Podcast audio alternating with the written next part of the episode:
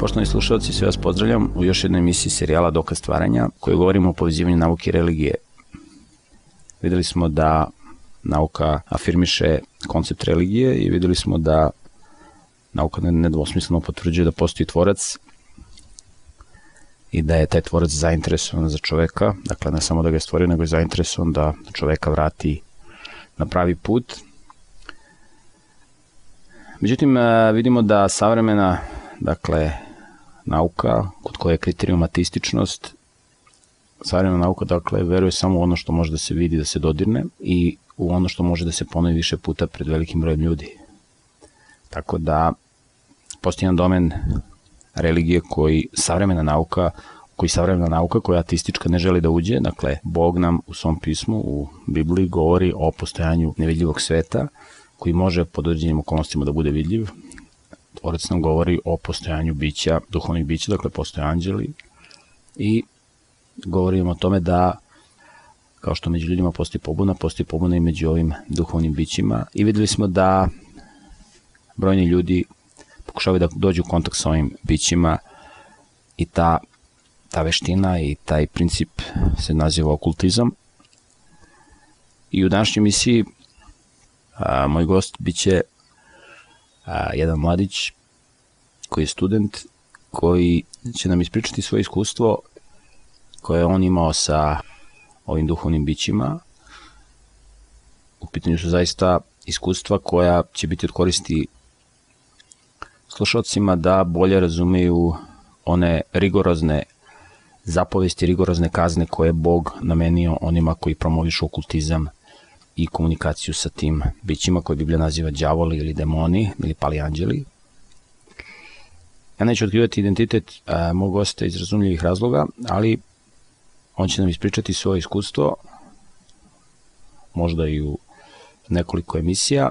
zato što će imati dosta toga da nam kaže i verujem da će ovo iskustvo biti vrlo korisno. Čovjek se inače bavi prirodnim naukama, ali evo kao, neko kao se bavi prirodnim naukama da nam priča i o ovom aspektu nevidljivog sveta koji definitivno postoji i o kome Bog govori u svojoj pisnoj reči. Dakle, ja ti se zahvaljujem što si pristao da učestvuješ u ovoj emisiji i pre nego što kreneš da nam pričaš svoje iskustva koja si imao pre nego što si se okrenuo ka Bogu, da nam ispričaš kako je počela cela priča. Znači, kad si počeo da se interesuješ za okultizam, odnosno za taj aspekt duhovnosti koji se često ne, ne prikazuje kao okultizam, nego kao nešto pozitivno, kao razvijanje svesti, razvijanje uma. Dakle, kreni od početka, ti znaš da je početak kako si krenuo u, u celu ovu priču, a ja ću biti slobodno da ti postavljam pitanja, eventualno potpitanja da bi neke stvari možda još više razjasnili da bi slušalci imali jednu širu priču. Dakle, da krenemo od početka, kako je sve počelo?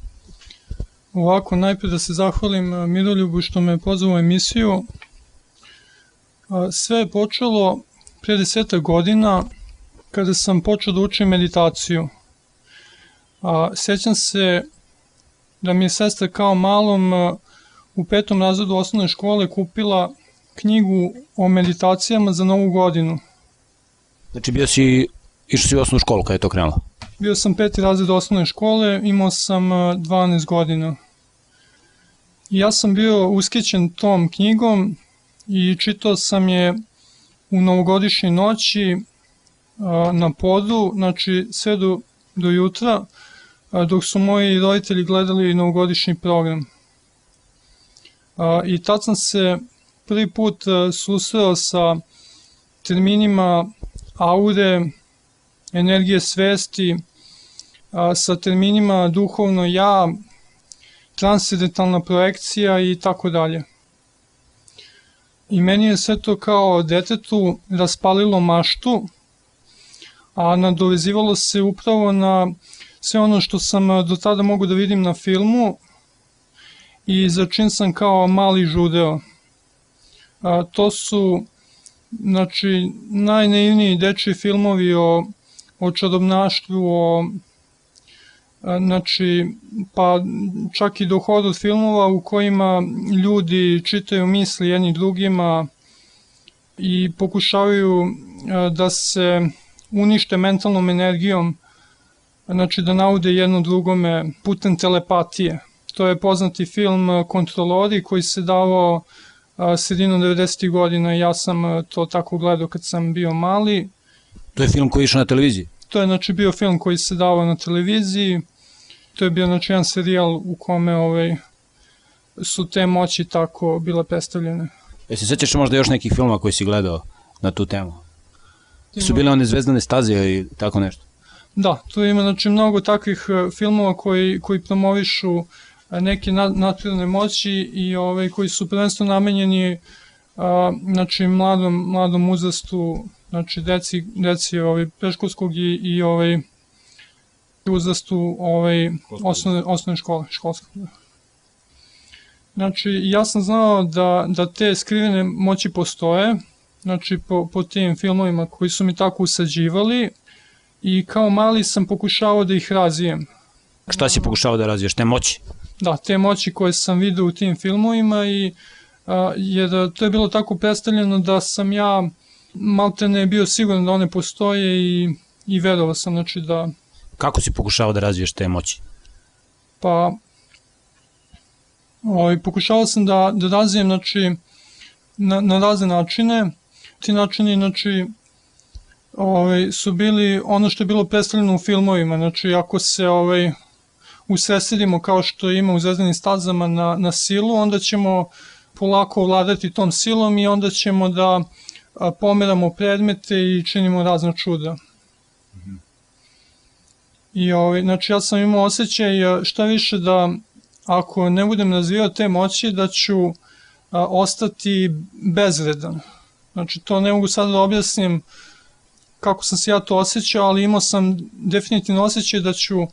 ako ne budem išao u tom pracu biti a, nekako bezredan zato što ovaj, se sve tako nekako pomera gde ovaj na kraju te moći ovaj dolaze do izražaja i, i, i a, predstavljaju jedini način opstanka čoveka u savremenom svetu. I sad ovaj, mala digresija, to je ovaj, naravno bio rezultat kada, kada se ovakvi filmovi gledaju u ovom određenom rečijem uzrastu u kojima sam ih ja gledao. I naravno reč je o satanskim filmovima u kojima nema a, nikakvih pravila znači na koji način će satana da, da deluje kroz njih. Znači, Čekaj, u početku kad si ti gledao te filme, nigde se Satana nije prikazivao, tako? Na, naravno da ne, znači to, to su... Ti nisi verovao, da, ti nisi ni znao da postoji Sotona, nisi da, čitao Bibliju. Da, nisam znao da, da postoji ovaj Sotona, a što više nisam znao da, da postoje demoni i ovaj, e, znači sve to bilo predstavljeno u, u nekom svetu borbe između dobra i zla, ali u suštini ovaj,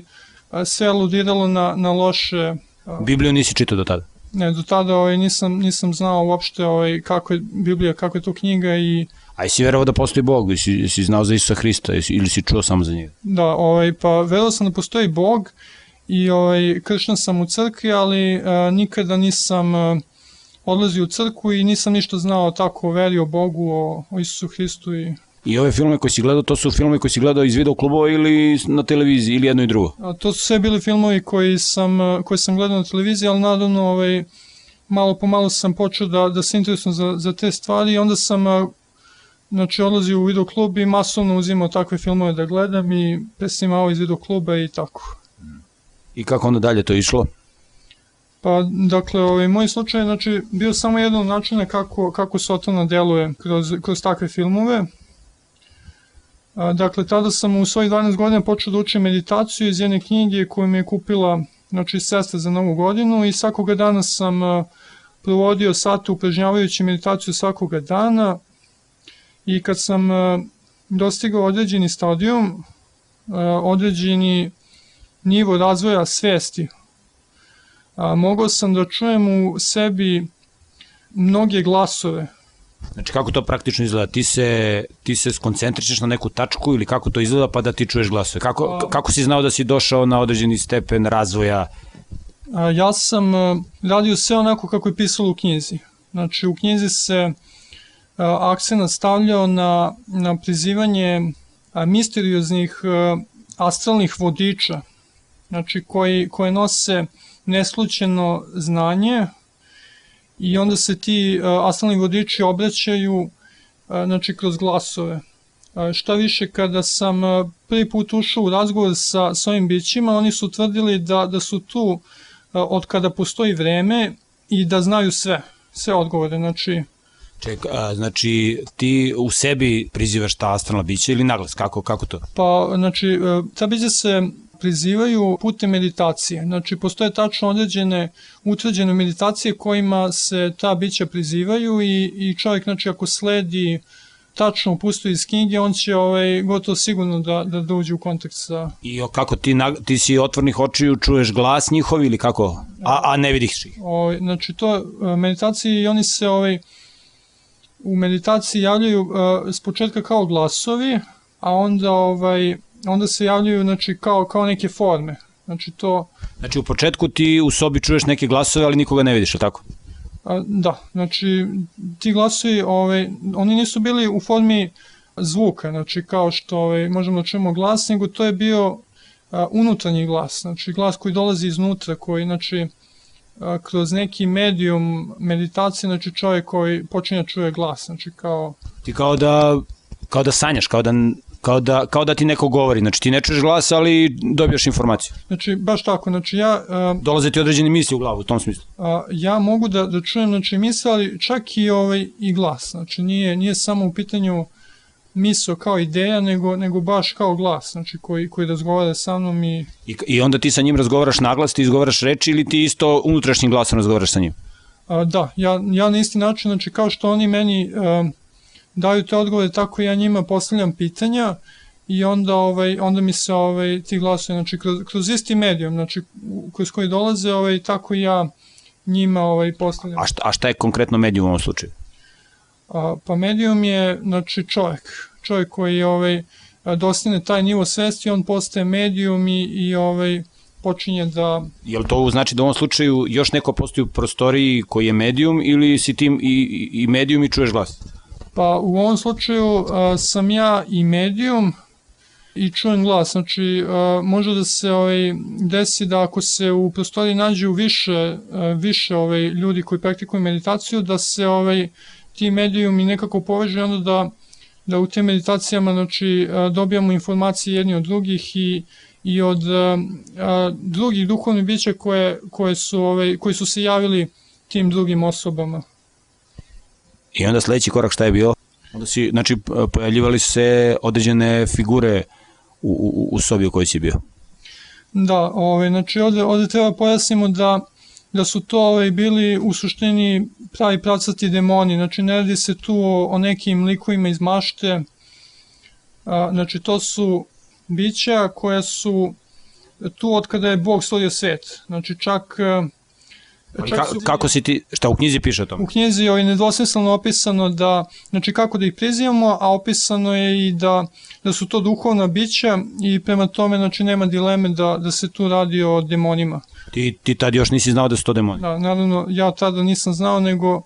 a, sam bio ushićen znači, time i, i smatrao sam to ovaj, sasvim normalnom pojavom koju treba da razvijam. Ti si vjerovatno mislio da su to neka bića koje je Bog stvorio i oni su tu zbog naše koristi. Da, da, ja sam ovaj, ta bića su u tim knjigama nazivana, znači postoje više izraza koji ih opisuju, znači duhovna bića, astralna bića, ali e, često se ta bića nazivaju i anđelima. Znači, budući da svako dete zna, ovaj, ima neku predstavu u anđelima, ja sam ovaj, takođe ovaj, iz početka smatrao da su to anđeli. Naravno, ne, nisam ja to ovaj, uopšte povezivao sa, ovaj, sa Biblijom i, i biblijskim konceptom, već ovaj, je to bila neka moja, moja predstava, znači anđela, i nisam ovaj, slutio da u tome može bilo što loše da bude. I kako si onda napredovao dalje u toj celoj priči? pa ponekad su, ponekad su se ta bića znači, javljala u obliku čovjekolikih stvorenja. To si sada mogu da vidiš? Da, da se tako izrazim, da. E, znači, ljudi, ljudi koji nisu imali sasvim jasnu formu, iako su podsjećali na, na ljude, a ponekad su ovaj, ta a, bića stvarno ličila na anđele od svetlosti, kojima pulsira svetlost a, u svim bojama. I a, ta bića su prenosila važne poruke. Znači, te poruke su se odnosile na, na razne stvari i ponekad su te poruke ulazile u detalje kojih ni ja sam nisam bio svestan i ja sam im postavljao različita pitanja. Oni su za sve imali odgovor i kad e, sada rezimiram neka sećanja, shvatam da su me oni navodili svojim e, odgovorima na, na nova pitanja. E, kako su to pitanja bila, na primjer? Pa, ta pitanja su bila ovaj, od nekih naj običnih stvari, znači vezani za, za dečiju maštu. Ja sam, i, ja sam ih pitao, na primjer, o, o, o kristalima koje sam mogu da vidim u, u filmovima. mogu sam da, da ih pitam o, o razno raznim čarobnim energijama. Da li si ih pitao nešto za, za praktičan život, nešto iz tvog života, da, ti, da se tebi praktično nešto pomogne ili o nekom, ili o nekom, o nekom drugom čoveku iz tvoje okoline? A, pa upravo, upravo to ovaj, knjigu upućuje da ta bića koristimo upravo za, za taj razvoj. Znači, u knjizi se čitalac upućuje da, da koristi znači, ta bića, da im postavlja takva pitanja kako bi mu oni, oni dali odgovor da, da još više može da, da napreduje, znači još više da, da se povezuje sa tim bićima i da znači, još više ovaj, tog iskustva privuče. Da dobije korisnu informaciju da, o životu? Dobije, e, pa ne, ne, ne radi se o, o korisnim uh, informacijama koje mogu da, da, da pomognu čoveku, već samo da ih uh, znači, zavede još više u taj, uh, u taj svet. E, to praktično znači, znači ti si sam u sobi i ti pre tomu se pojavljuju ta bića, je li tako? A, pa ovako, prvo su ta bića znači, bila u, u formi ove meditacije, znači ja sam mogu u, u meditacijama da se setnem sa njima i da razgovaram sa njima,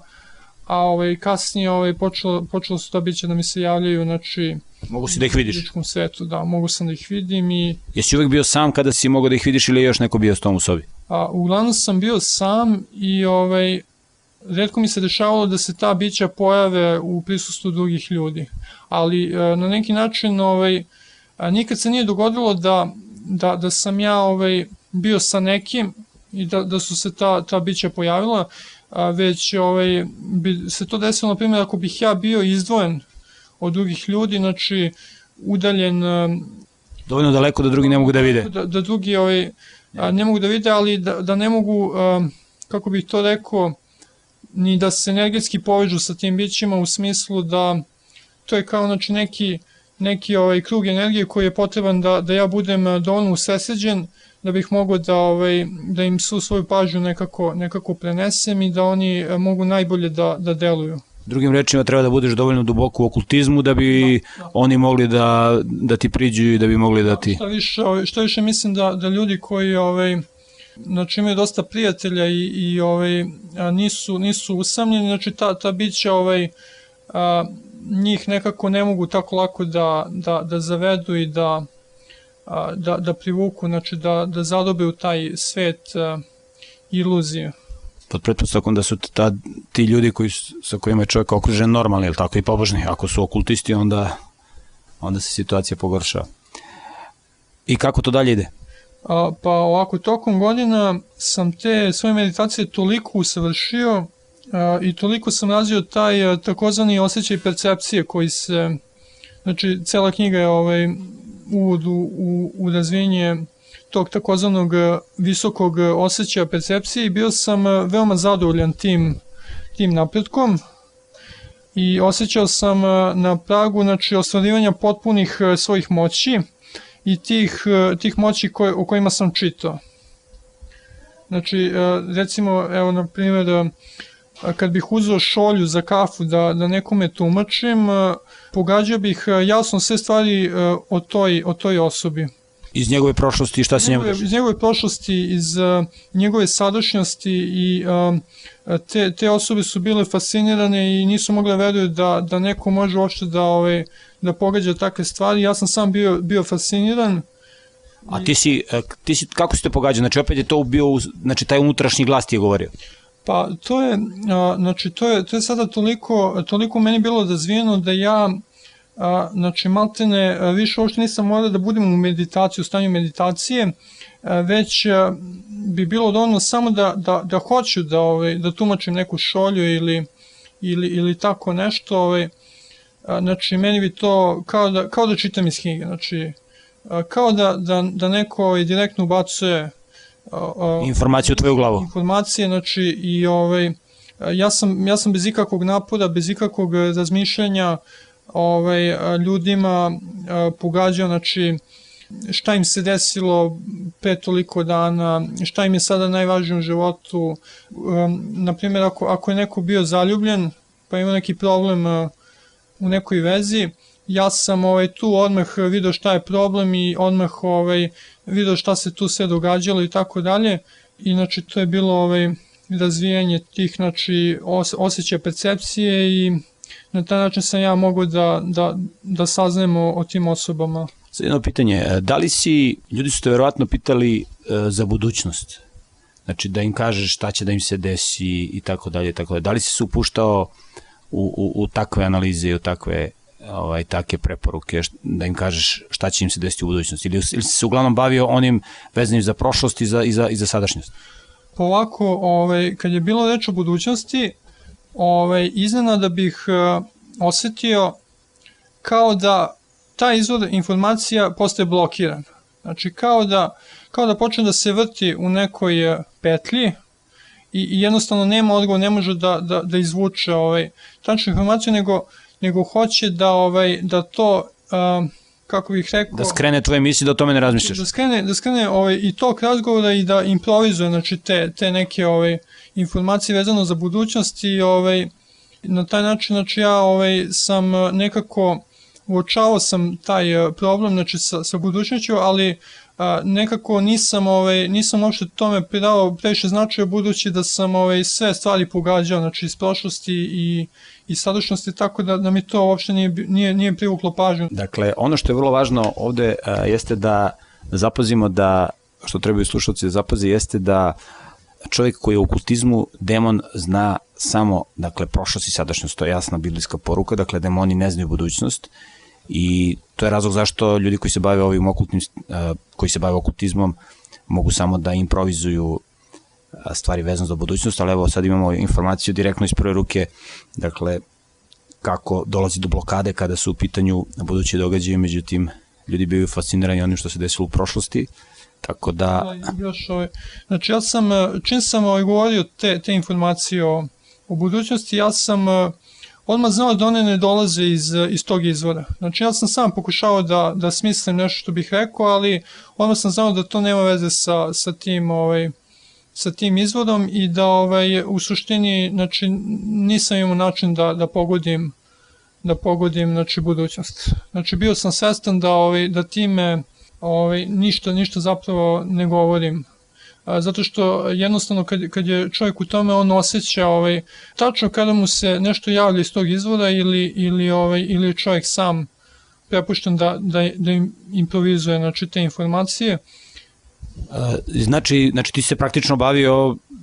znači ljudi su znali za tebe iz komšiluka, verovatno i tvoji prijatelji, da, da ti imaš neke sposobnosti i onda su ljudi dolazili. Oj, pa to je, to je jako, jako naivno krenulo sa, ovaj, sa tim druženjima i pijanjima kafe, a onda ovaj, kad su ti prijatelji uočili da ja jako dobro tumačim te šolje i tako dalje, u stvari ljudi su ovaj, um, osjećali da, da sam ja nekako kako da kažem, da, da posjedujem neka znanja koje, koje su ovaj, neobjašnjiva. Znači, oni su, oni su osjećali, pošto ja sam inače ovaj, a, mnoge stvari govorio koje su njih fascinirale, znači, a to su naravno bile, bile sve stvari koje su mi dolazile putem tih glasova, I, ovaj, I onda kad, kad se to pročalo, znači oni su ovaj, malo ne svi od reda tražili da im ja gledam u šolju, da im ja gatam i tako dalje, čak sam ovaj, nekim ljudima gledao u dlan i, pogađa im, znači, na, na potpuno isti način kao, kao u šolju, znači to je... Znači svejedno u šta gledaš, da gledaš u šolju ili u dlan ili, ili u pasulj, ti imaš izvor informacija odakle dobiješ, svejedno u šta gledaš. Znači to, to uopšte nije važno, ovaj, Možeš i da ne gledaš u ništa. To je to, znači mogu, mogu čak da gledam ovaj, tog čovjeka u oči, ali bitno je ta, ta moja namera da ja hoću to da radim. Znači da ja hoću da, ovaj, da mu pogađam budućnost i da hoću da, ovaj, da se požem sa tim medijumom. Znači, u pitanju je bila znači, moja volja koju sam ja skrenuo da radim to, to što sam radio. Da, ovde treba reći e, da, dakle, da demoni kao duhovna bića koji postoje od stvaranja sveta dakle oni odlično poznaju prošlost, oni znaju prošlost svakog čoveka i dakle oni su u mogućnosti da daju ovakve informacije.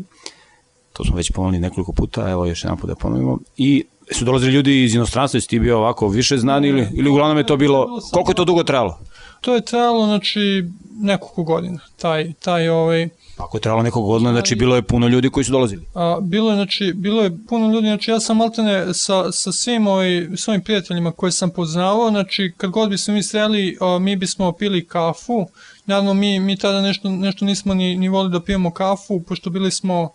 a, školaci znači to je bio negde 6. 7. 8. razred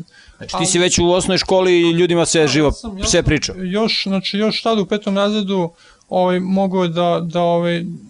da pogađam znači, te informacije. I, znači, bilo je dovoljno samo da se, da se bavim time nekoliko meseci, znači tako intenzivno koliko sam se bavio i već, ovaj, već je to bilo razvijeno i naravno što sam više to radio, sve sam to bolje i bolje radio i ovaj i negde na primjer a, u početku srednje škole ja ja sam bio ekspert maltene za, za te stvari i ovaj i znači dešavalo se da da upoznam ljude nikad ih nisam video sve znam o njima sve im pogodim sve i ko, koji su vezu imali sa nekom osobom da li su patili u toj vezi da li je tu bilo problema znači ti ljudi su bili fascinirani ovaj naravno, naravno za, za takve ljude koji koji inače ovaj se bave gledanjem šolju, njima je to ovaj takođe normalno, znači kao što i meni bilo bilo normalno i ovaj ali naravno ovaj pošto sam ja to toliko dobro radio, oni su ovaj stvarno bili bili ushićeni time i E, sad ovde jedno pitanje. E, koliko sam mogao da razumem iz, iz tvoje priče,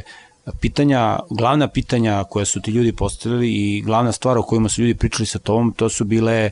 to su bile veze, dakle, da, da, da li je to tačno da, da, da o čemu ste najviše pričali? Da li o muško-ženskim odnosima? Da li, šta je bila glavna tema onoga što su ljudi bili zainteresovani? polako ljudi ljudi ovaj znači to su bili ovaj znači uglavnom momci, devojke, tinejdžeri i tako dalje i njima su bile a, najbitnije veze, znači a, ti neki a, ljubavni muško-ženski odnosi i tako ovaj na, naravno znači niko tu nije postavljao pitanja da, da, da se reši neki konkretan problem u životu ili da da im se nekako nekako i stalno pomogne znači a, bilo je znači takih takih nekih pitanja ali od nekih starijih znači Ovaj, pošto ja nisam samo gledao tinejdžerima i svojim, svojim drugovima, znači ja sam gledao i nekim starim, starim osobama, mislim starim od mene, koji su tako bili ovaj, a, znači u 20. godinama, u 30. godinama i oni su ovaj, već postavljali ovaj, neka druga pitanja, znači vezano za, za život, ali a, na- naravno niko nije tu tražio odgovor da, da, da ovaj, stvarno znači, reši neki problem u smislu da ozdravi neki, neki svoj deo života i da, da ovaj, se život stavi na, na, na neki pravi put i, i ovaj, dođe, dođe do konkretnog poboljšanja. Znači, uglavnom je to bilo, bilo ovaj, vezano za, za produžetak eh, agonije u tim odnosima i, i ovaj, znači, ni, ničeg konkretnog. Da, pa to liči na ovu savremenu medicinu gde ljudi uništavaju svoje zdravlje, onda kada dođu kod lekara, lekar im prepisuje hemijski preparat, a ne ukazuje im kako da rešavaju svoj problem, a problem je greh, dakle ljudi se odvajaju od Boga, ljudi krše prirodne zakone i posljedice toga su teška stanja. A, još jedno pitanje, a, kako su tvoji roditelji reagovali? Oni su sigurno bili svesni da ti da si ti popularan po tom pitanju. Kako, kako je bila njihova reakcija? A, pa ovako, ovaj, budući da, da sam u takvoj porodici gde stvarno nema, ne, ne postoji nikakav, nikakav pravi koren, znači vere, hrišćanstva i tako dalje, ovaj, šta više tako nešto se, se smatra ovaj, prevaziđenim i, i ovaj, niko tu u porodici nije, nije postao da mi skrene pažnju na tako nešto, a, a i sami, znači sami moji, moji roditelji, moja majka i, i sestra, oni, oni su se takođe ovaj, bavili time, znači gledanjem u šolju i ovaj, ja sam u stvari od njih dobio ideju da, da mogu da, da, da gledam u šolju i, ovaj, i na primjer u, vreme ovaj, kad je bila kriza, kad eh, nije bilo struje, na primjer eh, mi bismo satima provodili tako ovaj, a, gledajući jedno drugome u šolju, znači u kući i ja sam u suštini ovaj, bio postaknut, znači svojom porodicom. I što više kad su oni videli da, da ja ovaj, meditiram i tako dalje, oni su ovaj, to nekako gledali na pozitivan način, nisu uopšte ovaj, videli da je to vrlo, vrlo opasna stvar. Ti si ih tu, ti si ih tu čak i prevazišao, bio si isposti bolje njih. Pa da, znači u suštini ovaj, ja sam uh, u tom krugu znači počeo da, da nekako za, za ovaj klasu više radim bolje, da bolje pogađam, da bolje ovaj, gledam. Da, naravno i tu su se, tu su se ovaj, ponekad igrali karte i ponekad se gledalo u karte. To, to nisam ovaj, a, nikada, znači, lično, lično probao da gledam u karte, ali ovaj,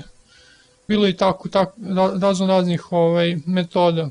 Ali to je isti princip, nema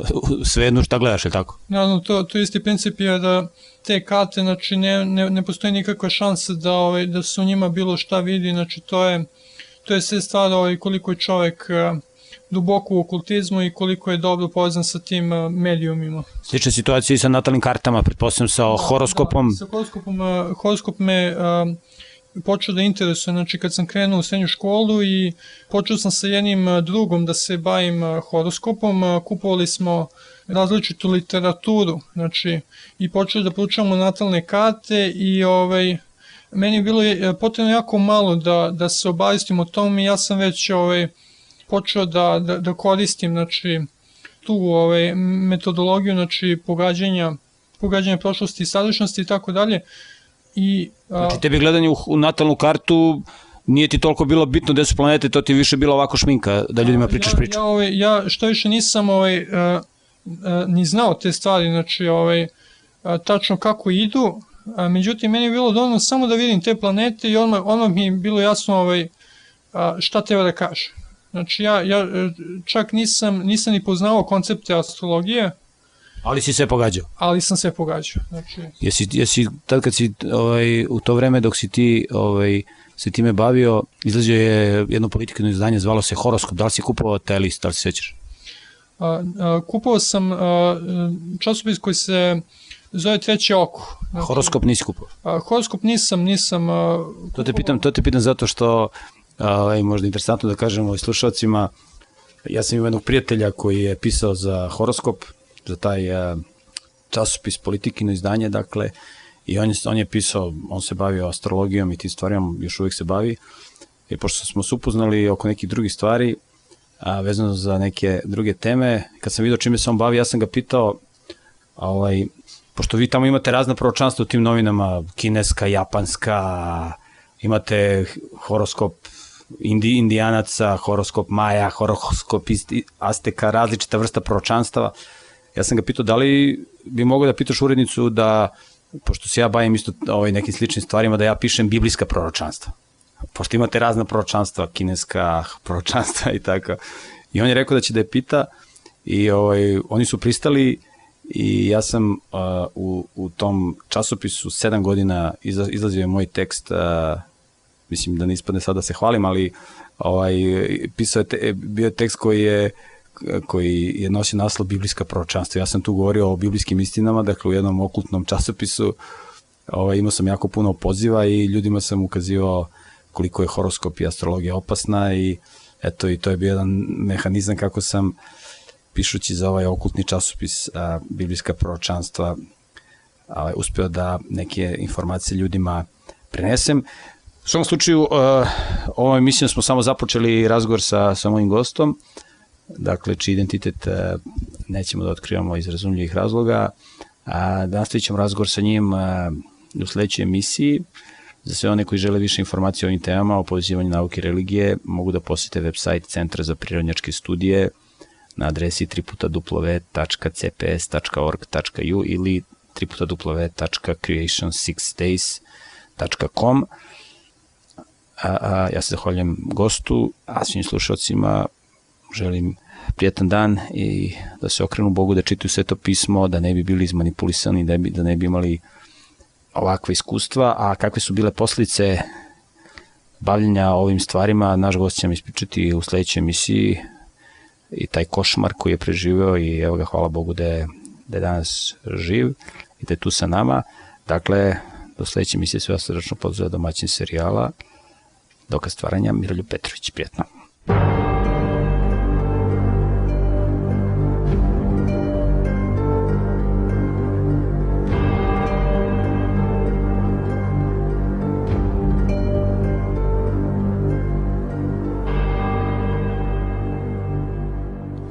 Poštovani slušalci, vas pozdravljam u emisiji Dokaz stvaranja koje govorimo o povezivanju nauke i religije. Videli smo da čovjekovo iskustvo potvrđuje sve ono što nam tvorac otkriva u svojoj pisnoj reči, u svetome pismu, ne samo da možemo da vidimo brojne dokaze koji potvrđuju autentičnost Biblije vezano za stvari koje možemo da vidimo i da dodirnemo kako se time bavi konvencionalna nauka, već e, imamo dokaze i o svetu, o kome nam Bog govori u svetom pismu, o nevidljivom svetu. Sam Bog, Boga niko nikad nije video, dakle Boga Oca, međutim Bog se javlja i otkri ljudima na različite načine, jedan način je preko prirode, drugi način je preko svog sina Isusa Hrista, jer Bog se u Svetom pismu prikazuje kao, i sebe prikazuje kao biće koje ima tri lice ili tri dimenzije, u pitanju je jedan bog koji je po svom biću nešto drugo nego što smo mi, mi smo slični njemu po našem karakteru, dakle mi smo stvoreni po njegovom obličju. I trebalo bi da budemo slični njemu po karakteru, takođe Bog se otkriva ljudima kroz sveto pismo, u prirodi, u svom otkrivanju kroz prirodu mi vidimo dakle brojne geološke, fizičke, dokaze, dokaze iz astronomije, iz biologije, iz medicine. Međutim, ono što možemo da vidimo u ovom svetu jeste da zaista postoji svet duhovnih bića, postoje ljudi koji se bave okultnim stvarima, pokušavaju da dođu u kontakt sa demonima, dakle sa bićima koje su pobuni protiv tvorca. I u prošloj emisiji imali smo gosta, a on je gost u ovoj emisiji, i mi ćemo nastaviti tamo gde smo stali prošli put, u pitanju je bio i sada je dakle čovek, mlad čovek koji se koji je bio duboko u okultizmu, koji je počeo sa meditacijom, a onda je stupio u kontakt sa demonima, on nije znao u početku da su to demoni. I već u osnovnoj školi je bio vrlo popularan zato što je mogao da se bavi pogađanjem prošlosti i sadašnjosti, u stvari on nije pogađao, nego je govorio ono što je mogao da dobije od ovih izvora, slušalci su o tome mogli da slušaju u prošloj emisiji. Danas nastavljamo razgovor na temu koja je malo koja predstavlja jedan viši oblik okultizma, dakle ljudi koji uđu u okultizam u početku dobijaju informacije putem unutrašnjih glasova, a u jednom, jednom višem nivou oni mogu direktno da vide ova bića, dakle da vide demone, to su takozvane astralne projekcije, prikazivanja demona, demona na različite načine. I ja se zahvaljujem mom prijatelju koji je pristao da učestvuje u ovoj emisiji i koji će nastaviti sa svojim izlaganjem vezano za svoje, kako ćemo vidjeti, strašno iskustvo sa demonima. E, pa evo da nastavimo tamo gde smo stali, kako je to krenulo sa astralnim projekcijama i kako je to izgledalo. Pa hvala još jednom što, što ste me pozvali u emisiju. Dakle, tokom godina ja sam svoje meditacije toliko usavršavao i usavršio i toliko sam razvio takozvani osjećaj percepcije i bio sam veoma zadovoljan što tako dobro napredujem, osjećajući da, da sam na pragu ostvarivanja tih moći o kojima sam čitao. Naprimer, u školi bih u to vreme počeo da dobijam najbolje ocene bez, znači bez po muke. Mogao sam, na primjer, da jasno da vidim stvari u svojoj sobi zatvorenih očiju.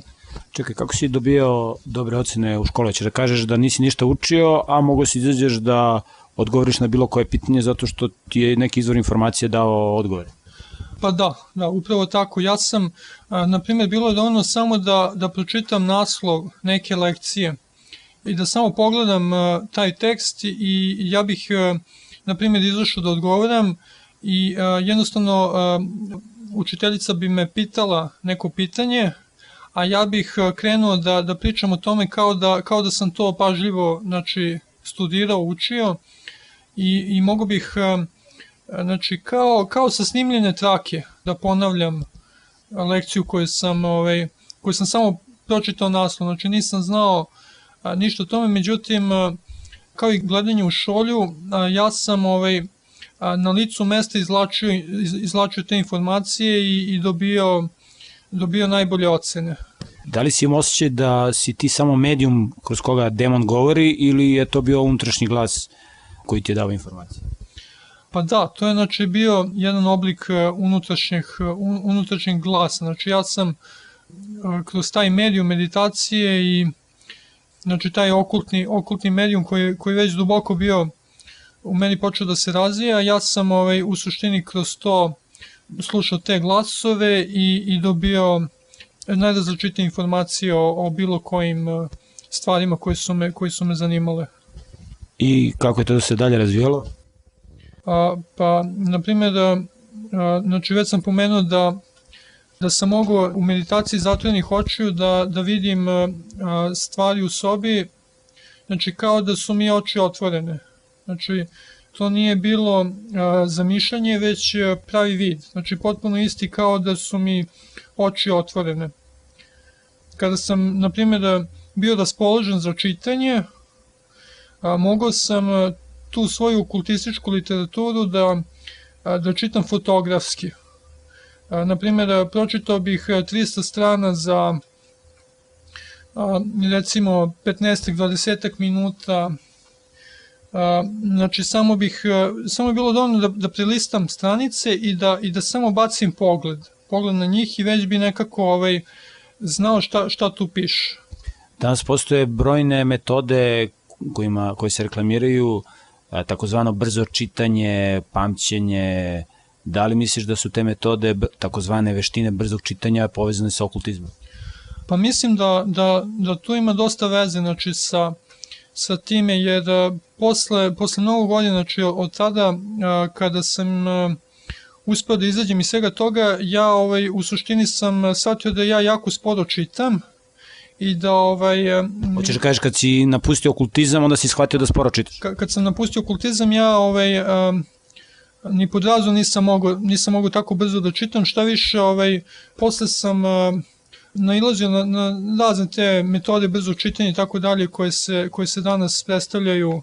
kao neke znači, metode kao što, što su brzo učenje, brzo čitanje i tako dalje. Međutim, ja, ja nisam mogao čak ni kroz te metode da, da ovaj, imalo, imalo poboljšan svoje, svoje čitanje i, ovaj, i shvatio sam znači, da dok sam ja bio taj, taj kanal, znači taj medijum, ja sam ovaj, mogu bez problema da čitam i da, da dolazim do, do bilo kakvih informacija, ali o, ovaj, kad sam prestao sa time, onda su se moje sposobnosti vratile na normalno, normalnog čoveka i Da, ovde je vrlo interesantno da zapazimo da ono što je suština savremenog sistema obrazovanja, kako bi rekao vladika Nikola Velimirović, on je kazao a, za savremenu nauku, ateističku nauku, kaže vaše znanje je mnogo pamćenje. A ono što deca, nažalost, danas rade u takozvanim školama jeste upravo jedan oblik meditacije, jedan oblik mantre koji se primenjuje u, u sektama kao su Hare Krishna, gde deca jednu istu stvar uče na pamet, ponavljaju više puta da bi je zapamtili, a u stvari vidimo da to uopšte nije znanje, jer to se brzo uh, gubi, brzo se zaboravlja, a takva znanja su u stvari znanja koje ljudi mogu za kratko vreme da steknu komunicirajući sa demonima, a upravo ovo učenje na pamet i ovo bubanje, ovo ponavljanje istih rečenica po više puta na pamet je jedan oblik mantre kojima deca bukvalno prizivaju demone. Sa druge strane, biblijski koncept obrazovanja, kako i sama reč kaže hinuh, znači posvećivanje, pravo znanje i pravo obrazovanje je da se čovjek upozna sa Bogom, da se upozna sa njegovim karakterom i sa zakonima koji vladaju u ovome svetu vezano za stvaranje dobrih ljudi. U ovom slučaju vidimo da savremeni sistem obrazovanja funkcioniše po principu da se od ljudi prave bogovi, znamo ko su ti bogovi, to su demoni kojima se ljudi tokom istorije klanjali, dakle, ko više bude bio sposoban da mantra, da ponavlja na pamet neke stvari, on će očigledno biti sposobni da uspostavi kontakt sa demonima. I ovo iskustvo koje će nam iznao je zaista korisno da razmišljamo u tom smeru i da vidimo koliko je okultizam i satanizam danas ušao u sve pore života, uključujući, nažalost, i sistem obrazovanja. Da nastavimo tamo gde si stao, kako je bio, šta, šta je bio sledeći korak i kako izgledalo kako izgledala, izgleda ulaz u, u iskustvo astralne projekcije? A, pa da, znači u tim meditacijama sam počinjao da dobijam svoje prvo iskustvo ovih takozvanih astralnih projekcija. Mogao sam, na primjer, u svojoj meditaciji da, da odem u susednu sobu, znači da se nekako duhovno prenesem u, u drugu prostoriju i da, i da tu ovaj, znači, razgledam ili, ili da jednostavno lebdim nad, nad stvarima, onda mogao sam da, na primjer, odem na, na put, znači van svog tela. Na primjer, mogao sam da, da idem, što sam najčešće radio, obilazio sam nekakve mračne zamkove koje sam kao mali ovako, ovako su me fascinirali i privlačili i ovaj, odlazio sam u, u obilazak ovaj, tih mesta a, koje bi a, prema mojim sadašnjim satinjima mogla jednostavno a, samo da budu dom i prebivalište demona, znači ništa drugo. Jer a, to su bukvalno takve slike. Znači ono što sam ja video u, u, ovaj, u, tim, u tim zamkovima, to, to su bili bukvalno mesta kak, kakva ovaj, ne možemo ni da zamislimo. Znači naj, najmračnije naj, najmračniji zamkovi, najmračnija mesta koja, koje mogu samo, samo da budu prebivalište znači, demona. A, da nam malo pojasniš ovo tvoje putovanje. Znači, ti sediš u sobi, ti dođeš u to stanje, ajde da ga nazovemo stanje transa ili kako da ga nazovemo, u to stanje a, a, meditacije i znači kako ti zažmuriš i ti osjećaš kako izlaziš iz svog tela i izlaziš iz svog tela i odlaziš u, na određena mesta. A, pa da, a, znači to je, to je jako karakterističan osjećaj a, da čovek a, u isto vreme osjeća i svoje telo,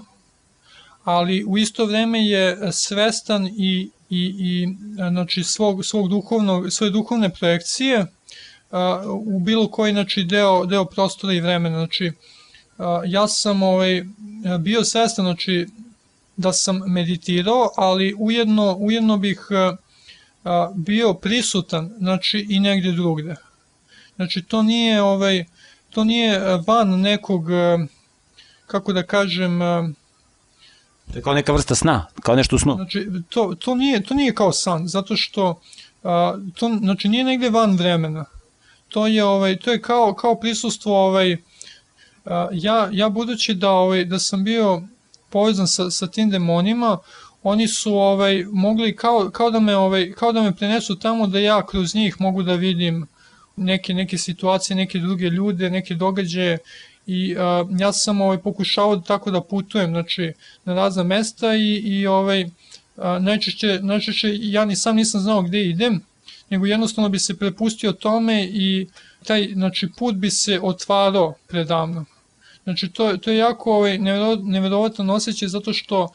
znači nikada ovaj, posle svega toga nisam ovaj, uspevao da a, tako nešto ni da zamislim. Znači te, te slike, one ne mogu da se zamisle, one su jednostavno a, navirale, znači ti, ti ovaj, Znači ti se jednostavno prepustiš meditaciji i želiš da se projektuješ da odeš na neko mesto. Da se projektuješ na neko mesto i, ja sam ovaj znači ja ja ovaj pred očima vidim kao kao neki ovaj medijum kroz koji putujem i, i ovaj, jako brzo sam tamo. Znači i to sve ovaj, izgleda kao neko ubrzano vreme. Jel ti, jel ti, jel ti za to vreme žmuriš ili si otvornih očiju? A, za to vreme znači, žmurim i, i pokušam da se koncentrišem na, na meditaciju. A da li ta mesta koja ti obilaziš, da li su to neka mesta koja danas postoje, pa ih ti posmatraš, da li su to neka dešavanja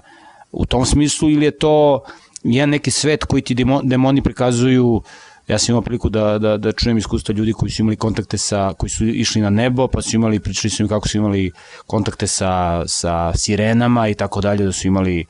jer demoni očigledno mogu da naprave jedan uh, svet koji ne postoji u umu čoveka. Znači, pitanje moje glasi, da li si išao na neka mesta koja danas postoje, da li demon može da te projekte u tom duhovnom smislu da posmatraš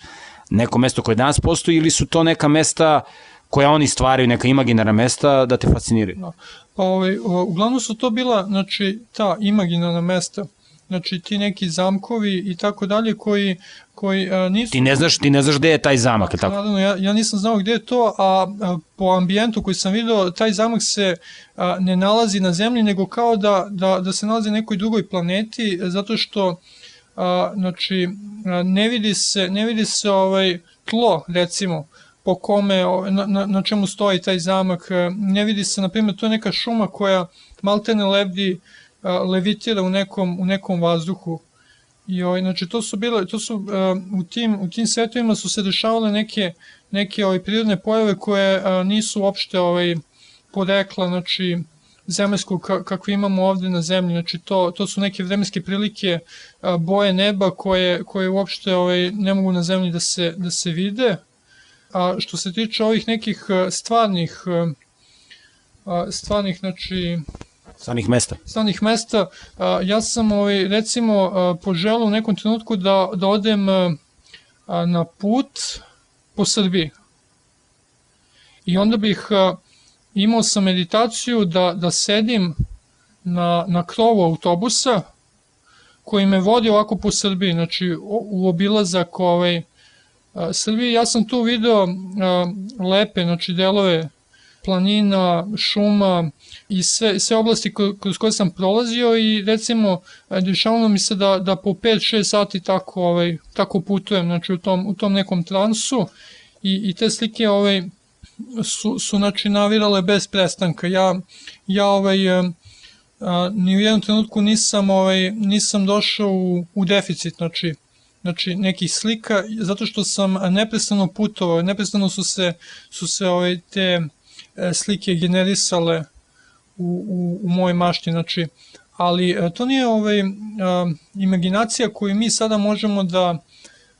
da poistovjetimo znači, sa, sa ovim zamišljanjem, na primjer kada, kada čovjek planira gde će sutra da ide i onda ovaj,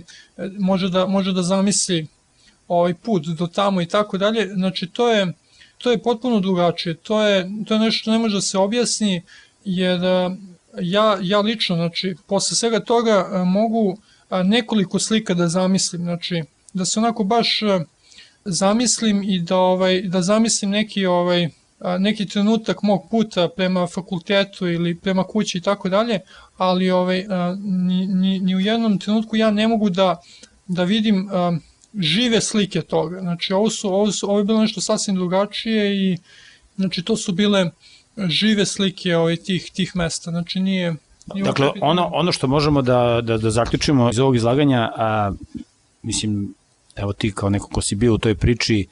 a, ono što je definitivno to je da, da demoni, dakle, ne mogu čoveka duhovno da prenesu na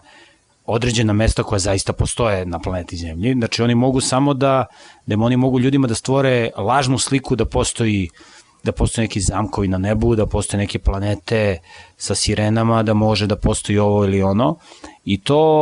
dakle, jako lepo podsjeća na iskustva ljudi koji su konzumirali droge, na primjer ljudi koji su duvali lepak ili koji su radili neke druge stvari, oni a, a, su, kako kažu, da koristim terminologiju savremenih farmaceuta, odnosno lekara koji rade za farmaceutsku industriju, to su bile te takozvane i to su još uvek te uh, halucinogene droge. Znači čovek konzumira neki narkotik, on menja stanje njegove svesti, pojavljuje mu se demon u vidu neke princeze i on halucinira, a on u stvari viđa demona. Dakle, uz pomoć droga ljudi su mogli da ubrzaju, ajde tako kažemo, svoje stanja izmene svesti. Dakle, demoni definitivno a, ne mogu da a, čoveka prenose u duhovnom smislu, dakle, nema ni govora, postoji neko ko je u stanju da to učini, a to je Bog i Bog to radi, ali vrlo redko i preko ljudi koji su zaista posvećeni i kada to ima svrhe, dakle Bog nije čudotvorac u tom smislu, da fascinira ljude sa čudima, najveće čude koje Bog stvara je... Znači, to je, to je kao da imate televizor ispred sebe, znači nije to sada stvarna projekcija, znači to je sve iluzija, to, ovaj, to je znači kao da, kao da se nalazimo u bioskopu i gledamo neki film, znači nije, nije, ovaj, nije, to, nije to prava projekcija i pravo prenošenje duše ili duha ili, ili ovaj,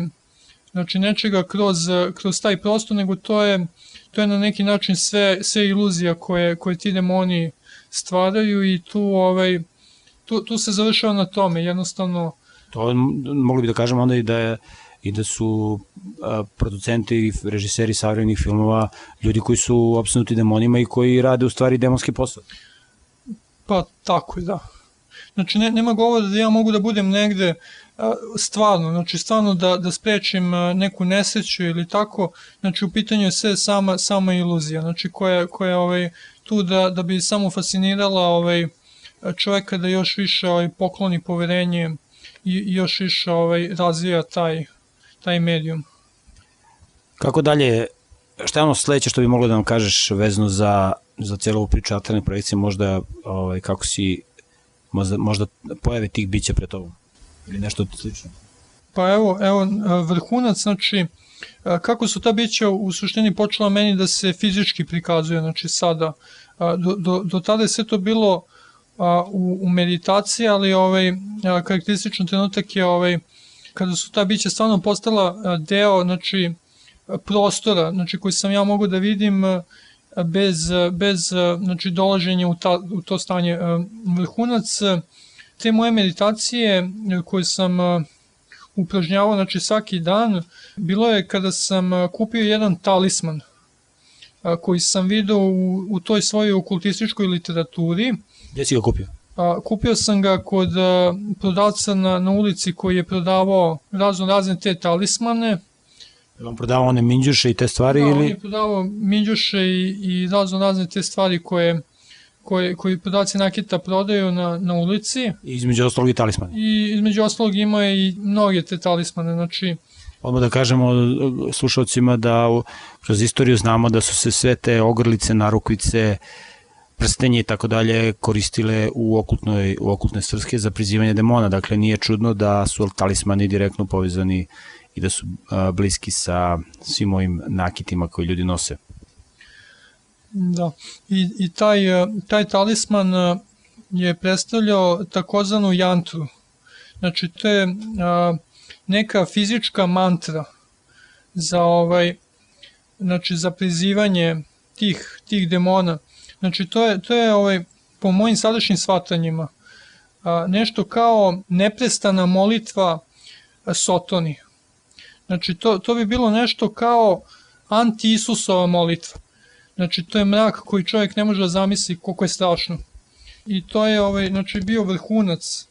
tog mog ulaženja u, u okultizam i, ovaj, i demoni su skoro trenutno počeli mi dolaze. Znači, kako sam ovaj, to uzeo i nosio i stavio i ovaj, ja sam već ovaj, počeo da, da dobijem iskustva sa, sa demonima. E, znači, u pitanju je jednostavno neka ogrlica koju si ti nosio oko vrata, tako? Da, znači jedna, jedna ogrlica... Ovaj, sa određenim priveskom? Sa određenim priveskom. A taj privezak je talisman? Da, taj privezak je talisman i ima taj određen, znači, okultistički simbol. Koji je simbol bio u tom trenutku, da sećaš? E, taj simbol, znači, to je bila ta jantra koja, ovaj, koja označava taj... Kako to izgleda? Pa to je znači splet nekih uh, nešto bez veze. Nešto bez veze. Dobro, nećemo sa time da se znači, bavimo. Splet nekih, nekih geometrijskih figura koja, koja ovaj, kao čine, čine neku ovaj, geometrijsku celinu, pa onda se tako kanališu te neke energije i to, ta priča stvarno ovaj, u suštini nema veze sa, sa, ovaj, sa, sa energijama ili, ili meditacijom, znači to je, to je ovaj, um, kao fizički simbol želje da ja ovaj, znači želim da, da do kraja uđem u to, znači ništa drugo. To je bio jednostavno ovaj simbol moje želje da ja pripadnem znači Sotoni. To, je, to, to ja tako vidim ovaj, s ove tačke gledišta, a, a svako ko, ko imalo zna ovaj, o tome, znači ne može, ne može ništa drugačije da,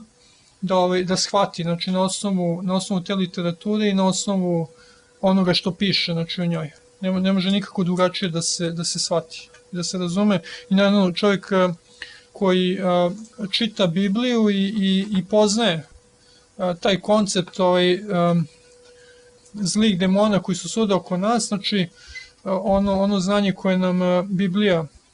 omogućuje, on, on sigurno ovaj, odmah shvata da, da je to to, znači ništa... Ok, uh, ti u tom trenutku nisi još uvek znao za Bibliju, nisi ni čitao, mislim čuo si za Bibliju vjerojatno, ali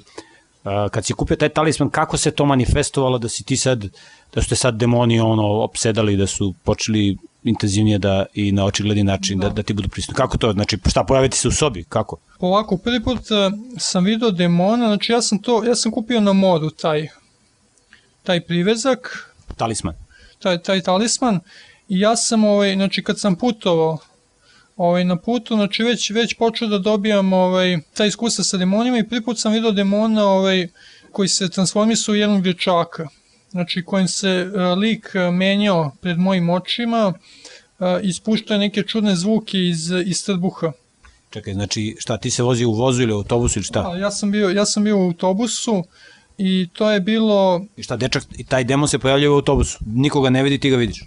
A, pa da, bila je, bila je noć i svi su spavali u autobusu. A, ja sam sedeo na, na dva sedišta zato što je autobus bio poluprazan i bio sam udaljen od svoje majke, ali i okolo mene nije bilo drugih ljudi. Inače, bio sam a, sasvim ovaj, budan i svestan. Znači, gledao sam kroz prozor i tako posmatrao. Znači, jeste bila noć, ali bila su upaljena ta mala svetla ovaj, iznad mene i a, nisam isprava primetio ništa, ništa neobično u tom dečaku. Čekaj, čekaj, znači, jesi ti znao da je u pitanju duh, to je izgledalo kao duhovno biće, tako? Ne, znači to je, to je izgledalo kao, Kao pravi dečak. Kao, pravi dečak, da. I šta on se odjednom pojavljuje? da. On, on se odjednom pojavljuje i, i sedi tu pored mene i mislio sam a, isprava da je to jedan dečak čija je majka znači, bila u zadnjem delu autobusa, međutim onda je počeo pravi horor, znači u tom Znači, to, to njegovo lice... Čekaj, čekaj, taj- dečko, ko- otprilike kako on izgleda, znači koliko, šta, 10-15 godina? Znači, to je, to je bilo neko dete koje, koje bi ovaj, odgovaralo znači, jednom, jednom dečaku od, od 5 godina. Znači, malo, malo dete, ali ovaj, znači, ja sam video pred mojim očima da se to lice menja. To je bila neka, neka forma lica koja je bila a, u nekakvom a, maglovit, ne- nestal, nestal, u jednoj nestalnoj formi, znači, Šta, menjaju mu se obrazi oči, nos, Znači, znači menjaju mu se obrazi, nos, usta i tako dalje. Znači, a, imao je on a, kosu i tako dalje, znači sve, ali, ali samo lice se ovaj, transformisalo. to, je, je mu se transformisalo lice u neke normalne oblike ili u neke odvratne? Pa, a, ono je pokušavalo da, da popremi a, pravi, znači nevini izgled a, deteta. Znači, kao da nije uspevalo u tome i kao da, da, da se menjalo, jednostavno a, nastojalo je da se preobrazi sasvim, ali, ali kao da nije moglo i onda, i onda je poprimalo tu neku nedefinisanu formu a, i ja kad sam vidio znači, te oči, te, te zube, te, to su bili neki zubi koji su izvirali iz, ovaj, iz usana, onako. Ovaj, Odvratni zubi. odvratni zubi, da. Znači ja sam ovaj pošto to dete je bilo bilo jako uporno tu da ovaj da da dođe i da sedi, ja sam pokušao da spavam i, i ja sam ovaj kad sam video znači a, koliko je to dete ovaj postalo agresivno, ja sam pokušavao da ga da ga odgunem od sebe. U kom smislu agresivni? La- On išao na tebe ili je samo tu sedeo? Pa ovako on on se ovaj demonski smejao. Znači to je bio neki neki pucketav pucketav zvuk iz trbuha i, i to lice, znači to lice je bilo bilo pravi užas. Znači to to ne može da se opiše. I ja sam ovaj a, a, se osjećao jako nelagodno i onda sam i onda sam ovaj mislio samo malo da ga odgurnem znači od sebe. Međutim, ovaj a, koliko god da sam da sam ovaj pokušao da ga odgurnem, to dete nije moglo da se pomakne. Kao da si gurao u stenu? Kao da sam gudao u stenu, znači to, i to me ovaj, onako a, u trenutku ovaj, malo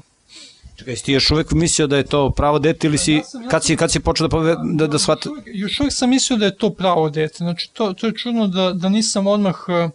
pomislio da se radi o demonu, a, već a, kad sam, kad sam se ujutro probudio, znači a, i ceo autobus je, je spavao,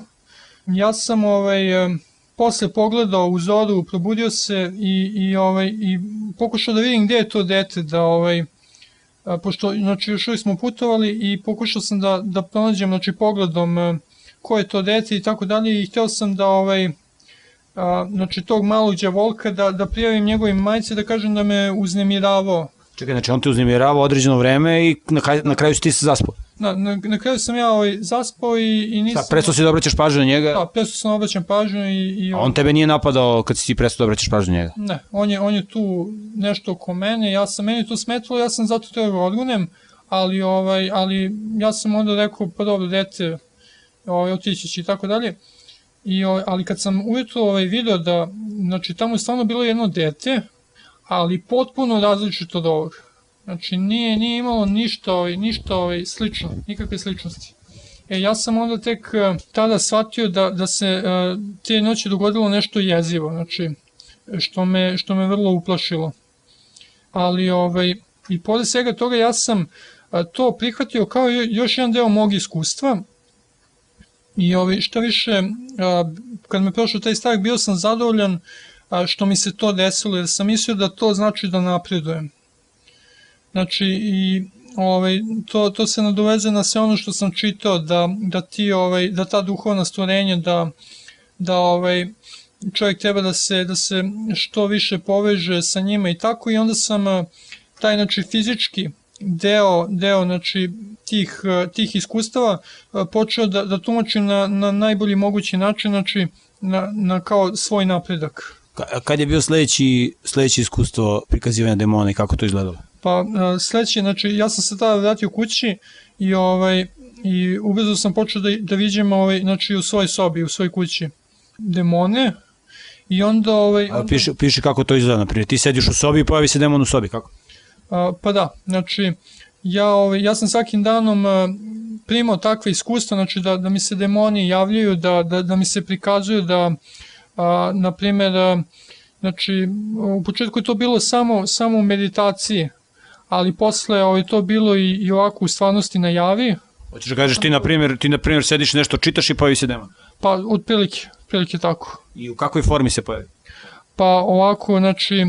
forme tih, tih demona, znači tih tela, znači to, to nisu neke jasne forme, to je, meni je to,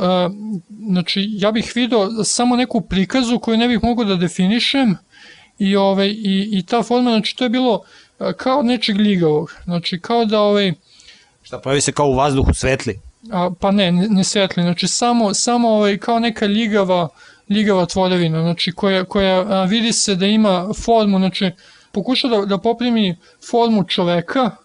znači noge, ruke i tako dalje, glavu, ali jednostavno završava se na ovaj na nekoj, kako da kažem, nakaznoj tvorevini i ovaj i taj oblik znači ne može se kaže da je to oblik čoveka ali na primjer dešavalo mi se da da samo demoni da imaju ruke da nemaju donji deo tela i da ovaj na primjer nedostaju tako mislim normalni normalni ljudski ovaj udovi delovi tela i tako i i ovaj znači imam sada iskustva znači kako kako se ovaj umeđu vremenu moja literatura proširivala ovaj, i čitao sve više okultnih e, knjiga, znači ja sam ovaj, malo po malo zakoračio u Hare Krišnja. Znači to je bilo na, na vrlo naivan način a, i ušao sam znači, u jednu najokultnijih religija u savremenom svetu i čitao sam a, filozofske knjige o uzrocima, posledicama i tako dalje koje deluju, deluju u svetu, u svetu a, sa citatima iz a, e, okultnih spisa Veda. Znači to su bile vede, ovaj, okultni indijski spisi. I tako sam počeo da a, razumem zakone ovog sveta, po znacima navoda. Znači ja sam ovaj, a, ja sam imao jednu potpuno krivu sliku sveta i, i ovaj, koja je inače potrebna okultnom čoveku. I, i to je ovaj, znači, način kako da, da satana pripremi teren, znači gde, gde ovaj, gde će trajno da posadi svoje seme. Znači, znači, znači ti si jednostavno sada imao si iskustvo, da kažemo praksu, a sad si krenuo i na teoriju, da to da dobiješ objašnjenje, da kažemo filozofsko objašnjenje u ovim knjigama koje se danas smatruju kao ravnopravno religijskim knjigama kao što su Vede, Upanišade, Bhagavad Gita i tako dalje. Znači sad si krenuo u, u teoretsku u teoretska saznanja. Da, nekako, nekako baš u to vreme, kad su počela ta iskustva, ja sam ovaj, na neverovatan način dolazio do literature. Znači to je kao da da ovaj da literatura sama znači nalazi put do, do, do takvog čoveka i, i sama jednostavno dolazi i ja sam ovaj, znači, mogao da na osnovu tih knjiga ovaj, veoma, veoma lako objasnim ta, ta svoja nova iskustva sa, sa fizičkim znači, prikazivanjem demona i ja sam ovaj, to počeo još, još pozitivnije da, da osjećam, znači da, da gledam na to i, i, i, i šta više ovaj, a, ponekad sam se trudio da, da samim tim demonima da nekako ovaj, još bolje stupim, stupim sa njima u kontakt. Znači, ali a, ja nisam ovaj, to znao da su to demoni, već sam ovaj, i dalje mislio da su to e, tako duhovna bića koja ovaj, treba da se da se čovjek poveže sa njima radi isticanja ovaj, raznih znanja, a kad sam u, u vedama pročitao znači, ovaj, i tim, tim knjigama Hare Krišnja, znači tu sam ovaj, počeo teorijski znači, da, da pravim koncept božanstava i tako dalje, razno razi bogova koji se tu pominju, naravno u pitanju su sve demoni i, ovaj, i sada znači, kao da su me ti demoni uvodili sada u, u njihovu tu neku, kako da kažem, hijerarhiju kako bi se još, još više približili i kako bih ja još više bio to sve pozitivno prihvatao ta iskustva. Drugim rečima, ti si imao okultno iskustva, a onda je a, bilo potrebno da ta jeziva okultna iskustva ti se objasne kao pozitivna. Drugim rečima, demoni čine čuda, ljudi bivaju fascinirani i izgranuti nekim odvratnim stvarima, a onda se u, u drugom koraku a, sve to prikazuje na jedan pozitivan način, To me podsjeća na jednu ženu koja je vrlo poznata na našim prostorima, koja se bavi promocijom manekenstva i koja regrutuje mlade devojke za takmičenja za najlepše devojke, takozvana takmičenja za mis. I ova žena kaže, u jednom intervju izjavila kako ona pokušava da opravda takav način života koje žive njene mušterije, dakle devojke koje ona regrutuje za ovaj način posla koje kasnije završavaju u, bordelima, dakle javnim kućama i na privatnim žurkama, ona kaže kako ona izjavila i, uputila poziv mladim devojkama koje imaju lepo telo, kako ona kaže, dakle da one ne budu sebične i da svoje telo čuju samo za sebe, nego da treba da ga podele i sa drugima. Dakle, postoji zabluda koja umiruje čoveku u savest, znači čovek doživljava strašna iskustva u kontaktu sa demonima, a onda postoji filozofsko objašnjenje koje treba da ljudima da, da, da im umiri savest i da im pokaže da je to dobro i da u tom smeru treba i dalje da nastave. Uh, mi ćemo ovde stati sa našom pričom zato što ćemo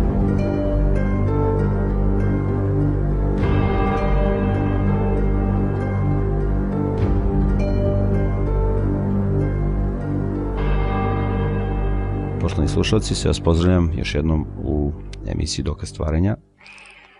u serijalu koji se bavi povezivanjem nauke i religije i ono što možemo da vidimo jeste da svakodnevnim iskustvom možemo da dođemo do nekih informacija i možemo da uočimo određeno fenomene koje nikada ne bismo mogli da razumemo da nemamo biblijsko otkrivenje, da nemamo otkrivenje koje nam je tvorac dao. Dakle, tvorac koji je zainteresovan za čoveka napisao jedno pismo, ljubavno pismo čoveku koje se zove Sveto pismo ili Biblija u kojem čoveku daje informacije o svim aspektima ljudskog života.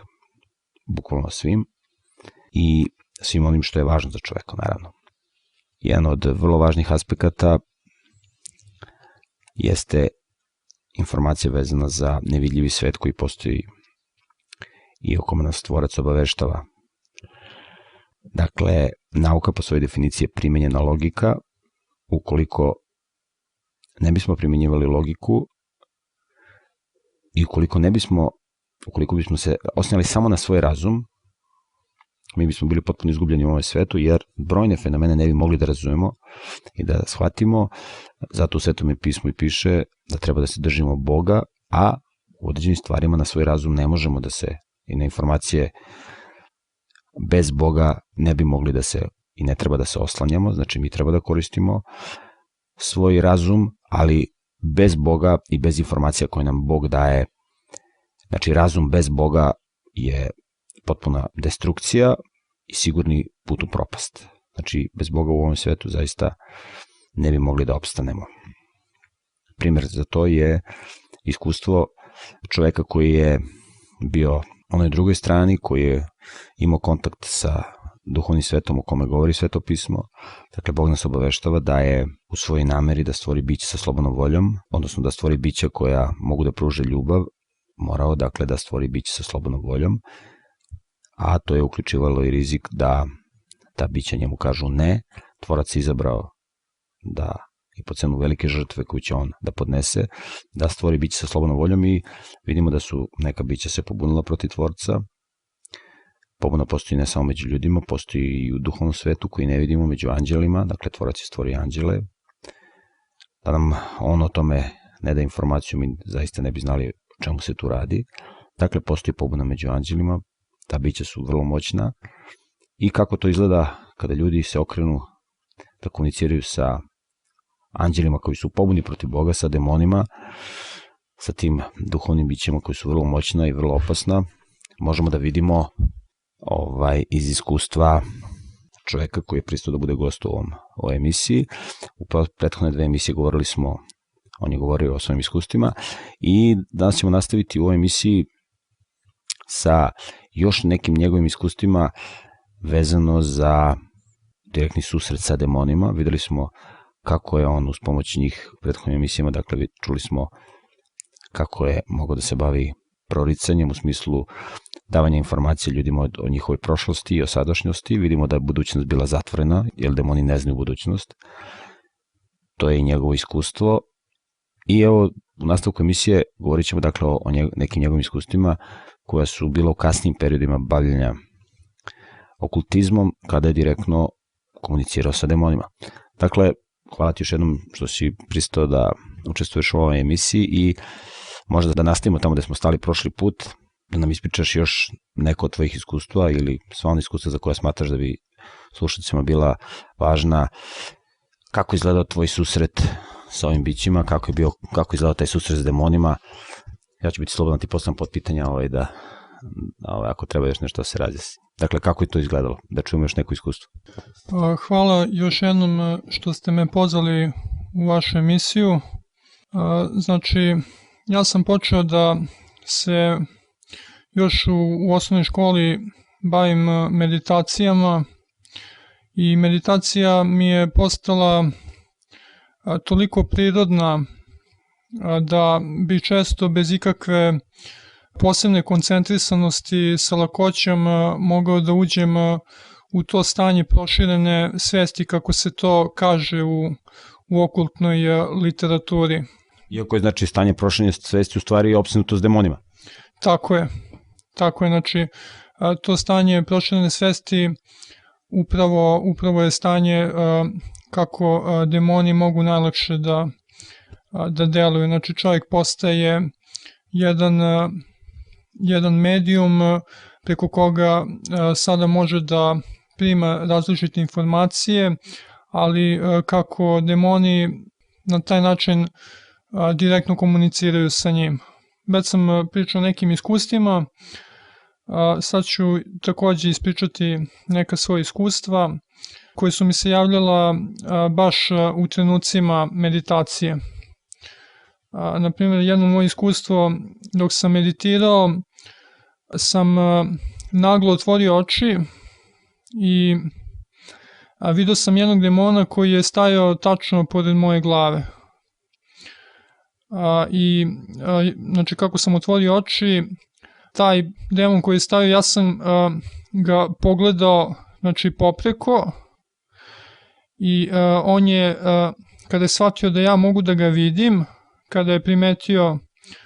da, da sam ga ja svestan, on je za, za tren oka pobegao, uh, udaljio se od mene nekih desetak metara i pokušao da, da se sakrije u zidu Čekaj, znači desetak metara ti si bio u svojoj sobi ili gde si bio? Da, ja sam bio u svojoj sobi, moja soba je e, relativno mala, ali e,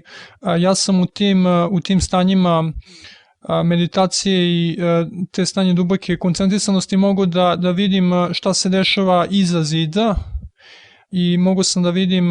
da je taj demon pokušao da se, da se sakrije u spoljem zidu i tu je tu se onako primirio i čekao da, da ja prestanem da obraćam pažnju na njega. Međutim, ja sam, znači mogu da ga posmatram, mogu sam da vidim kroz zid, znači u tim, u toj... Ok, reci mi, reci mi kako izgledao taj demon? Pa taj demon... U obliku čoveka ili kako? To je, ne može se reći da, da je u pitanju ljudsko stvorenje, znači ono ima neki oblik koji, koji mi možemo da, da ovaj, znači, koji asocira na, na, na čoveka, to je, to je znači, to su, to su znači neki, neki delovi tela koji su a, koji sliče čoveku, znači on a, takođe ima neke svoje udove, neke neke noge i ali nije nije to uvek tako. Znači ponekad se ti demoni javljaju u obliku nekih nepravilnih oblika. Znači oni ponekad pokušavaju da poprime čovekoliki oblik kada, kada žele da, da nas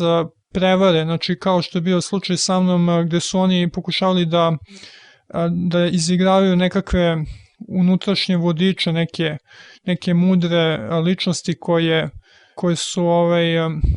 znači oni su pokušavali da mi, da mi prenesu neke, neke informacije i, i ja sam ovaj, se osjećao bezbežno jer je ta forma znači bila u obliku u obliku ovaj znači nekih ljudskih oblika sa nekim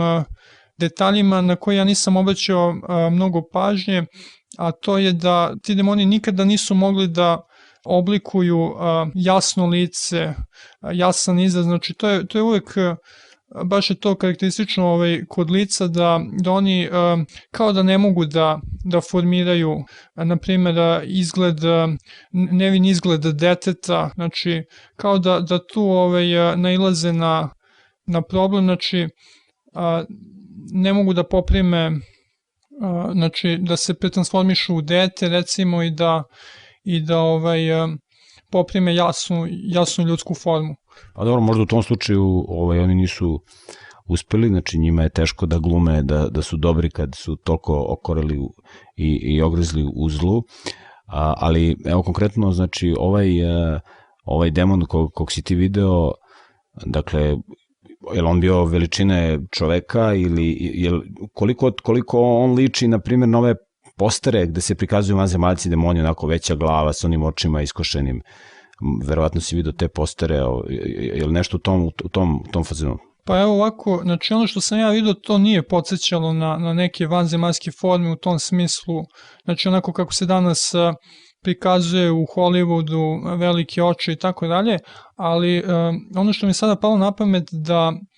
znači ono što sam ja vidio mogu uh, direktno da, da opišem kao, evo baš ovaj, ovo, ovo iskustvo, kao da je to bio neki patuljak, znači patuljak uh, i, i ovaj, to me podsjetilo na, na mnoge priče da su ljudi a, viđali male patuljke po šumama, po tako nekim, a, znači to su takođe jedna mitološka bića koja ljudi a, nisu tek tako mogli da izmisle, i a, to bih, znači to stvorenje ovaj, je ličilo na, znači, bilo je mnogo niže od mene i, i mnogo, mnogo manjih proporcija u odnosu na, na čoveka. Znači negde je veličine možda pola metra? Pa možda čak i manje, znači nekih 30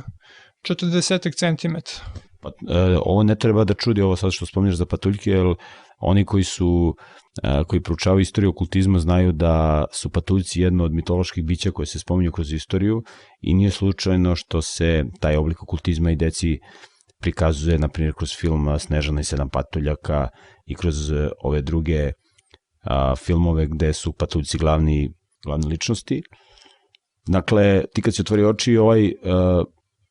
možda da razjasnimo slušalcima ovu mogućnost da ti možeš da, da gledaš kroz zid, da, da tako kažemo, je nešto što što je s aspekta okultizma i s aspekta onoga što piše u Svetom pismu vrlo razumljivo, jer demon zna šta se nalazi u, u susednoj prostoriji i demon može da ti formira informaciju u mozgu da ti imaš mogućnost da vidiš ono što on vidi, jer demon kao duhovno biće to može da vidi i on može da ti prenese tu informaciju ako si ti na njegovoj, da tako kažem, talasnoj dužini, tako da s aspekta onoga što nam Bog otkriva, to je moguće i razumljivo je. A, dakle, kako se na kraju ta, to, to iskustvo završilo? On je, on je otišao u taj spoljni zid, ti si ga video? Da, ja sam, ja sam mogu da vidim kako on, kao da se šćućurio, znači u tom, u tom ovaj, zidu i uh, tu je znači bio dok ja nisam uh, izašao iz tog, iz tog stanja meditacije. Znači, ja nisam vidio da je on otišao i posle toga sam bio znači, u jednom određenom strahu znači, da se približim ovaj, da, znači, tom zidu, ali pod znači, uticajem tih knjiga i tako, ja sam ovaj, smatrao da da ta bića šta više ja treba da, da privlačim i a, posle toga mi bilo žao što, što je taj demon pobegao, znači ja sam ovaj, poželao da mogu da, da nastavim taj razgovor i da ovaj, znači, što, što više privučem ovaj, nova iskustva znači, tog, tog tipa. I to sam još da, da znači sada da demonima znači, ne ide u prilog da mi znamo da, da oni postoje. Znači satani najviše ide u prilog da njegovo delovanje ljudi doživljavaju, doživljavaju kao prirodne procese. Znači neminovne prirodne zakone na koje mi ne možemo da utičemo. Znači, postoje mnogi primeri u današnjoj psihologiji gde se neprijatnosti ljudi kojim se dešavaju pripisuju psihičkim problemima i na razne, razne načine i razno raznim terminima se objašnjavaju neki fenomeni.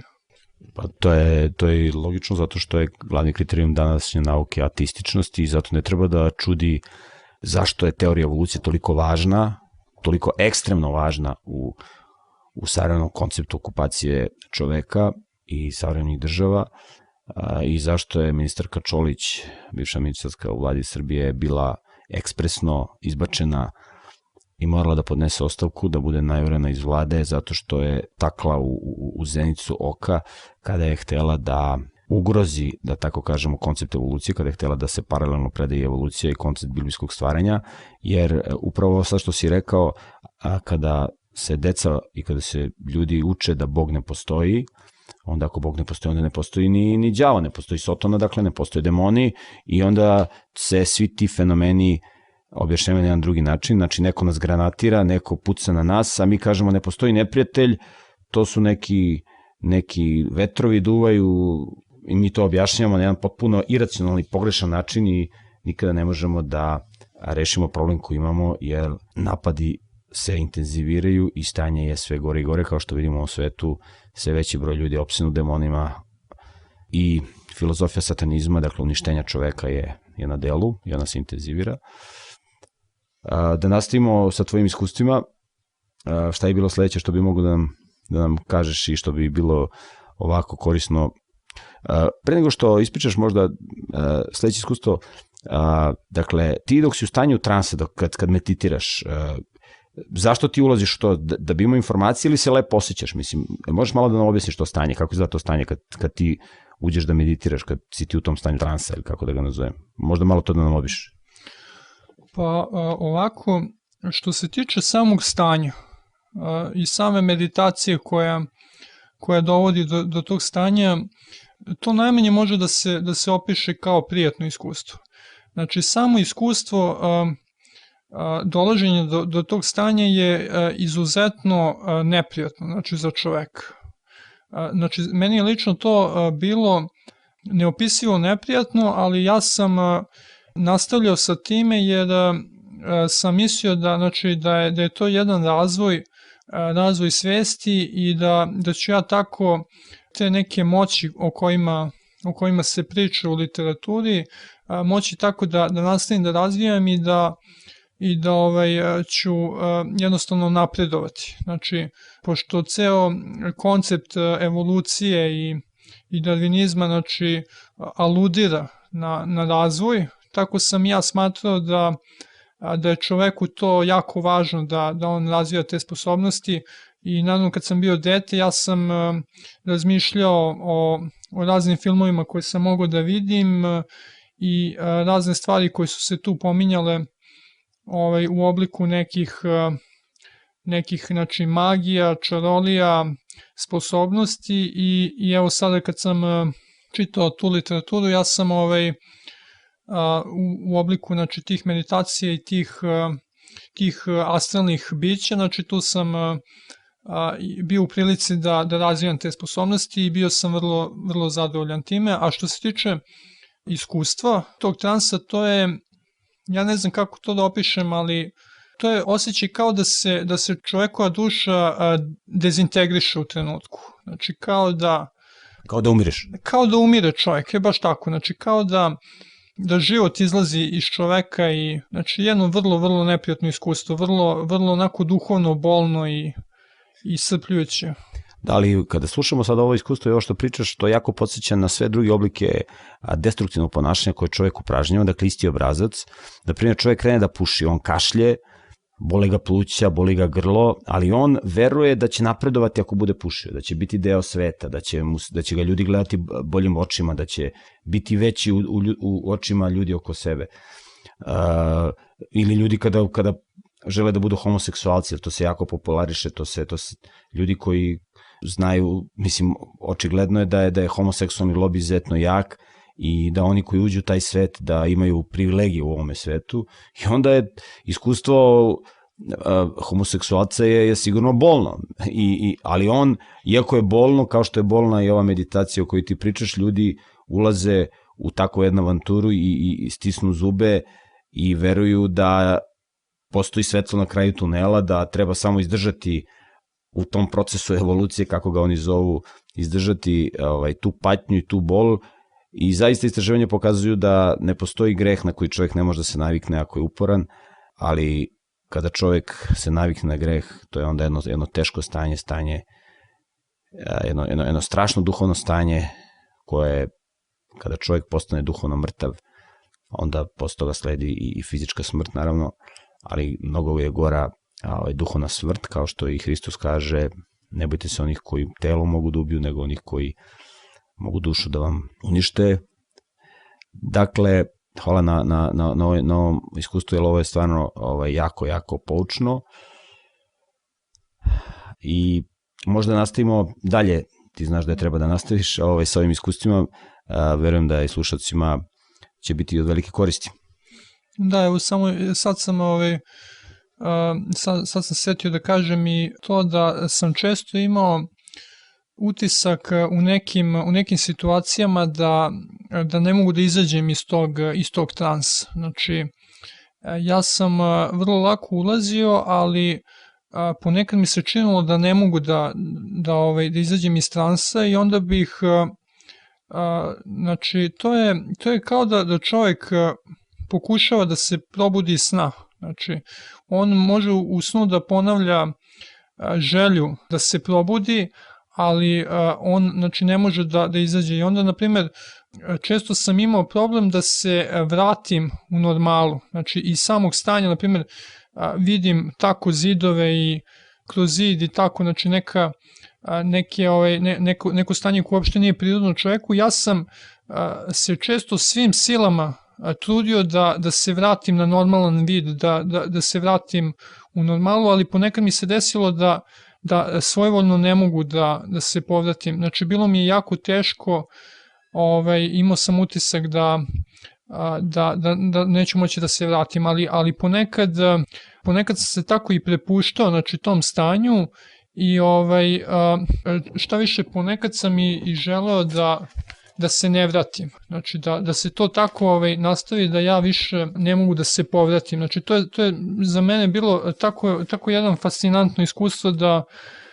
da sam želeo i da, da se ne vratim. Jel nisi teo da se vratiš u smislu da si želeo da umreš, da je to bilo to jedno stanje ili nisi želeo da se vratiš u smislu, pošto si rekao da je to bilo neprijatno iskustvo, znači u kom smislu nisi želeo da se vratiš? Ja verujem, ja verujem kao što ljudi na istoku koji uh, koji čitao sam ovaj, o nekim iskustvima da, da ljudi provode po nekoliko meseci u stanju meditacije, znači oni niti piju, niti jedu hranu i tako dalje, samo stoje u tom transu, verujem da, da, da su oni, ovaj, znači isto kao ja, izabrali da se ne, da se ne povrati iz tog stanja. Oni su ovaj, nastavili da,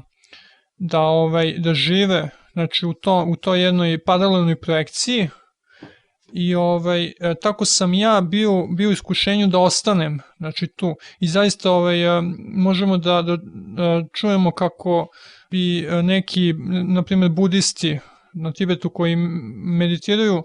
ovaj, bili u, u tim svojim meditacijama i mnogi bi pokušavali da ih probude, međutim oni bi tako ostajali da vegetiraju u tim stanjima, znači to je jedna normalna pojava među svim ljudima koji ovaj su u tom okultizmu u meditaciji da ovaj u nekom trenutku počinje da se javlja ta želja da izađu znači iz ovog iz ovog, fizi, u, iz ovog stanja fizičkog sveta fizičke realnosti i da uđu u taj svet iluzije kojima ovaj, demoni nastoje da impresioniraju čoveka i znači toliko da on, da on pomisli da je to jedna mnogo viša realnost znači od fizičkog sveta, međutim to je to je ovaj samo jedna jedno sredstvo, jedna iluzija da da oni ostvare vlast nad čovekom. Ali e, nisi mi odgovorio zašto si želeo da, da, da ostaneš, da se ne vratiš? Da li to zato što si neko ti je to, neko je sugerisao tebi to ili se ti osjećao prijatno, zašto nisi teo da se vratiš? Misliš, šta je, bila, šta je bilo razlog da, da, da ti eventualno u određenom trenutku poželiš da se ne vratiš u realnost? Pa ja lično e, stvarno to ne mogu da objasnim, znači to je to, to, toliko jedan splet uh, Kao da neko misli za, umesto tebe, možemo tako da kažem? Kao da je tvoj um opsednut, pa neko drugi misli za tebe i drugi, neko, kao da neko drugi hoće da ti kaže nemoj da se vratiš, neko, neko drugi je zauzao tvoje misli, ili može tako da se kaže? Pa to je, to je u suštini jedan čitav mehanizam obmane, znači kojima ovaj, demoni pokušavaju da polako uh, obrađuju čoveka. Znači oni ga, oni ga obrađuju kao što ovaj, znači, se ljudi mnogim stvarima služe u marketingu, znači da osvoje najpre pažnju znači ljudi koji, koji ovaj, treba da kupuju neki proizvod i tako i onda, onda, onda se, znači tu postoji čitava strategija, znači ti demoni tačno poznaju psihologiju čoveka, tačno znaju kojim sredstvima i iskustvima mogu čoveka uopšte a, a posle, ovaj, znači posle svaki čovjek ima, ima neku svoju a, nit koji, koji demoni polako a, spoznavaju. Prema onome kako mi a, živimo, znači demoni mogu da vide neke naše osobine i sklonosti i onda, onda ovaj, oni koriste znači, te sklonosti a, da bi, da bi mogli da osvoje čoveka. Znači ja, ja sam u ovom konkretnom slučaju bio impresioniran tim tim stanjima, tim svetom i, i zato sam ja želeo da, da nastavim. U nekim trenucima ovaj, je to bilo toliko jako da, da sam ja bio iskušenju da odbacim znači, ovaj život koji je Bog dao i svoje telo i, i svoj duh i želeo sam znači, da ostanem tamo sa, sa tim demonima, tim astralnim stvorenjima i da, ovaj, i da što više novih iskustva imam. Pa to je nešto što, što je, je jako podudarno, da ne kažem 100% podudarno sa onim što u Svetom pismu piše, jer cilj demona, odnosno Soton je da čoveku što više skrati put do groba, da ga, da ga uništi. Dakle, demoni i Sotona su dakle biće koje su toliko ogrezle u grehu i ono, to je ono što možemo da vidimo u savremenom svetu, da čovjek kada krene da uprožnjava jednu vrstu greha, toga postiče na sve jači i destruktivniji oblik ponašanja, tako i sa svim oblicima droge, čovjek krene da puši, posle mu to postane dosadno, mora da pređe na, na, na nešto jače, na marihuanu, pa onda na, na još jači, na još jače, dok se na kraju potpuno ne, ne uproposti. Slična situacija i sa seksualnim perverzijama, čovjek prvo krene sa osobama suprotnog pola, a onda ulazi u perverzije sa, sa decom, sa životinjama i tako dalje, sve ono što se radilo i u starim vremenima za koje Bog rekao da se takvi narodi počiste, to mnogima izgleda surovo, ali evo vidimo da je uticaj demona toliko moćan na ljude da uništavaju sebe, a, a vidimo da je okultizam jedan od najstrašnijih oblika. Međutim, ono što je još strašnije jeste da možemo da vidimo da ljudi koji su na rukovodećim mestima u ovome svetu i koji vuku glavne poluge u ovome svetu su ljudi koji pored sebe imaju okultiste, astrologe, razne vračare, koji ih savjetuju i upućuju tajne okultizme i kako da uz pomoć demona ostvaraju uspeh u ovome svetu, nažalost. Ljudi su to izabrali i dobijaju ono što su izabrali, iako se Bog bori za, za sve ljude. E, da nastavimo sa, sa tamo gde smo stali, a možda da čujemo još neko iskustvo. Ti, slobodno, ti budi slobodan da divergiraš od, od ove klasične priče koju pričamo, ako se setiš još nekog, nečega što bi bilo korisno za naše slušalce. Dakle, da nastavimo. Da, upravo sam pomislio, znači, ja ću posle da, da pričam o svojim iskustvima,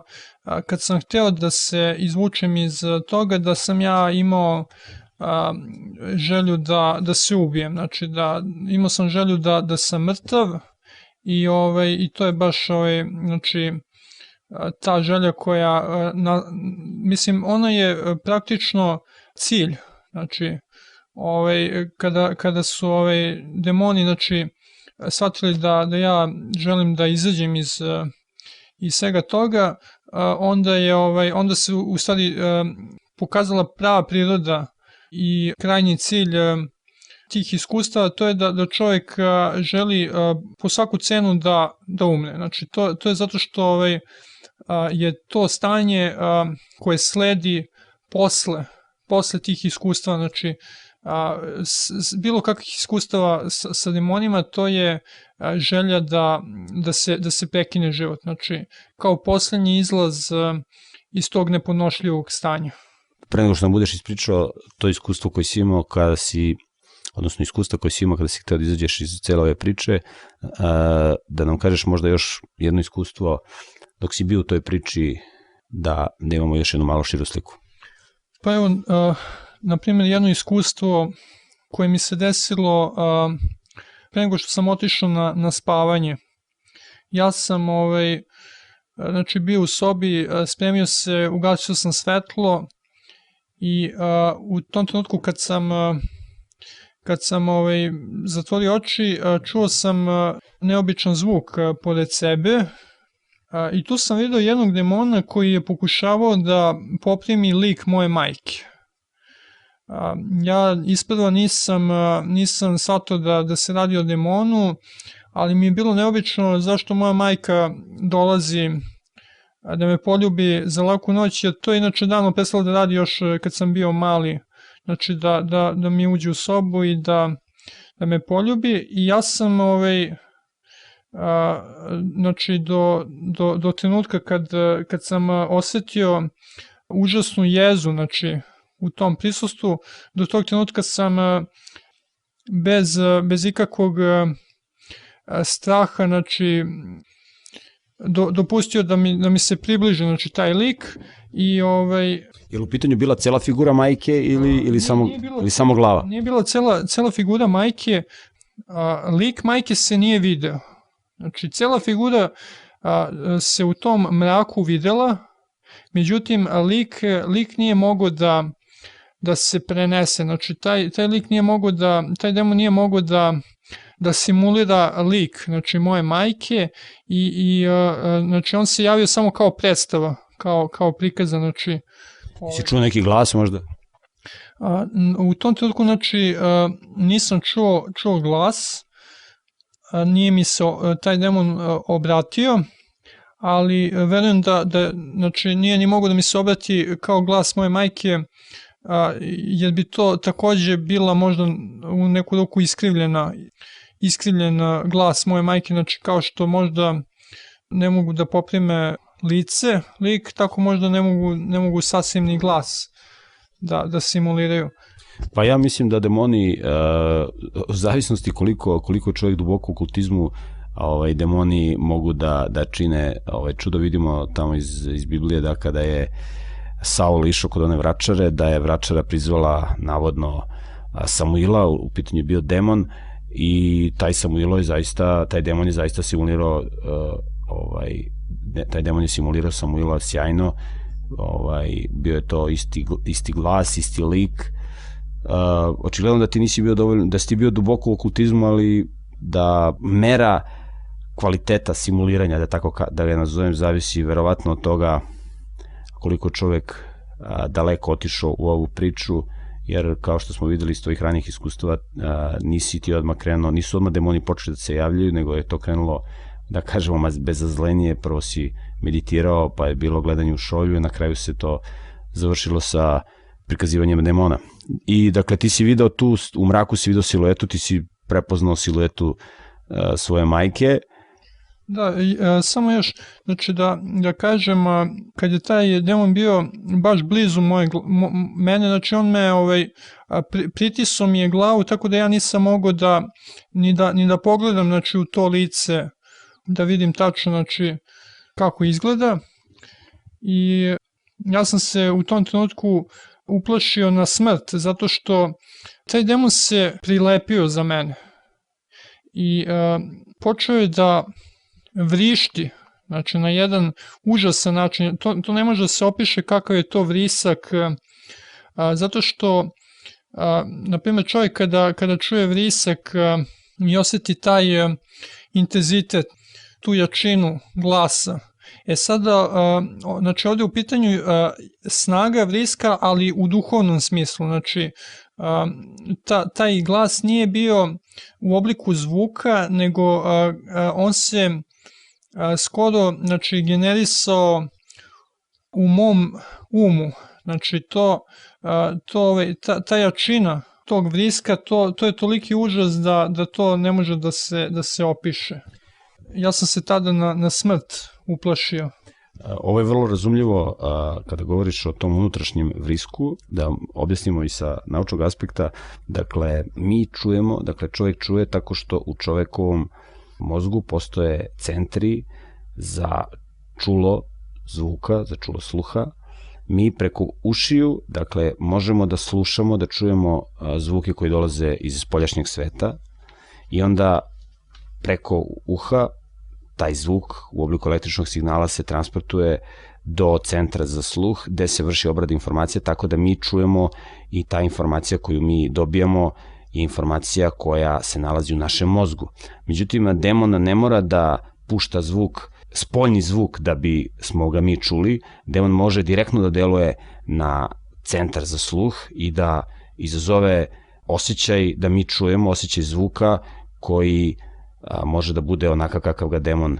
a, napravi, odnosno koliko mu Bog dozvoli u određenom trenutku. Očigledno da je Bog ovde dozvolio određenu meru ataka demona na, na čoveka. Slične situacije su i kada čovek sanja košmarne snove, u tom slučaju čovek ima zatvorene oči, signal ne dolazi preko očiju, a, demon može direktno na čulo vida da deluje u mozgu, dakle, ili ako je, ili, odnosno na centar za vid da deluje u mozgu, ako je čulo vida oko, dakle centar za vid, demon može direktno da deluje na centar za vid i da pošalje čoveku informaciju da čovek vidi neku aždaju, nekog, neko čudovište koje ga proganja i da čovek bude u stanju sna, a u stvari da bude svestan da se dešava nešto strašno i da ga demon na takav način proganja, tako da ovo iskustvo koje se iznao je nešto što je potpuno objašnjivo s aspekta nauke, s aspekta nauke, ozbiljne nauke koja prihvata realnost koju nam tvorac daje, a to je da postoji, dakle, duhovni svet. Dakle, ti si se u tom trenutku uplašio i kako se na kraju to završilo? Ili možda još da nam, da li je ta agonija još trajala? Pa, ja sam se toliko uplašio, znači to, to je nešto ovaj, najužasnije što, što sam ikada osetio do tada. Ja sam se bukvalno paralisao od, od straha. Znači, bukvalno, ja nisam mogao da se pomerim, nisam mogao, strah je bio, bio tolikog intenziteta da sam, sam se ja na kraju onesvestio. Znači, meni se krv u žilama zaledila od, od tog iskustva i ja, ja sam se ovaj, sutradan jednostavno probudio ovaj, probudio znači i, i, i tada sam ovaj, se setio znači, toga i jednostavno da, da sam ja ostao u svesnom stanju, a, možda bih doživeo a, prestanak rada srca ili, ili tako nešto, zato što je to, to je stvarno jedno toliko užasno iskustvo da, da, ovaj, da čovek maltene to ne može, ne može a, psihički da, da ponese, a da ne dobije nervni slom. Znači, možda sam možda me Bog u tom trenutku poštedio toga i, i uh, znači ja sam, ja, sam, ja sam izgubio svest i sutradan sam se probudio znači kao da se ništa nije desilo međutim uh, ja sam ovaj, u, u toliko jednoj traumi bio posle toga i a, bilo mi je tog dana teško da, da ovaj, a, znači neke normalne životne aktivnosti obavljam. Koliko si imao godina tada? Tada sam imao Koji si, si, bio u srednjoj, si bio u srednjoj školi? oko 17 godina. 17 godina. A, nije, nije možda, nego sigurno te je tad Bog sačuvao. Mi znamo, i to Isus Hristos kaže, da se ništa ne dešava u ovom svetu slučajno i da su sve naše dlake na glavi izbrojene i da nijedan vrabac ne pada, da Bog to ne kontroliše, dakle sve pod kontrolom. A, verovatno je bilo dobro što si doživio tako jedno strašno iskustvo, jer možda te to iskustvo postaklo da konačno doneseš odluku da izađeš iz cele priče. Pa, a, znači, to, to iskustvo, a, to je bio početak a, mog razmišljanja da se, ovaj, da tu počinje nešto, ovaj, da se mnogo ozbiljnije dešava, znači, sa mnom i a, da se ta stvar potpuno a, otrže kontroli, znači, a, tada mi se ovaj, javila prvi put a, želja da, znači, prvo, znači, iz tog straha i svega, da, da ja prekinem, da se bavim time, naravno ja nisam, nisam ovaj, razmišljao da, da će to da prestane tako što ću ja da prekinem da, da se bavim time. Ja jednostavno nisam tada još uvijek znao a,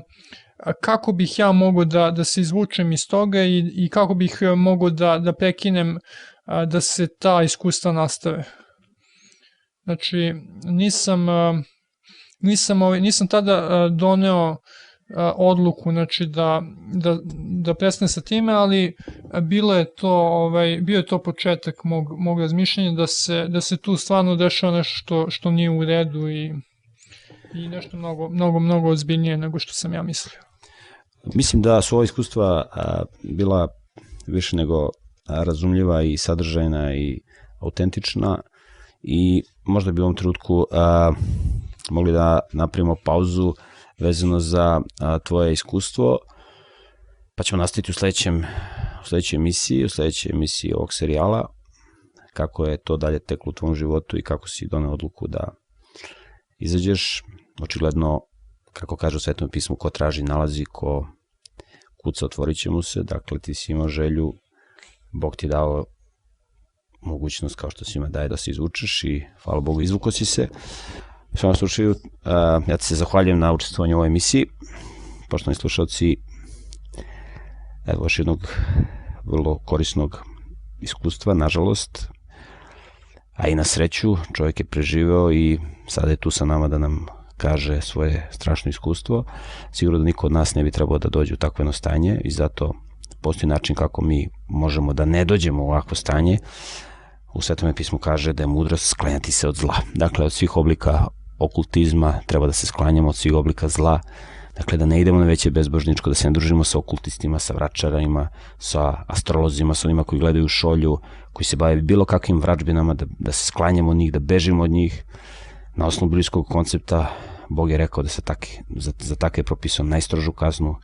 jer to je jedan od najstrašnijih oblika ubijanja čoveka kada ga opsedne demon kada čovjek poludi, mnogo je lakše kada ga ubiju iz pištolja ili kada mu odseku glavu. Ovo je jedna strašna smrt, smrt kada koja nastupa ubijanjem od strane demona. Dakle, Božja poruka u Svetom pismu da se sklanjamo od okultizma, da mislimo o svom zdravlju, da ne gledamo filmove savremene produkcije, jer oni skoro svi promoviš okultizam, nasilje i druga demonska delovanja, delovanja koje demoni čine kroz ljude, ljudi koji prave savremene filmove su ljudi koji su duboko u okultizmu. Idealno bi bilo da taj sotonski oltar televiziju izbacimo iz naših stanova i da se informišemo na neke druge načine, jer zaista je teško tu spravu kontrolisati, ljudi jako teško, teško kontrolišu i nisu u stanju da je kontrolišu na pravi način, iako ako ćemo realno današnji televizijski program je postao skoro čist satanizam, teško ćemo naći neku pametnu poruku na televiziji a i vesti koje ljudi slušaju su u njima se samo priča o nasilju i ubistvima i o zločinima, nema nijene lepe stvari. Tako da sigurno da u ovom svetu postoje mnoge lepe stvari kojima možemo se bavimo, predivna priroda, možemo da biramo da se družimo sa pozitivnim ljudima. Ako nema pozitivnih ljudi oko nas, možemo da imamo psa kao, kao prijatelja ili neku drugu životinju, a, ali zaista ako idemo na mesta da se skupljaju religiozni ljudi,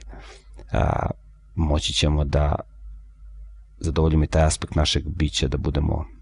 da imamo prijatelje, da budemo deo zajednice, da budemo deo jedne porodice, duhovne porodice. Sigurno da ako ulažemo u sebe, osposobit ćemo se i da budemo deo svoje porodice, da formiramo porodicu, imamo decu, ali za to je potrebno da se duhovno izgrađujemo.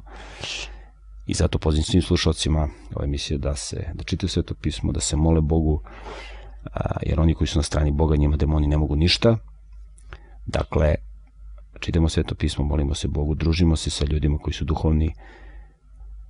i nećemo biti u situaciji da doživljamo strašne iskustva koje imaju ljudi ovoga sveta.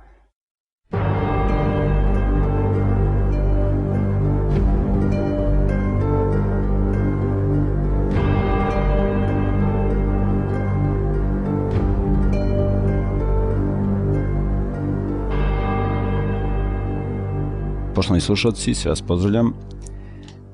u serijalu Dokaz stvaranja kojim govorimo o povezivanju nauke i religije. Vrlo je važno da zapazimo da je nauka po definiciji primenjena logika i da svet u kome živimo nije samo ono što možemo da pipnemo i da vidimo. Svet je nešto mnogo, svet u kome živimo je nešto mnogo više. Mi ne možemo da vidimo i da pipnemo ljubav, to da nas neko voli, ne postoji instrument koji može da meri ljubav, koji može da meri strah. A, zato je vrlo važno da nauku prihvatimo u onom pravom smislu reči, a to je a, primjena logike u ovome svetu i dolaženja do veoma važnih saznanja o ovome svetu, sama reč nauka potiče od latinske reči scientija, što znači znanje, odatle izvučena reč science. Engleska reč za znanje, Bog kaže izgibe moj narod jer je bez znanja. Kada Bog govori o znanju koje ljudi nemaju, u pitanju je znanje o Bogu, Bog kaže ko se hvali, nek se hvali time što mene poznaje. Dakle, da se mudri ne hvali svojom mudrošću, ni bogati svojim bogatstvom, ni jaki svojom snagom, kaže Bog, nego ko se hvali, nek se hvali time što mene poznaje. I zato u Svetome pismu se kaže, drugi se hvale, jedni se hvale konjima, drugi kolima, a mi se hvalimo gospodom Bogom našim. Znači, u ovome svetu ljudi se hvale svojim automobilima, kućama, persijskim tepisima, kristalnim lusterima, Nike patikama, a mi kao pobožni ljudi bi trebali da se hvalimo time što znamo Boga, Boga koji nam je dao život i koji unosi smisla u naše živote i koji nam daje sjajne mogućnosti da živimo u životu, da se radujemo, srećno da unapređujemo sebi i svoje bližnje i da osetimo miris večnog života koji nam Bog priprema, jer i nauka to potvrđuje, čovjek nije stvoren da umre, čovjek je stvoren da živi. Ono što je vrlo važno da znamo jeste da svet u kome živimo je jedan veliki rat, duhovni rat, i gost, još jedan put gost u ovom serijalu biće moj prijatelj koga sam upoznao baveći se ovim čime se bavim, dakle povezivanje nauke i religije, čovjek čiji identitet iz razumljivih razloga nećemo otkrivati, čovjek koji u prethodnim emisijama iznosio svoje iskustvo kako je bio u svetu kultizma, ja najtoplije preporučujem slušalcima koji nisu poslušali prethodne emisije da ih poslušaju, naročito prethodne tri emisije, kojima je moj sagovornik bio gost. U današnjoj emisiji govorit ćemo o tom iskustvu, kako je on izašao iz ove cele priče. To je bilo jedno bolno iskustvo, ali vrlo poučno za, za, za nas, da slušalci čuju. Možda neki danas imaju slične probleme. Tako da, ja ti se još jednom zahvaljujem na dobroj volji da učestvuješ u ovoj emisiji. Pa da nastavimo tamo gde smo stali prošli put, odnosno da započnemo a, ovu priču tamo gde smo stali, dakle da započnemo sa tim ti znaš da ćeš da započneš, dakle započneš kako je to krenulo i kako je to kako je to išlo kada si teo da izađeš. Hvala, hvala još jednom što, što ste me pozvali. Ja sam u prethodnim emisijama pričao u detalju o svojim iskustvima, o svojim e, a, znači nadprirodnim pojavama koja su a, počela od kako sam počeo da se bavim meditacijama. I za mene su to bile sasvim normalne pojave. Znači razne, razne, razne iskustva a, koja su a, znači privlačila demone i a, razne nadprirodne stvari a, koje, su, koje su mi se dešavale. A, I to je sve, znači, bilo sasvim normalno dok ja nisam a, a, jednoga dana na predlog jedne svoje prijateljice a, otišao u crkvu. A, znači, ona me je pozvala da, da se nađem sa njom a, kod crkve i nismo a, isprva imali tu nameru da, da idemo na, na tu večernju liturgiju, ali a, onda smo u jednom trenutku rešili da uđemo i a, to je bio a, prvi, prvi moj odlazak u crkvu kad, od kako sam bio mali, znači od kad, od kad sam bio kršten. I tada u, u znači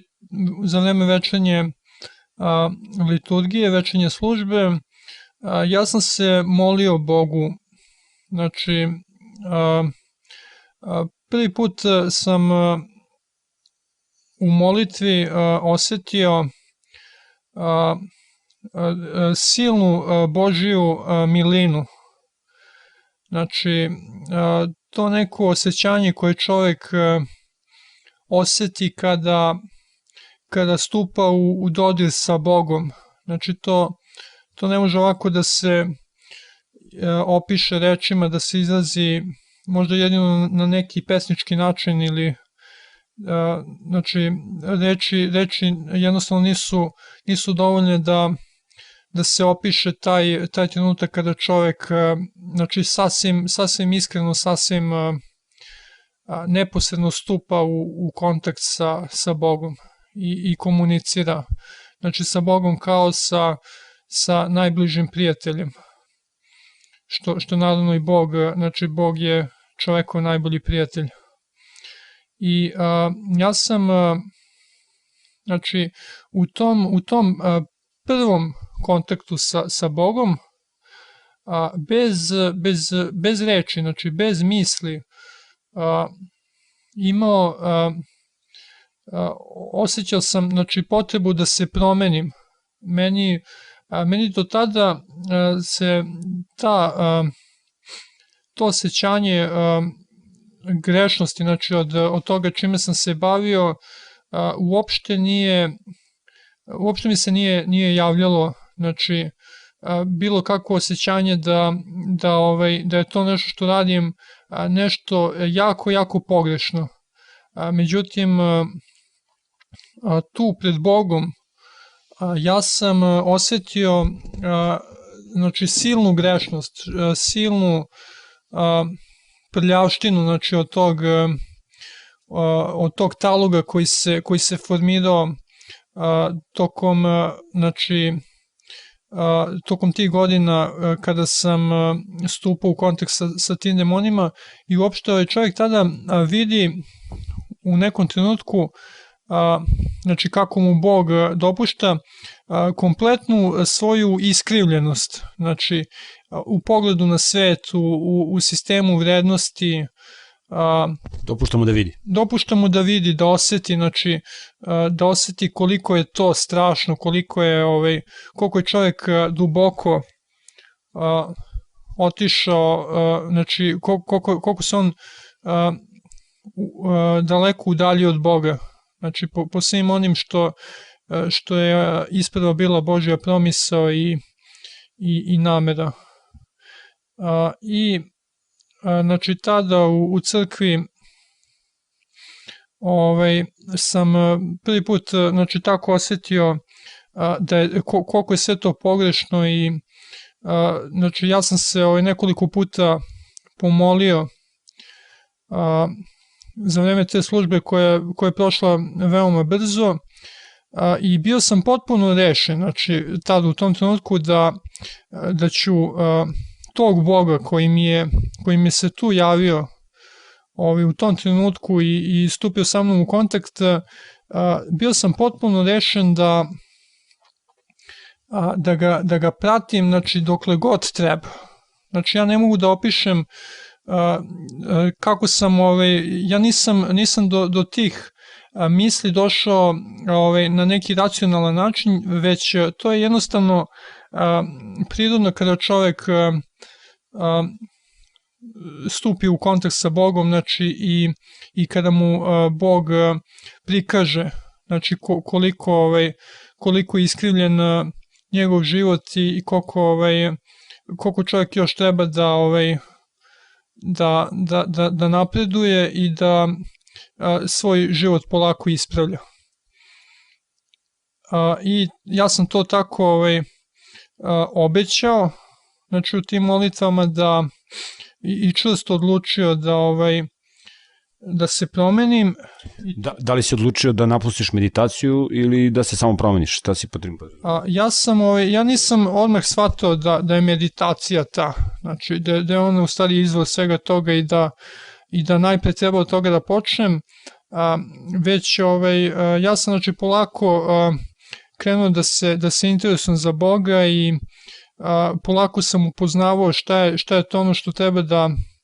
da ispravim. A, Znači, taj, taj nevjerovatno jak krik želje koji, koji sam osetio da treba da se menjam,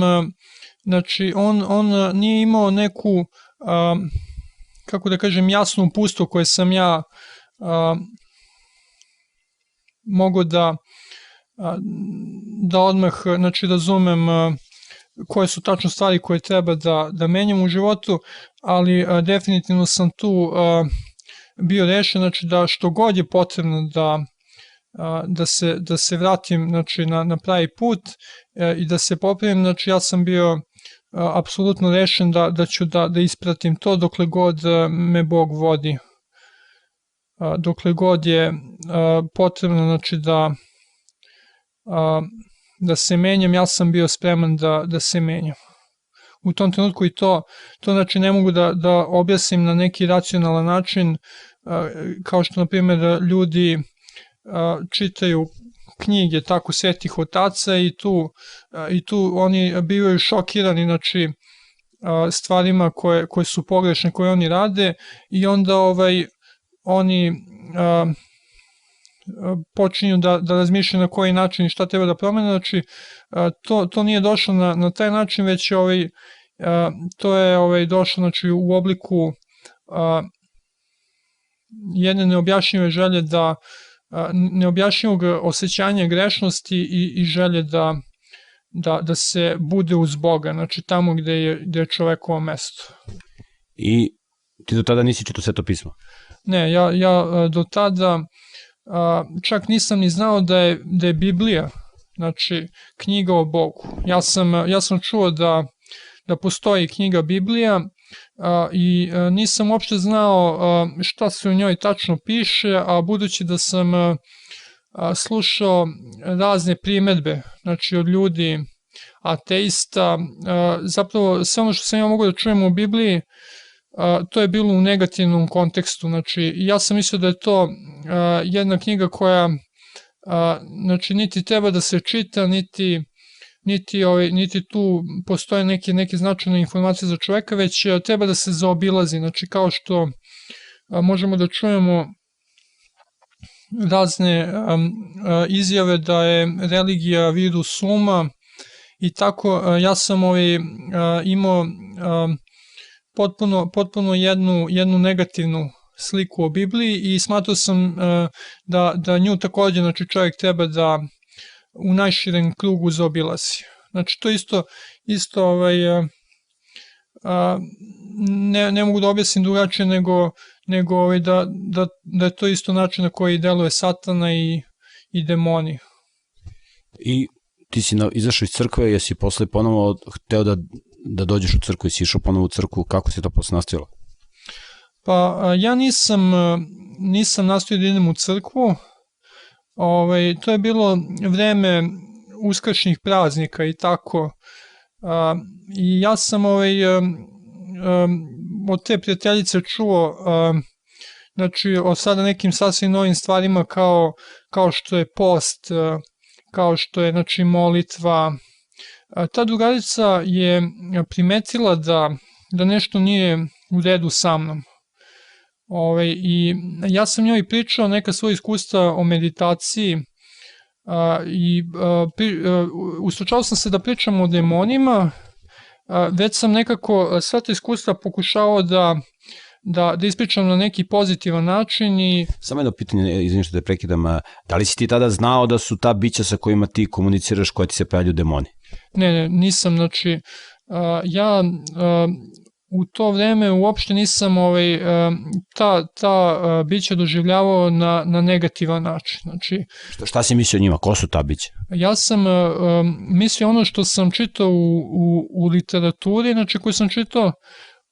ovaj, gde, gde se ovaj, pojavljivanje takvih bića tumači na najpozitivniji način. Znači, a,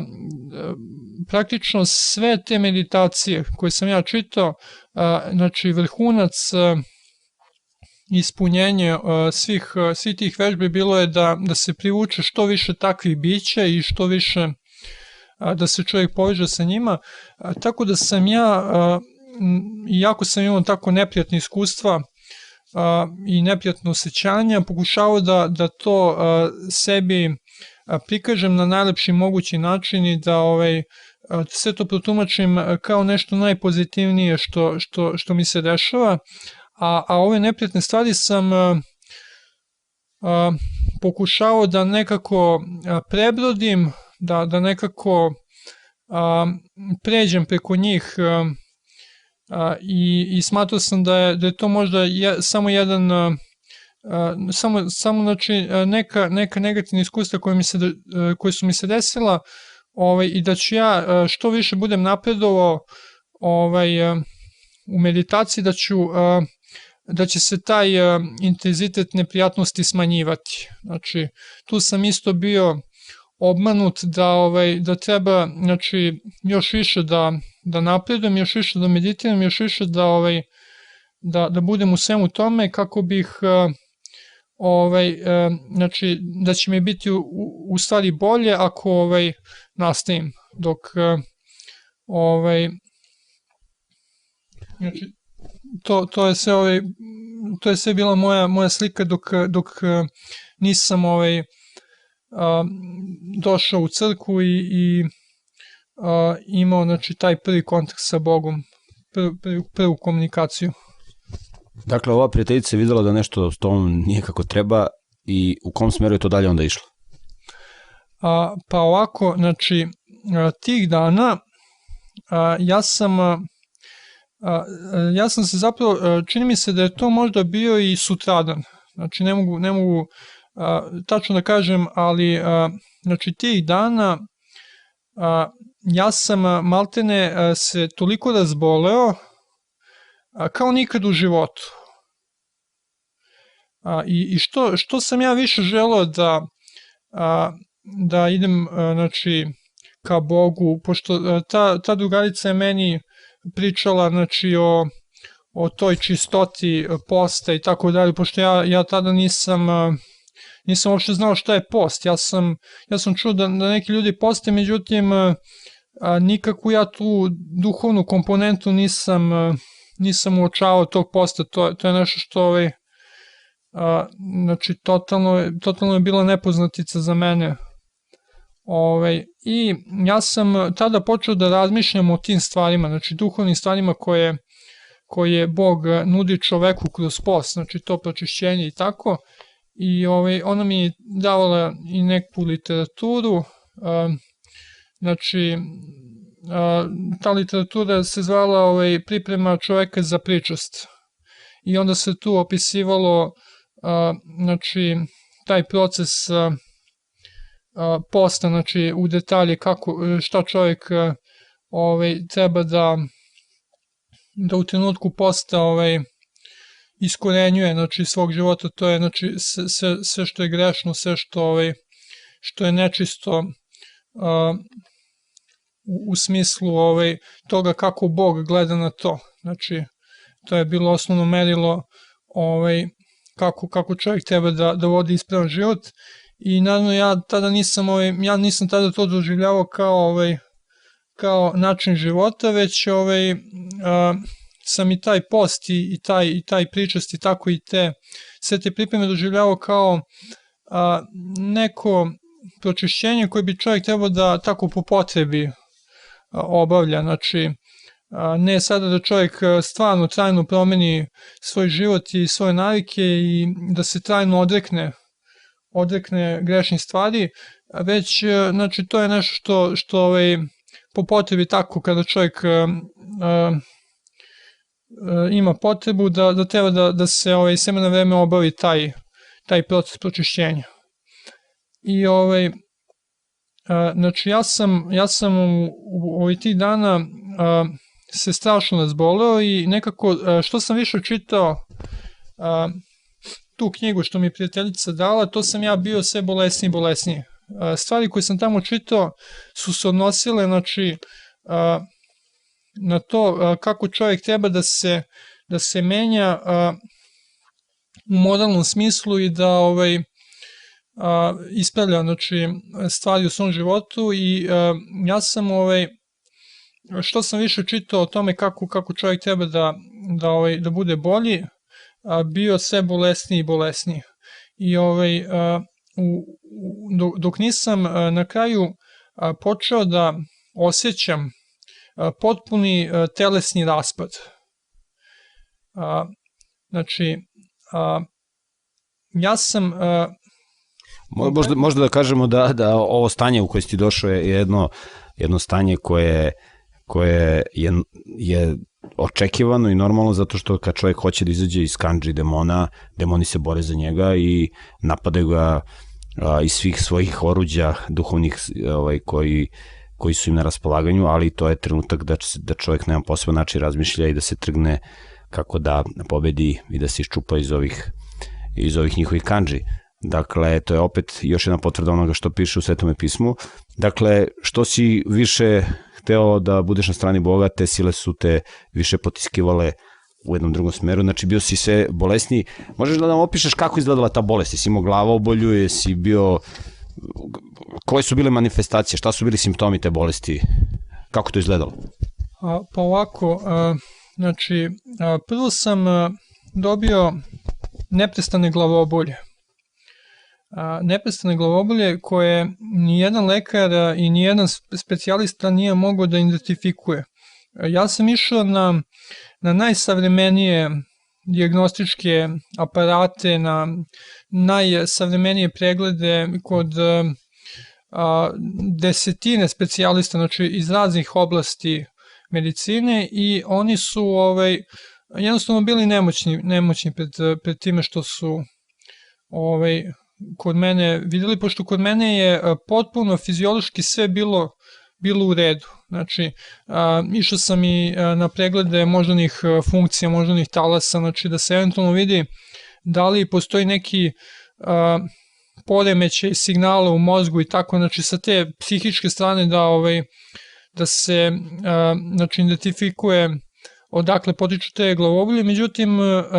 svi rezultati, svi pregledi su bili savršeno normalni, znači savršeno sam bio zdrav fizički i ovaj i mentalno, znači po tim po tim snimcima EEG-a, znači snimcima moždanih talasa, a međutim moje duhovno stanje je bilo u, stanju potpunog, potpunog znači, raspada. Moje, moje telesno stanje je bilo toliko, toliko loše da, da sam ja znači ta, tad sam ja ovaj dobio prvi put želju da da izvršim samoubistvo. Prvi put sam tada ovaj počeo da razmišljam o tome kako znači to, to je ono što ovaj što demoni najviše žele da, da čovjek počinje da svata Boga i, i ispravan život koji Bog nudi na, na neispravan način. Znači ja sam a, imao a, sada nove poruke, a, imao sam nova upustva da, da, da je Bog, znači, a, jedan tiranin koji a, odbacuje čoveka. Znači, taj, taj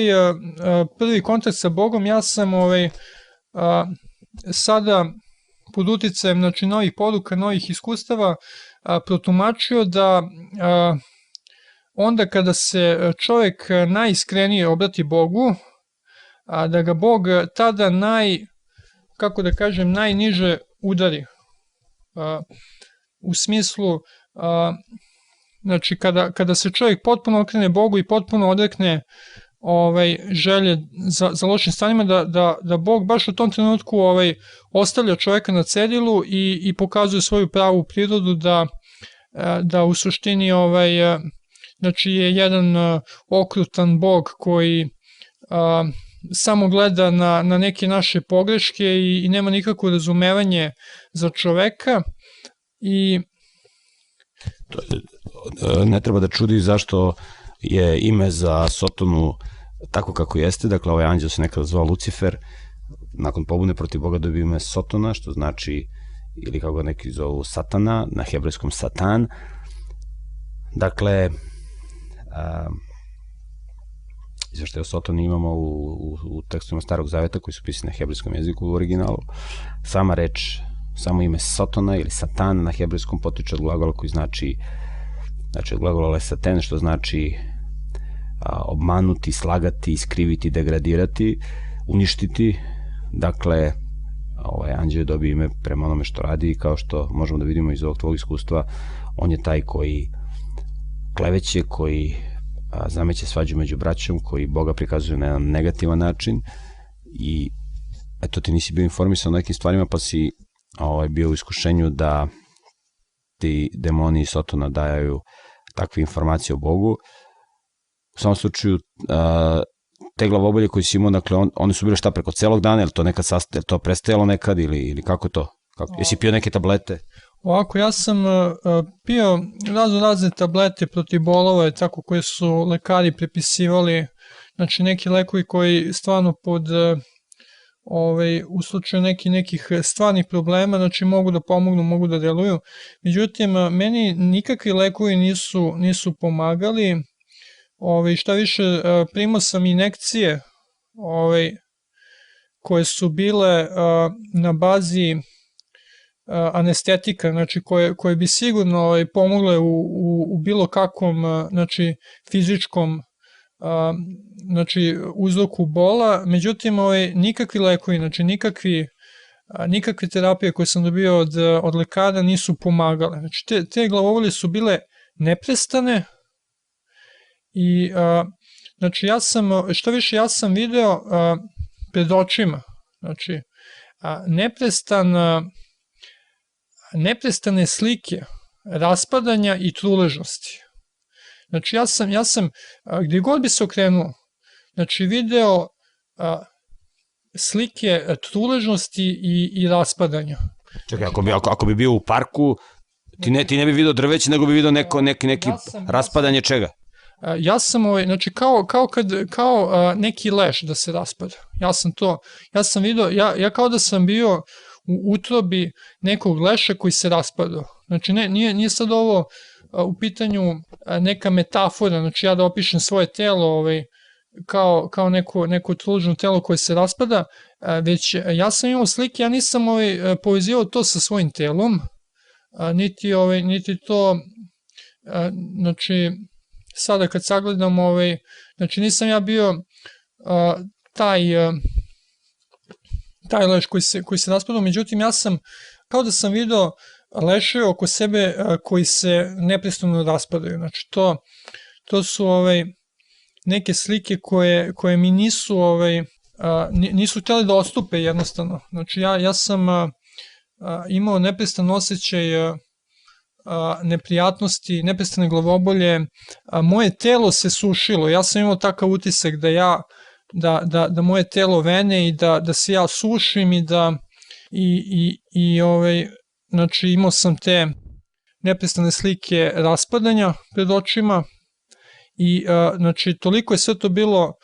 a, nepodnošljivo. Znači, toliko sve to postalo nepodnošljivo da, da sam ja tada dobio želju da, da se ubijem, znači da,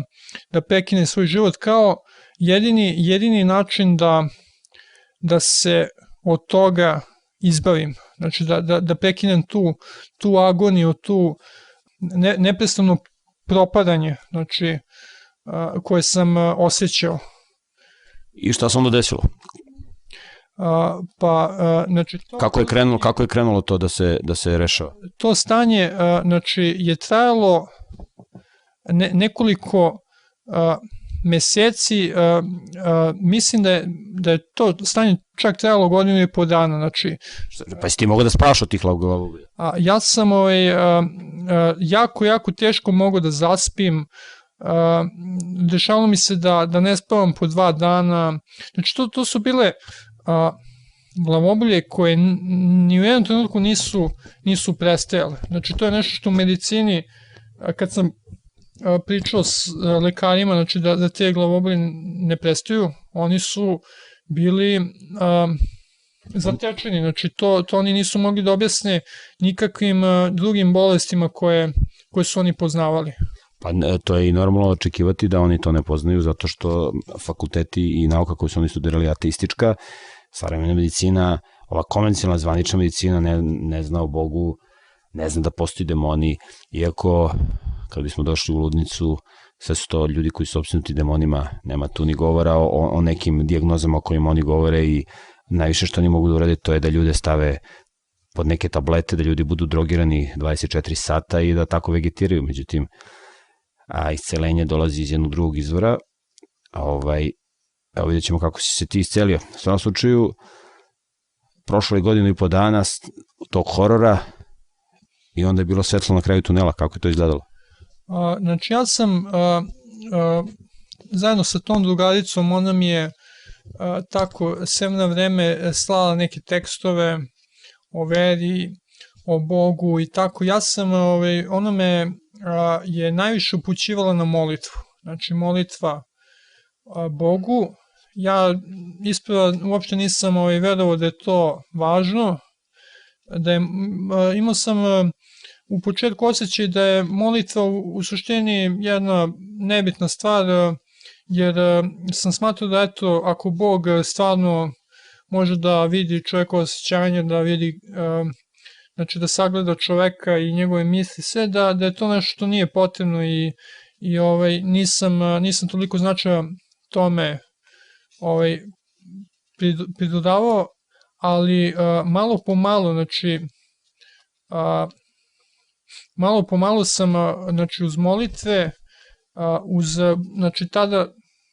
u, u, tim, u tom periodu ja sam potpuno prekinuo sa, sa svim meditacijama, sa svim ovaj, okultnim stvarima koje sam pre toga radio i ovaj i ta, ta iskustva su se uh, potpuno, znači potpuno su nestale, nestale ovaj, pojavljivanje demona, potpuno je nestalo uh, ove, ove druga nadprirodna iskustva koje sam imao i a, a moje zdravlje se toliko poboljšalo, znači a, to, toliko sam imao posle, posle svega toga e, energije na pretek. E, posle tih molitvi? A, posle molitvi, znači posle, a, kad je odmaklo ovaj, znači, a, taj period pročišćenja a, od svih tih a, a, znači, okultnih stvari, a, meditacija i ovaj, znači, svega ostalog, ja sam ovaj, znači, posle nekog vremena ovaj, doživeo a, ozdravljenje, znači od svega toga i, i uh, znači toliko je, toliko je to mene iznenadilo i obradovalo, jer uh, imao sam, uh, bio sam potpuno obeshrebljen u, u izlečenju, znači to je jedno stanje uh, bilo koje se neprestano pogoršavalo i ovaj, toliko da ja nisam uopšte imao nikakve, nikakve više vere i nade da,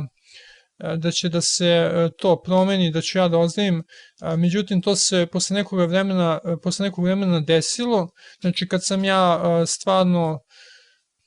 u duhovnom smislu doživeo preporod, znači, sve te predasude ovaj, koje sam imao Bogu, sam prebrodio, znači i ta iskustva su, su potpuno nestala. I to je, znači, to je sada već početak fakulteta, ja sam ovaj, stvarno izuzetno dobro počeo da, da dajem ispite, da učim i tad sam ovaj prvi put osjećao da se moj život vraća u normalu i tako i krenuo sam da se družim, da se upoznajem sa mnogim prijateljima i krenuo sam da, da se bavim nekim aktivnostima koje u suštini nisam mogao za svo to vreme tih problema, a, jer za vreme tih problema ja nisam mogao ni, ni da se družim, znači nisam mogao ni da a, sada da izađem negde sa, sa drugovima, da se vidim ili da, da odem negde u gosti i tako, a, znači ja sam ovaj, osjećao potrebu da, da treba da se sada aktiviram, da treba da ovaj, da se vratim normalnom životu i uh, jednog dana ja sam ovaj, znači kad sam bio na vrhuncu svoje energije i poboljšanja otišao na jedno predavanje, javno predavanje koje je bilo u gradu, jednog učitelja meditacije. Ja, znači, ne mogu da opišem ovaj, zbog čega sam otišao na, na to predanje, mislim s obzirom da sam sve ovaj, to već prošao i, i, i znao sam ovaj, da je sve to opasno. Da li si, izvinim, prema što ispričaš e, kako si otišao na to predanje, da li si uh, umeđu vremenu kad je počelo to izlečenje, da li si krenuo da čitaš se to pismo i na, na šta se svodila uh, tvoja religiozna izgradnja, znači da li si išao u crku ili samo molitva ili kako je to izgledalo? A, po, kako izgledao tvoj duhovni život? A, crkva kao crkva a, nekako čini mi se da a, ne stavlja sveto pismo u prvi plan. Znači, a, u crkvi niko neće reći čoveku da je znači, neminovnost čoveka da, da upozna Boga, znači da, da stvarno veruje na pravi način i da, i da na pravi način ovaj, sredi svoj život i tako čitanje svetog pisma. Znači tada ja sam ovaj, To se verovatno u tome govori na veronauci, nego ti verovatno nisi išao na veronauku. Ja, ja nisam, ja nisam uh, išao uh, znači, na, nikad na časove veronauke i tako uh, naravno čita se sveto pismo u toku same liturgije u crkvi, međutim ja nisam imao u prvom planu ovaj, koliko je to važno, koliko je čitanje svetog pisma važno i koliko je važno da, da čovjek upozna Bog. To, to nisam ovaj, Bibliju, znači nisam čitao, povremeno se na programu davali, su se davali filmovi o vaskrsenju, o, o životu Isusa Hrista i onda sam kroz te filmove za vreme tako uskršnjih praznika, božićnih praznika, tako saznavao o priče znači, iz evanđelja, znači saznao sam bo, znači, koje su Božje zapovesti i, i ovaj, šta je to znači, što Bog traži od čoveka i tako. Međutim, ovaj, tada nisam nisam čitao još, još uvijek sveto pismo. Ali si upražnjavao molitvu, odlazio si u crku tako s vremena vreme? Upražnjavao sam ovaj, molitvu i odlazio sam eh, svake nedelje u crku. I, eh, znači, I sad ti odlaziš na ovo predavanje transcendentalne meditacije? Da, baš tako. Znači, to je, to je bilo, bilo u pitanju uh, predavanje iz uh, transcendentalne meditacije. Uh, naravno, ja sam A, inače, u, u tom, toj silnoj želji da, da se vratim u normalu i a, pošto sam bio toliko obradovan, znači svemu tome, ja sam mislio da a, znači, odlaženje na predavanja ovaj, koje se tako održavaju u gradu, a, da je to, znači, Da je to bezopasno. Da je to bezopasno i da je to jedan trend u emancipovanom društvu intelektualaca. Ja sam ovaj, znači, krenuo na fakultet i ovaj, krenuo na predavanje znači, koje su se tu davala, smatrajući da, da ću sada da unapređujem svoj, svoj život, znači svoje, svoje znanje i, i da, da, da je to znači, nešto najpozitivnije da ovaj, ovo sada predavanje koje sam naišao neće ovaj, imati nikakvu posledicu znači, na, na moje oporavljanje od svega toga zato što sam smatrao da, da sam se izvukao znači, iz tih uh, svih problema. I znači, uh, to iskustvo na tom predavanju a, ja sam sedeo negde u sredini sale i taj učitelj, znači taj, to je neki, neki čovjek iz Amerike ovaj, koji je došao da, da drži predavanje. Ja sam ovaj, To je bilo u nekoj velikoj sali, bilo dosta ljudi. To je bilo, to je bilo u jednoj velikoj sali, bilo je dosta ljudi a, i on je mene gledao, znači, u oči a, nekih pet minuta pričajući, Kako? Znači, on drži predavanje i gleda u tebe. znači, drži predavanje i gleda sve vreme u mene. Znači, to je, to je ovaj, meni bilo jako čudno je da kad su tako velike sale i, i puno ljudi ovaj, na predavanjima, ovaj, nijedan predavač ne bi, znači u nekim normalnim okolnostima gledao samo u jednog, a, u jednog čoveka. Kako si siguran da je baš gledao tebe? Možda je gledao tu u tom smeru samo. Pa ja sam, a, a, znači stvarno vidio da, da on gleda baš u mene i, i, jednostavno nije, nije odvajao pogled, znači to, to ovaj, e, imao sam dobar vid, mogao sam da vidim da on tačno, da tačno gleda u mene, znači tu, tu nema dileme. Ovaj, I znači nije hteo da skloni pogled. I onda sam ja, ovaj, e, meni je bilo neprijatno i, i ja sam spu- spustio svoj pogled i, i ovaj, više nisam gledao u tom pravcu. I ovaj a, a, u, to, to sam ovaj, znači spustio sam pogled jer sam a, osetio a, neverovatan pad energije, znači ne, neverovatan umor, neverovatan a, nevero, neverovatno a, neprijatan osjećaj, znači imao sam osjećaj kao da, da mi život ističe, znači u tom trenutku kada, kada, ovaj, kada me posmatrao i kad sam se vratio znači sa tog a, predavanja kući, a, ja sam se, ja sam se jedva vratio, ja sam ovaj, znači jedva sam došao do kuće i kada sam ušao u, svoj, u svoju kuću, ja sam momentalno pao u krevet. I a, bio sam dva meseca a, skoro nepokretan, znači a, nisam imao energije da uzem da jedem, nisam imao energije ni za šta, ni za kakvu aktivnost, Jesi mogu da ideš u WC? A, je, jedno sam, jedno sam znači, obavljao nuždu, maltene. Znači, nisam, nisam mogao, nisam išao na fakultet, nisam mogao, nisam čak mogao da gledam ili da čitam neku knjigu, znači, nikakvu aktivnost nisam mogao da, da, ovaj, da obavljam. Jesi- zvao hitnu pomoć ili tako nešto? A, ni, nisam zvao hitnu pomoć, ali a, majka me vodila a, kod lekara. A, ja sam bio toliko loše da, da sam se onesešivao tamo a, dok, dok se čeka za, za prijem pacijenata. I, ovaj, I oni su mene isto tako ispitivali razno raznim pregledima, merili su mi pritisak, a, gledali su mi a, očno dno i tako, znači neke, neke stvari koje, a, merili su mi šećer u krvi, laboratorijske analize, međutim, ovaj, sve su one ukazivale na, na, na sasvim normalno fiziološko stanje i ovaj, a, nijedan lekar nije, nije znao kako da me leči, zato što, na primjer, zna se da, da je kod umora obično najčešći problem loše stanje krvne slike. Međutim, meni je stanje krvne slike bilo a, tada maltene tri puta bolje od, od nekog prosečnog znači, stanja i, i ti lekari koji su videli tu krvnu sliku a, bili su oduševljeni, znači rekli su da ovaj, da nisu videli takvu krvnu sliku da bih ja mogao da a, bez problema, ne znam, dajem krv i tako dalje. Međutim, ja sam bio toliko, toliko umoran, toliko ovaj, bez energije da, da, da jednostavno sam bio van sebe. I to je trajalo dva meseca, oko dva meseca. Da li si, da li si ti u to vreme znao da sve to što se dešava, je ta ukočenost, taj umor, da je to uh, bilo zbog toga što si išao na to predavanje uh, te, iz te meditacije? A, da, tada sam a, to jasno, znači, a, shvatio da, da je taj trenutak, znači, odlaženja kod, kod tog a, okultiste a, bio a, uzrok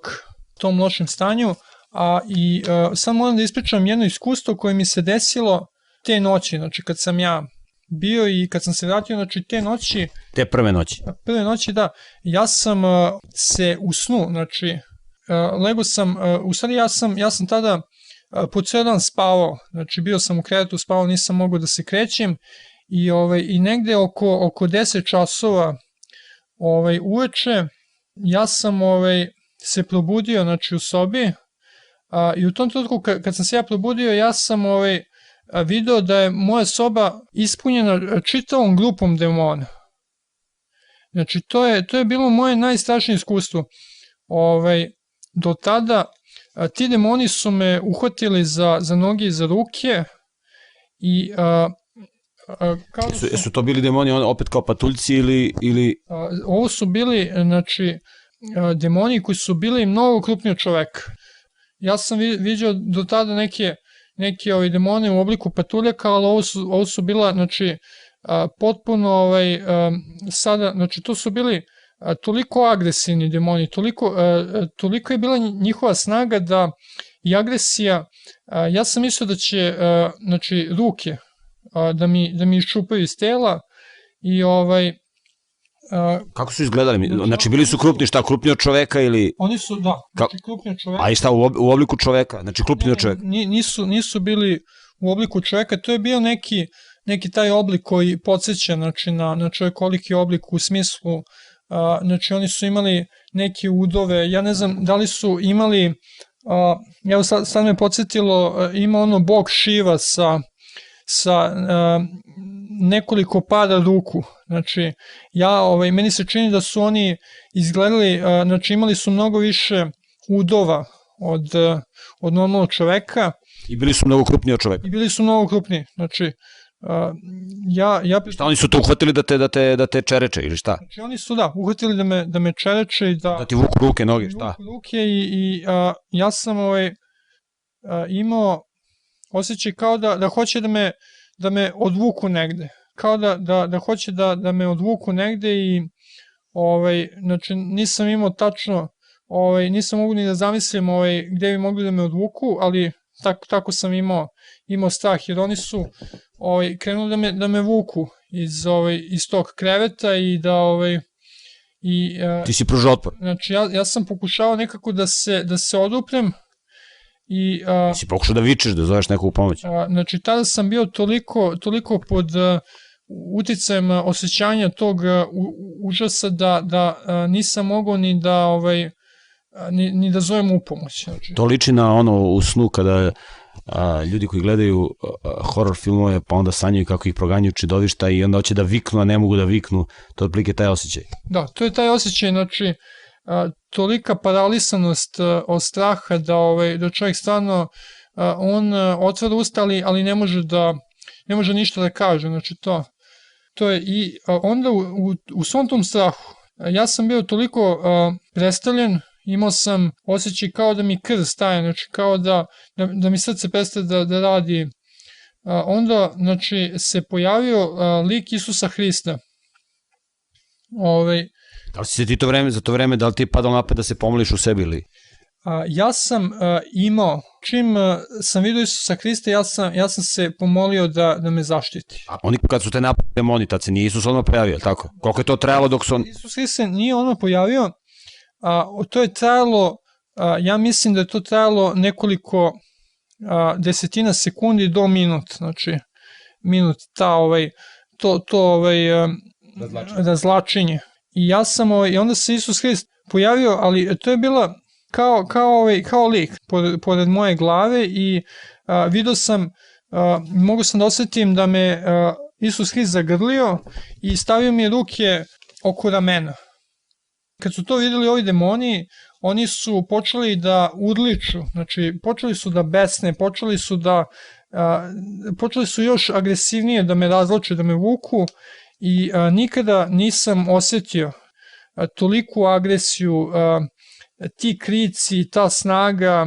a, znači ja sam mislio da, da će potpuno da me, da me raskomadaju. A Isus te sve vreme držao, tako? Isus Hrist me sve vreme držao i nije hteo da me pusti. Znači nije hteo da, ovaj, da me prepusti njima. Oni su znači bili još više besni, zbog toga još više uh, ljuti i, i na kraju su otišli. Na kraju su samo išrznuli onako polako kako su se ovaj, i pojavili. Znači, kao da su nestali u vazduhu. Znači, uh, onako kao bledeli su ovaj, čitav minut onako pred mojim očima i na kraju, na kraju su nestali. I, i sve vreme dok, dok sam ja bio u fazi straha, znači, to je, to je bio neopisivi šok za mene, to je bio neverovatna psih, psihofizička trauma i sve vreme ja sam imao veoma dugu aritmiju u grudima i sve vreme Isus Hrist bdio nad mojim ramenom, sve dok mi se srce nije umirilo, dok se ja nisam smirio i ovaj, onda sam polako ustao i otišao da popijem vode, znači da, da krenem ovaj, znači da tad sam pokušao da, da, ta, da to iskustvo ispričam svojoj mami i, i ovaj, tako, znači, pokušao sam nekako da, da se smirim. Uh, i te... Šta ste oni rekli, šta ste oni rekli s tim pričom? Oni su mi rekli, ti si to sanjao, tu, ti to, ovaj, uh, znači, ništa, ništa tu nije desilo, smiri se, imao si samo jedan košmar, i tako uh, i ja sam ovaj ja te noći nisam mogao uh, više uopšte da da sklopim oka i i uh, strašno sam se plašio i da da odem nazad u svoj krevet i i tako i, i tek mi je trebalo, znači trebalo mi je nekoliko dana da ja se oporavim od te, od te ovaj, užasne traume, tog užasnog straha i, i ovaj, sve to mi je bilo jako, jako, jako užasno iskustvo. Možda da, da kažemo da ovo, ovo iskustvo koje si imao, ono je, ono je, ono je zapisano u Svetom pismu, dakle, veoma davno, pre par hiljada godina, u Svetom pismu imamo izvešte o tome da kada da kada ljudi napuste okultizam, kada napuste a, komunikaciju sa demonima, pa se onda vrate na taj put, onda im se stanje pogoršava. U Svetom pismu piše da onda taj nečisti duh, demon koji napusti čoveka, koji se okreće ka Bogu, kada vidi da se čovek ponovo vraća na stare staze, onda taj demon povede sa sobom još drugih demona i napravi mnogo, mnogo gore stanje nego što je nego što je bilo nekada. Evo možemo da vidimo kako izgleda to iskustvo, a sigurno da možemo još mnogo, mnogo da pričamo na ovu temu. Ostavit ćemo nešto i za sledeću emisiju. U svom slučaju, poštovni slušalci, evo mogli ste da čujete kako izgleda ta borba izlaska iz jednog teškog stanja. Ono što je a, dobra vest jeste da postoji izlaz iz teškog stanja, čovjek treba da bude uporan, kao što je bio uporan da uđe u okultizam, tako treba da bude uporan da izađe iz njega. Nekada je to, nekada je mnogo teže izaći nego ući u okultizam, znači mnogo, to je ona stara,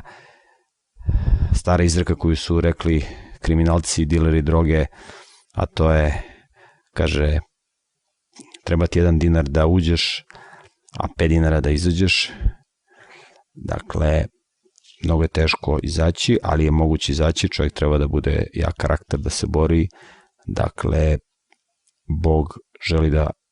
se čovjek njemu vrati i čovjek treba da bude, treba da pokaže da zaista mu je stalo da se vrati. Ja se zahvaljujem gostu u ovoj emisiji, nastavit ćemo sa njim u sledećoj emisiji ovu priču. Za sve one koji žele više informacije o povezivanju nauke i religije, mogu da postave web sajt Centra za primjenjačke studije na adresi www.cps.org.u ili na www.creation6days.com Poziv svim slušalcima da čitaju sveto pismo, da se upoznaju sa Bogom, da se mole Bogu, da žive u skladu sa Božim zapovestima, jer molitva će biti izuzetno delotvorna i Bog će se mešati u naš život ako mi ne samo se informišemo, nego ako i primenjujemo u svom životu ono što je dobro. Dakle, pozivam svim slušalcima da se okrenu onome što je uzvišeno nebesko, da mi danas kvalitetno živjeli, da bi se sklonili od onoga što nije dobro. Sledeći emisiju sve vas srdečno pozdravlja domaćin serijala Dokaz stvaranja Miroljub Petrović Prijetno.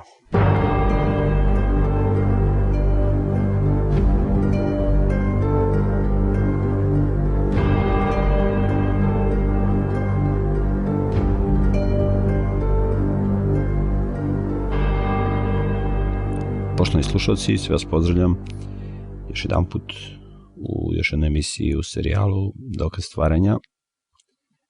Vidimo da je tvorac stvorio jedan nevidljivi svet i da nas obaveštava o postojanju tog sveta. Dakle, postoje bića koje mi ne vidimo, postoje anđeli, Bog nas o tome obaveštava i zaista bili bismo u velikom mraku kada ne bismo imali u svetome pismu informaciju o tom nevidljivom svetu, jer očigledno da postoje brojni fenomeni vezano za okultizam, sama reč okultizam potiče od reči okultus, što znači skriven, znači postoji jedan skriveni svet, Bog nas obaveštava o postojanju tog skrivenog sveta. I kao što postoji pobuna među ljudima, postoji pobuna i među duhovnim bićima, među anđelima, pobunjeni anđeli, koji se zovu demoni, ili đavoli, koji predvodi vođa pobune u duhovnom svetu, anđel Lucifer, koji sada ima ime Sotona ili Satan, zaista mogu da veoma navode čoveku, mogu da mu pruže neke uspehe u ovome svetu, u ovom moralnom posrlnom svetu, to nisu nikakvi uspesi, ali jesu u poremećenom sistemu neki uspesi. Veliki broj ljudi se bavi ove okultnim fenomenima i okultnim stvarima. Ponovo će u emisiji biti gost čovek koji je pristao da priča o svom iskustvu, iskustvu kada je bio u okultizmu, iskustvo je strašno zaista. U prošloj emisiji govorili smo o tome kako je on izašao iz ove iz okultizma, ali onda, eto, samo pod znacima navoda, samo otišao na predavanje iz transcendentalne meditacije. Vidimo da je taj predavač baš ga pre, uočio da postoji u njemu jedan potencijal i kao da je video njegovu istoriju, sigurno da je taj čovjek bio mnogo dublje u okultizmu, vidimo da je posle toga a, imao strašne probleme, bio je ukočen skoro dva meseca, jedno nenormalno stanje na koje konvencionalna medicina nema odgovora, lekari se samo čude. U svom slučaju, a, kako komentarišeš, da nastavimo tamo gde smo stali prošloj emisiji, kako komentarišeš a, tog čoveka koji je držao predavanje, on je bio stariji od tebe, nekih 40 godina, i, i kako, kako komentarišeš i kako, a, kakav je tvoj stav po pitanju toga, on je sigurno bio opsenut sa mnogo više demona nego što si ti bio. Da li demoni mogu da prelaze s jednog, da budu, da, da, da neki okultista bude medijum, da demoni prelaze sa njega na, na, na druge osobe. Kako je tvoje iskustvo bilo? Pohvala još jednom što ste me pozvali u emisiju. Pričao sam znači u, u prethodnoj emisiji da, da sam posle čitave te agonije i ti problema a, samo na, na trenutak izašao izašao iz, iz tog stanja, da se moje zdravlje vratilo, da, da sam se ja vratio normalnom životu, ali a, onda sam a, sticam okolnosti otišao na, na jedno predavanje Pa dobro, nije to stice okolnosti, to je tvoj izbor bio. Naravno, naravno a, to je bio moj izbor, ali moram da kažem i a, da je a, to vrlo karakterističan način kako sam ja a, došao na, na to predavanje, znači kako sam a, čuo gde se to predavanje održava i a, i znači na, na skoro neki slučaj način a, ja sam se tamo našao i i ovaj pomislio sam u sebi da neće to ništa ovaj loše biti što ću što ću tamo ovaj da da prisustvujem znači tom tom predavanju, a i da kažem da da ispočetka znači to predavanje uopšte nije bilo ovaj nije naznačavalo da se radi o, o, o meditaciji ili da se radi o okultizmu. Čovjek je pričao o tome kako je on se bavio atletikom i kako je to njemu pomoglo da ovaj da neke druge stvari u životu uh, reši. Znači, time što bi imao jednu aktivnost u kojoj bi postizao tako neke rezultate, onda bi, onda bi to nekako prenao i na ostatak svog života. I ovaj, ja sam posle shvatio da da, da se tu ovaj priča znači o meditaciji i tako dalje. I onda sam ovaj spazio da taj predavač znači gleda u mene i pokušava da ovaj da, da uhvati znači moj pogled. Ja sam pokušavao da da skrenem pogled pošto sam se osjećao jako neprijatno Čekaj, da li hoćeš da kažeš da je on uh, hteo da kaže da je uspeh u atletici ne samo trening, ostvario ne samo treningom, nego i meditacijom, da je meditacija mehanizam kako on ostvaruje vrhunski rezultat u sportu. Je li to htio da kaže? Da, ono, ono mi je pričao o svojim vrhunskim rezultatima u sportu i a, opisivo a, da mu a, šta više meditacija pomaže da a, a, trčanje, znači znamo da, da ima u, u sportu disciplina maraton. A, njemu je njegova meditacija a, ovo, iz njegove priče a, pomagala, znači on je pokušao da, da nam opiše da njemu meditacija a, pomaže da on a, trči Znači, on je, on je, on je stvarno to rekao a, da je jednom trčao pet dana tako što je bio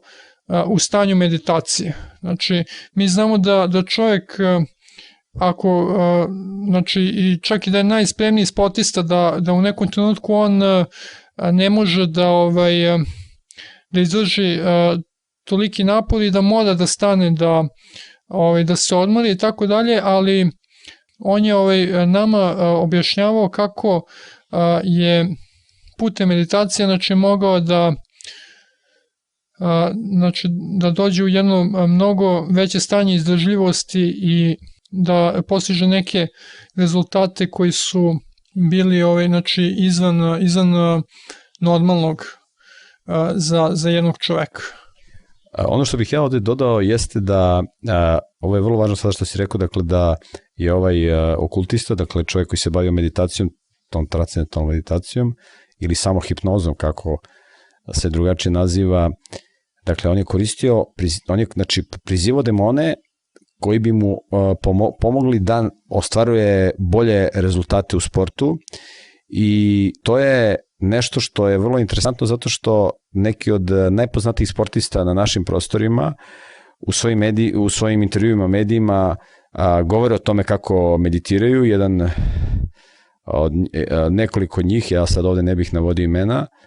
ovaj, zato što govorimo ovako o jednom konceptu a, a, okultizma i meditacije, Dakle, ljudi upražnjavaju, dakle, vrhunski sportosti sa naših prostora govore o tome kako imaju eto momentalno neka problema, ali planiraju da se okrenu da moraju malo više da meditiraju. A, oni koji prate a, medije vezano za sport prepoznaće o kome ja ovde govorim. A vrlo interesantno sad kada si ovo pričao, a, sećam se a, jedne košarkaške utakmice, u pitanju je bilo, mislim, finale ili polufinale, ne mogu sad da se setim tačno, mislim da je bilo finale, da li su bile olimpijske igre, a, dok je još bila Jugoslavija, čini mi se da je, da je bila e, Jugoslavija Novi Zeland. Novi Zeland je jedna mala zemlja koja nema nikakvu košarkašku tradiciju, ali sećam se a, da su košarkaši Novog Zelanda ili Australije, ne sjećam se sada, ovaj, ali mislim da je bio Novi Zeland, da su oni izašli na utakmicu i imali su jedan ritual, znači nije sad bitno koja je država, da li Australija ili Novi Zeland, ali oni su imali jedan jedan ritual na zagrevanju, gde su, gde su imali jedan ritual koji vračevi imaju u, njihovim zemlji, u njihovoj zemlji. I oni su očigledno tu prizivali demone I sećam se da na, u prvom povredu te utakmice Novi Zeland je vodio i imao je negde 15-20 razlike protiv Jugoslavije. Sećam se da ovi, ovi jugoslovenski košarkaši nisu pogađali zicere, ono, baš su promašivali ovaj, iz, iz najlakših pozicija. Dakle, vidimo da, da profesionalni sport koji, koji je, koji je destruktivan. Iako roditelji kažu bolje da mi se, bolje da mi se dete bavi profesionalnim sportom nego da bude narkoman, znači ne možemo tako da, da govorimo, dakle da, da kažemo ovo je dobro zato što je manje zlo. A istraživanja jasno pokazuju da ljudi koji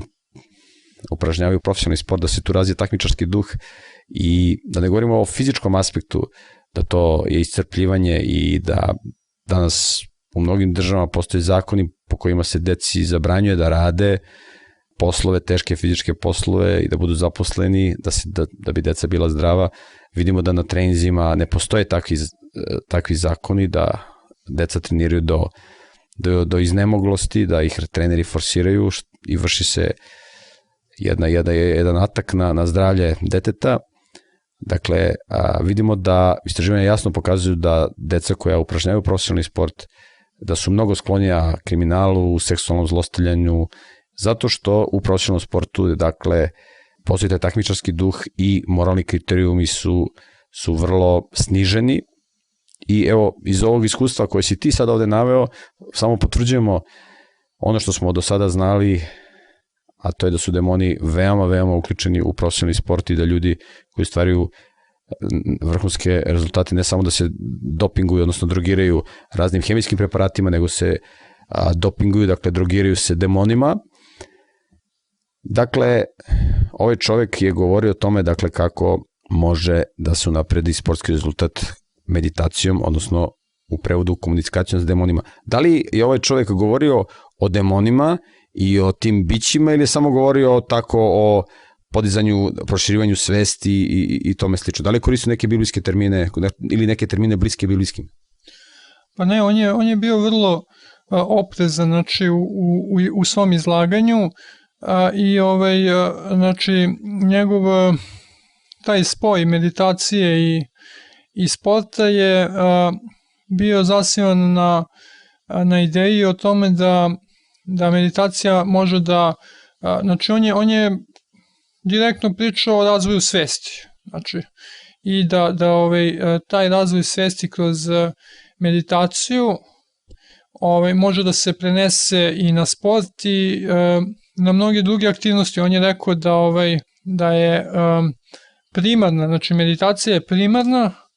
a e, onda to iskustvo možemo da prenesemo na, na bilo koju drugu stvar e, kojom se bavimo. I još nešto da se nadožem ovaj, na taj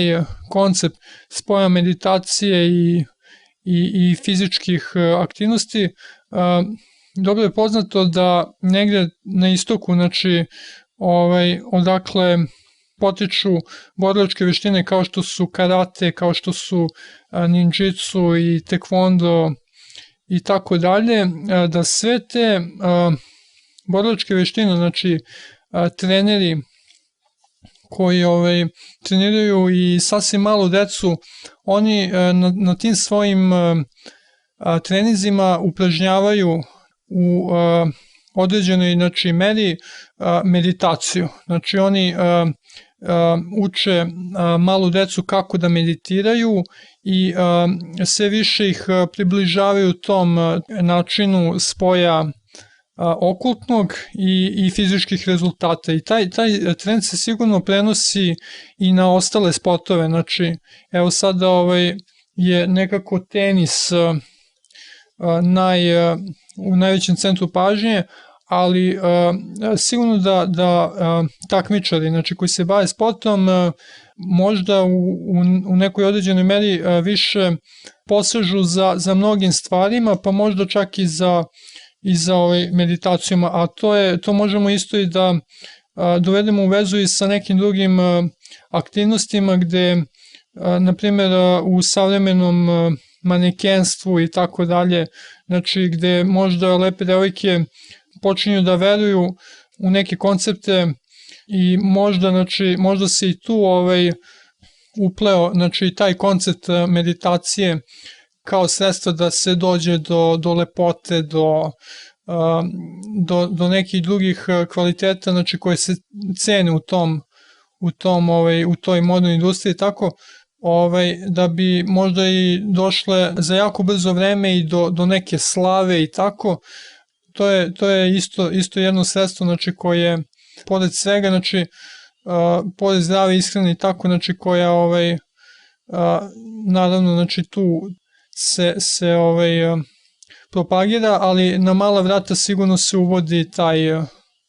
i taj koncept znači duhovnog, ali na jedan okultan, okultan način. A, da podsjetim da tebi da spomenem a, u jednoj od prethodnih emisija gostovao je jedan a, mladić koji se bavio koji je bio napravio talisman i koji je pričao svoje iskustvo kako je od jednog mladića koji je bio potpuno neprimetan među svojim vršnjacima, kada je nosio taj talisman, devojke su ga bukvalno opsedale. Znači, postoje prilačan za devojke, postoje vrlo popularan, sigurno da devojke koje žele da privuku pažnju publike ukoliko dođu u kontakt sa demonima, da će a, ostvariti veći uspeh u tom, u, na, na tom polju, a, savremenom polju, polju uspeha, jer ono što je danas a, popularno, to je uglavnom ono što je vezano za neki oblik okultizma, a u Svetom pismu Bog kaže mudrost u ovome svetu je ludost pred Bogom, dakle, idoli ovoga sveta jesu duboko u kultizmu, oni se cene u ovome svetu, ima se aplaudira, ali to je jedna destrukcija. Dakle, a, eto, imamo predavanja koja se drže na sve strane o, o okultizmu u formi nekih modnih trendova, medicinskih trendova, alternativne, takozvane alternativne medicine, u pitanju su okultne veštine, postoji na sjajna knjiga koja se zove Mistična medicina. Ja sam o njoj govorio i o svi tim metodama atlasne medicine, akupunkturi, akupresuri, homeopatiji i tako dalje. U samom slučaju ti si izašao iz ove priče, ipak si sačuvao živu glavu, Bog te sačuvao, ali videli smo da zaista oni koji su imali okultne iskustva ne bi trebalo za živu glavu da se vraćaju nazad. Kako je to dalje teklo? Da, evo, evo još samo da, da kažem i to da, znači, posle tog iskustva ovaj, koje sam imao jako, jako neprijatnog iskustva ko, koga je jako je neprijatno i sećati se toga, znači sa tim demonima i jako mi je teško da pričam o svemu tome, da, da objasnim da a, znači taj, a, taj predavač koji, koji je držao to predavanje, a, on je tome znači, posvetio a, možda i 20 godina svog života, znači od kako je počeo da, da se bavi time, u stvari da sam ja kojim slučajem nastavio da, da se bavim time, ja bih za nekih 20 godina možda bio toliko razvijen medijum, znači poput, poput ovog, ovog čovjeka koji je držao predavanje. Znači radi se, radi se o tome da što je čovjek više u, u, u tom, što se on više bavi tim okultizmom, on je sve razvijeniji i razvijeniji medijum za prizivanje demona. Znači, demoni u, u toj situaciji, kad je čovjek dovoljno razvijen medijum, u stanju su, znači, kao što je to sada bilo, bilo u mom slučaju, da pođu za, za čoveku. Znači, ja, ja sam sa, ovaj, sa tog predavanja jedan deo, znači, demona koji koji su bili sa tim čovekom, ja sam ih poneo kući. Oni, ovaj, oni su došli sa mnom i uh, ja sam imao uh, to neprijatno iskustvo. To, to samo govori da kada, na primjer, uh, odlazimo kod uh, vračara, gatara i tako dalje, da uh, ne samo što je to opasno, znači da mi sami uh, budemo uh, uvedeni u tu priču, znači da mi sami krenemo da produbljujemo, znači sklonost ka tome i da, da i sami krenemo da, da se bavimo gatanjem i, i okultizmom, nego je a, strašno, strašno velika opasnost da taj demon koji je sa tim okultistom krene sa nama i da ga mi uvedemo u svoj život. Znači, to znači da ga mi uvodimo a, najprije u svoju kuću, onda među svoju porodicu, on e, sada ovaj, vidi gde mi živimo i ako smo mi e, otvoreni, to jest što se mi više uplećemo u okultizam, to će oni sve više više problema da nam prave i e, znači ovo su neke stvari koje su se meni desile samo jedan primjer, znači koliko, koliko ta iskustva mogu da budu neprijatna, ali svakako svakako da, da mogu da se dese i mnogo neprijatnije stvari. Znači, ja sam imao tu sreću da,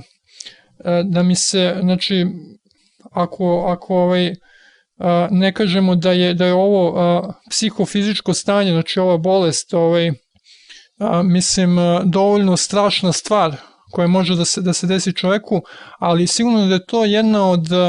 tako reći, bezazlenih stvari u odnosu na, na neke mnogo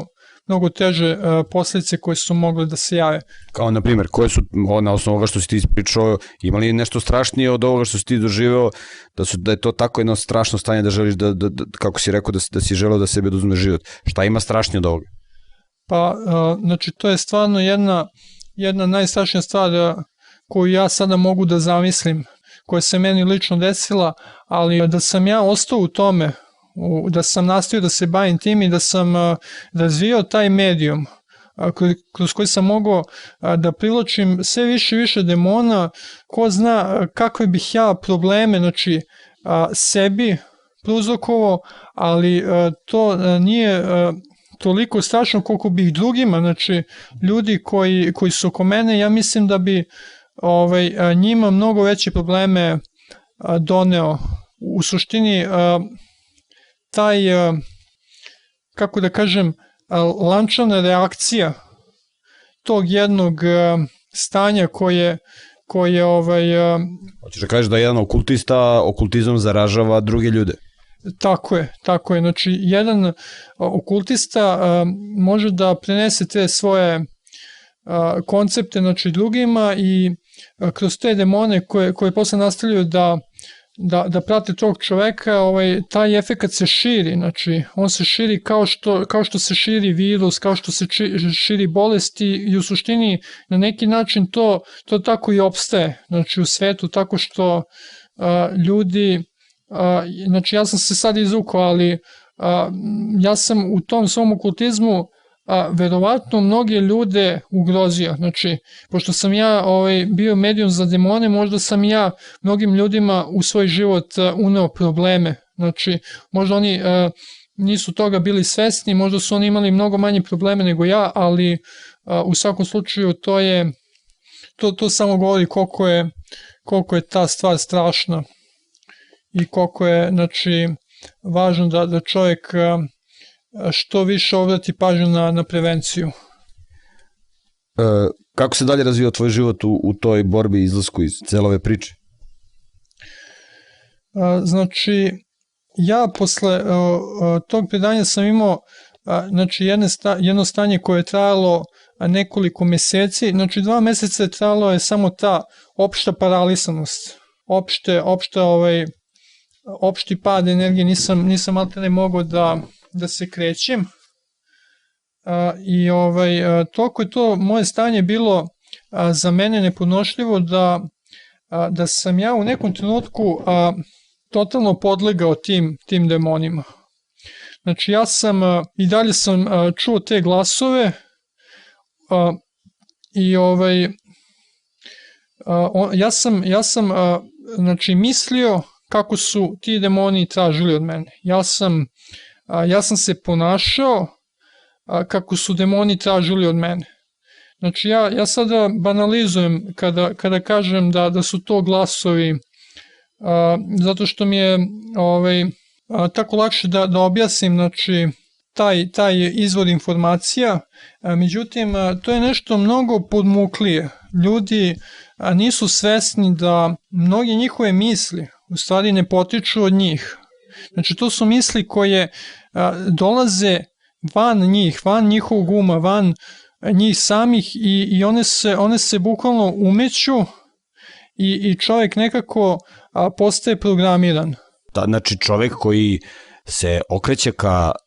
grehu, koji gleda destruktivne filmove, koji učestvuje u destruktivnim aktivnostima, on otvara vrata za delovanje demona, kako kaže jedna izreka, mozak besposlenog čoveka, omljeno prebivalište đavola, ljudi koji svoj um zaposle destruktivnim stvarima, oni su dobar kanal kojima demoni mogu da ubacuju svakakve gadne misli. Da, tako je. Uh, tako je, znači, uh, to, te poruke, uh, to su, znači, izvor informacije koji direktno, direktno se uliva u čoveku u svest. Znači, on, to je toliko suptilno da, da čovek jednostavno ne može to da, da oseti. Znači, e, samo možda ljudi koji, koji su jako, jako oprezni, znači koji, koji su, kako da kažem, na potpuno jednom, jednom drugom nivou, znači čovjek koji, je, koji se približio Bogu i koji ima tu zaštitu, on može da, da oseti, znači ako se nešto loše pokrene u njemu i i da oseti da, da to znači nije od njega, nego je, nego je ovaj, nešto što mu urezuju demoni. Jer ja sam, ja sam ovaj, ti godina dozvolio znači, da, da ti demoni upisuju neke svoje kako da kažem, koncepte u moju ličnost, da upisuju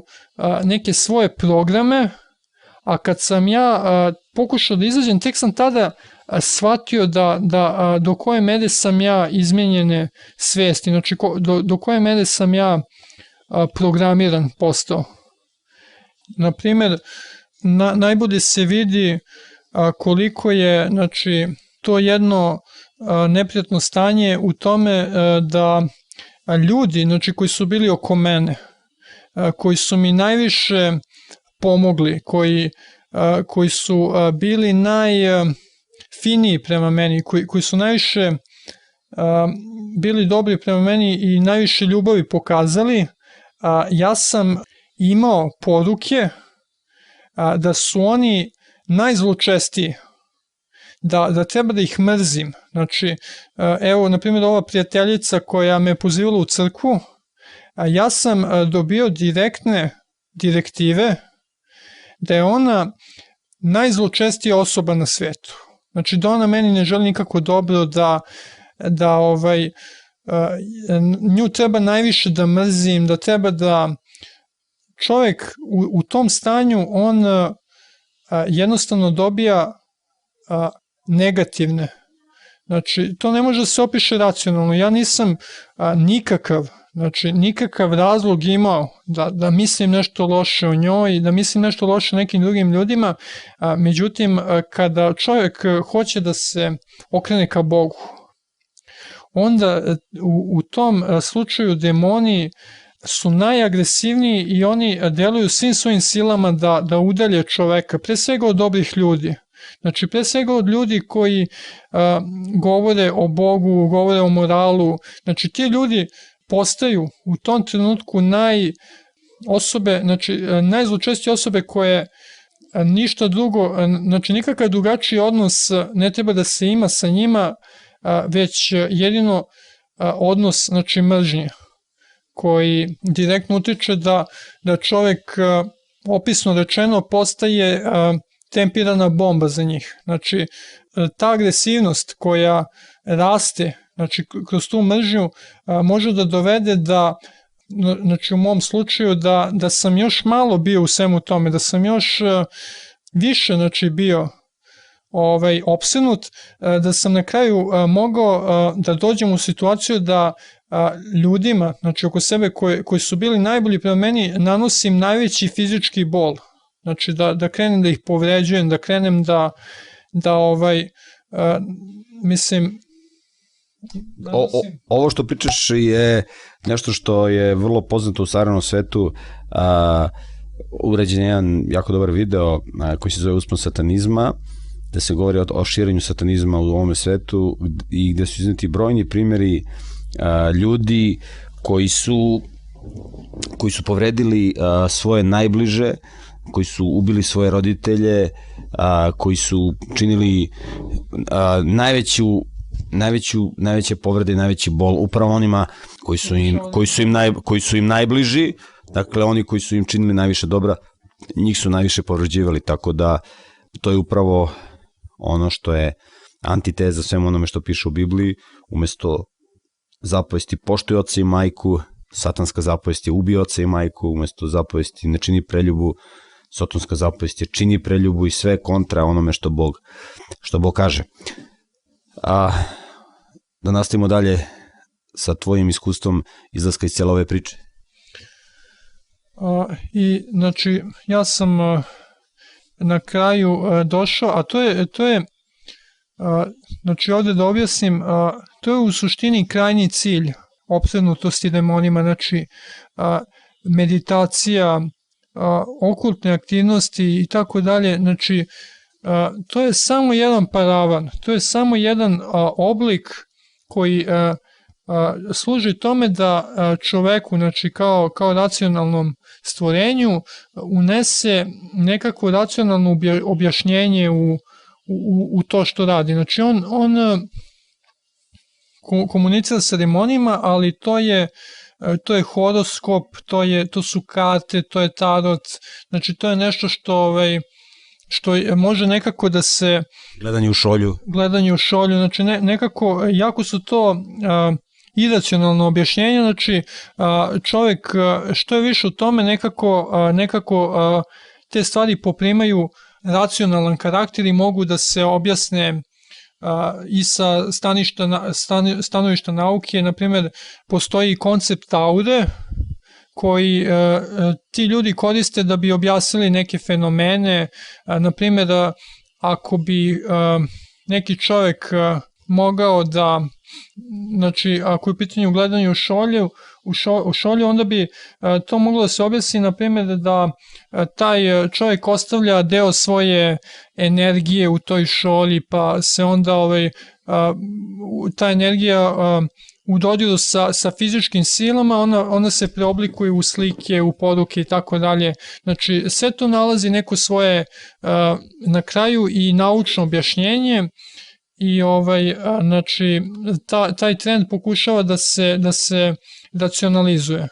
Znači da se, da se sve, sve, te, sve ti fenomeni i sve te negativne pojave objasne na naučan način. Tako, na primjer, i a, ove stvari koje sam ja prolazio mogu da se objasne kao psihičke smetnje, kao a, stanja depresije. Znači ja sam bio, meni je bilo loše, fizički sam se loše osjećao, pa sam bio depresivan, pa sam pokušao, da, e, imao želju da se ubijem. Znači, to, to su sve objašnjenja, e, ali u tome se najbolje vidi, znači, da kada sam ja hteo da se promenim, kad sam hteo da ostavim sve to, da, e, znači, meditacija je nestala kao, kao koncept, na površinu je isplivalo, znači, šta je krajnji cilj? To je krajnji cilj da, da ja želim da ubijem nekoga, da želim da naudim, da želim da povređujem, da želim da uništavam i sebe i da se, da se još više a, moralno degradiram. Znači, to je krajnji cilj da, da čovek a, uništi samoga sebe, da, da, da što više zla donese, znači sebi i drugima, da, da znači, a, što više ljudi povredi, da njegov a, produkt bude a, što veći bol. Znači, što, da, da se što, što više bola nanese drugima i sebi i to je u suštini ono što se nalazi ispod svi ti stvari, ispod tog paravana, e, što ljudi treba da jako, jako ozbiljno shvate, zato što sve te stvari izgledaju jako naivno, ali e, kad čovek prođe taj deo i dođe u, u to stanje, onda, onda njemu stvarno teško znači može da se pomogne, teško čovjek može da se izvuči iz toga zato što on je sada mašina koja programirana, demonizirana mašina koja više e, nema predispoziciju da razmišlja dobro. Znači, taj čovjek više nema želju da se izvuče. On, znači, ja sam bio potpuno ovaj, ispod svakog nivoa da, da želim da pomognem sebi. Znači, ja sam želeo da da prekine svoj život. Ja sam želeo da, da ovaj, ja sam često pomišljao da ne, ne postoji nikakav, kako da kažem, nikakva stvar pozitivna za koju vredi živeti. Znači, razmišljao sam da čak i da, da se oporavim od svega toga da a, jednostavno neću imati, a, da jednostavno ne, ne postoji dovoljno, dovoljno jak razlog da, da ja živim, znači nešto što, što bih ja mogao da znači, gledam kao, kao smisao mog života i kao znači, stvar za koju vredi živeti. I naravno to je ono što znači Sotona želi. Sotona želi da, da mi ne vidimo dobre stvari u životu, znači Sotona je potpuno kako da kažem, iskrivio sliku a, stvarnosti i a, mi, a, znači koji, obični ljudi koji nismo u kontaktu sa sa ovaj, znači nismo re, re, religirani, nismo u direktnom kontaktu sa Bogom, a, mi jednostavno ne možemo ni da, ni da zamislimo šta bismo mi sa Bogom mogli da radimo. Znači čak i da, da postanemo dobri ljudi, i da se odvratimo od svih zla. Znači mi e, jednostavno Bog je jedna znači jedna statična figura a, u, i mi jednostavno a, nemamo nikakav osjećaj da To je filozofija koju Sotan hoće čoveku da nametne. To je filozofija i slika o Bogu kojem, kojem čovek ovaj, biva manipulisan. Znači, a, Bog je a, za njega, znači konkretno sa mnom, znači ja sam a, razmišljao da čak i da se promenim, da, da se izvučem iz svega toga, što ja naravno, ja nisam verovao da je to moguće, jer bio sam u tako lošem stanju da, da, da nisam verovao da ću nikada se oporavim. I ovaj, šta više, kada bih želao da, da, da mi bude bolje i da se oporavim i tako, ja bih pomišljao, znači sada pod uticajem jedne totalne iskrivljene slike o Bogu, a ja sam pomišljao da, da Bog, znači, je kao jedna praznina, Znači da, da tu praktično čovjek a, nema ništa, znači a, kao da je ovaj, kako se izrazim, Da, to je taj, dakle, to je taj koncept koji proizilazi iz evolucije, znači ne postoji Bog, ne postoji apsolutna moralna načela, a stalno se govori u negativnom smislu o Bogu i sve to što si ti i ljudi koji su bili u okultizmu i oni koji su sada u okultizmu koji žele, znači žele sebi da naude, žele da naude drugima, to je, to je prava slika karaktera Sotone i demona. Sa druge strane, dakle, mi ako razvijamo Bože običaj u sebi, imaćemo želju da drugima činimo dobro, da drugi usrećimo. Kako je dalje tekao tvoj put, tvoj put izlečenja? Ove, znači, kad sam u, u ovaj tom stanju a, doživao a, dovoljno a, neprijatnih iskustava. A, znači, dovoljno da, da, da sam mogao nedvosmisleno da shvatim da te stvari koje izazivaju ta neprijatna iskustva, da su to a, upravo one stvari koje a, Bog traži da, da, da čovek ukine, znači, i otkaže u svom životu, malo po malo sam znači uz molitvu, uz čitanje knjiga koje sam mogao da, da dobijem od svoje prijateljice koja je išla u crkvu, ja sam znači malo po malo odbacivao sve to i a, srećom evo me ovde i ne opisujem mi drago što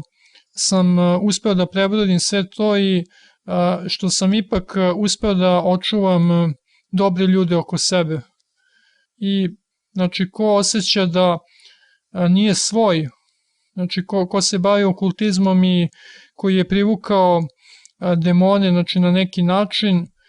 i hoće da se menja, a ima problem sa ucenama, kao što sam ja imao, pošto... Svo to, ucenama, ucenama od strane demona? To su bile ucene od, od strane demona, jer a, na neki način ja sam bio ucenjen da ću izgubiti zdravlje, da, da ću da će, da će, da će mi se znači desiti da mi bude sve gore i gore, znači što sam ja više želeo da, da se okrenem ka Bogu, da odbacim sve to, ja sam imao još više i više poruka da ovaj da će meni da bude gore. Znači, naravno te ucene ne moraju da budu samo u u smislu zdravlja. Znači, demoni se služe raznim sredstvima, na primjer, čovjek može da bude ucenjen time da će izgubiti svoja materijalna bogatstva, da, da to, ta njegova okrenutost ka Bogu, da, da će a, sve ono što on ima, što je on sticao, da će to nekako da ode od njega, da, a, da njegovo, njegova, znači, njegova materijalna dobra,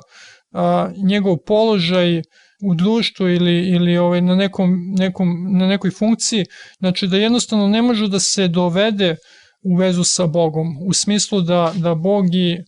njegovo, njegovo bogatstvo ne mogu da idu jedno, jedno sa drugim. I naravno mnogi, mnogi ljudi bivaju ucenjeni i oni a, jednostavno staju, staju sa svojim putem promena, a, oni razmišljaju ako budem a, i dalje tako razmišljao, a, moj znači način života će neminovno doprinati tome da ja izgubim te stvari. Znači ja sam ne mogu da objasnim kako sam ja mogu da mislim da, da će meni zdravstveno da,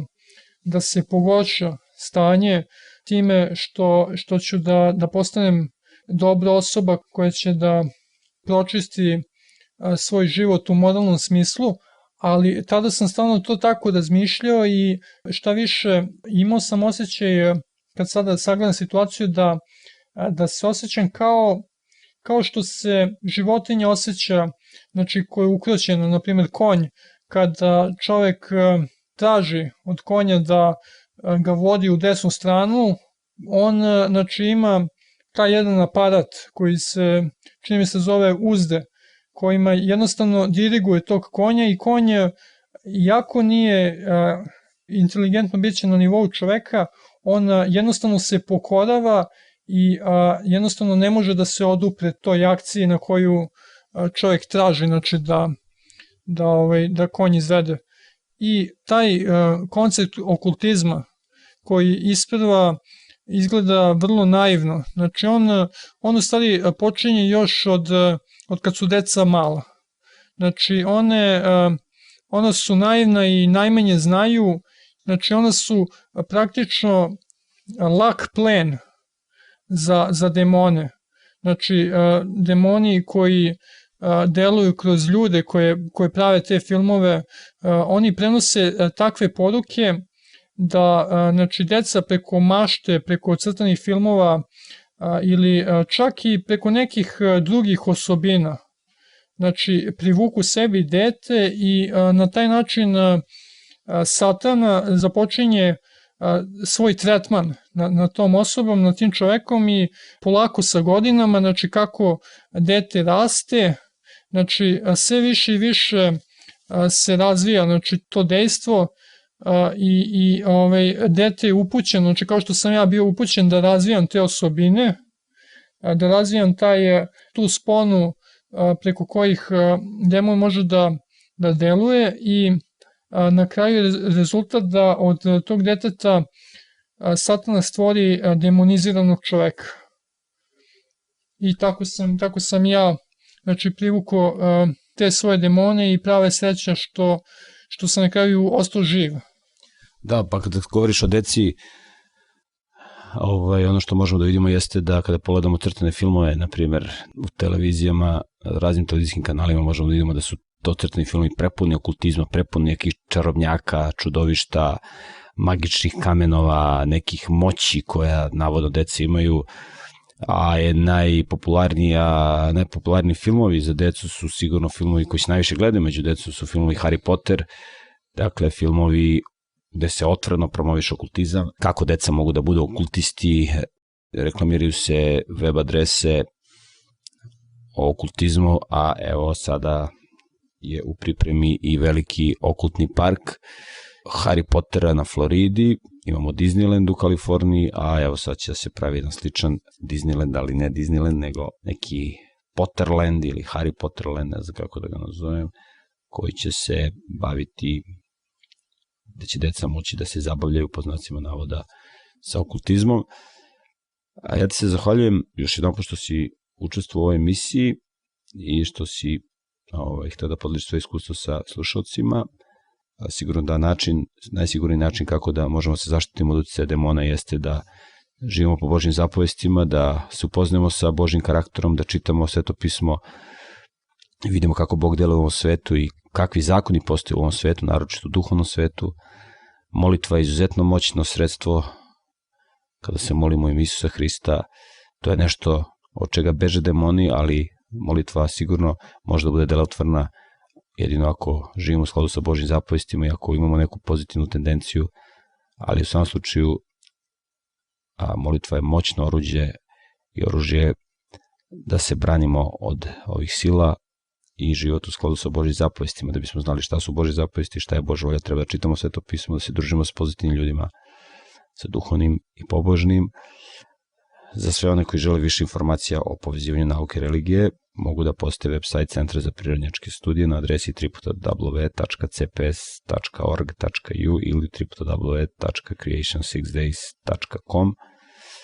Do sledeće emisije sve vas pozdravlja domaćin serijala Dokaz stvaranja Miroljub Petrović. Prijetno.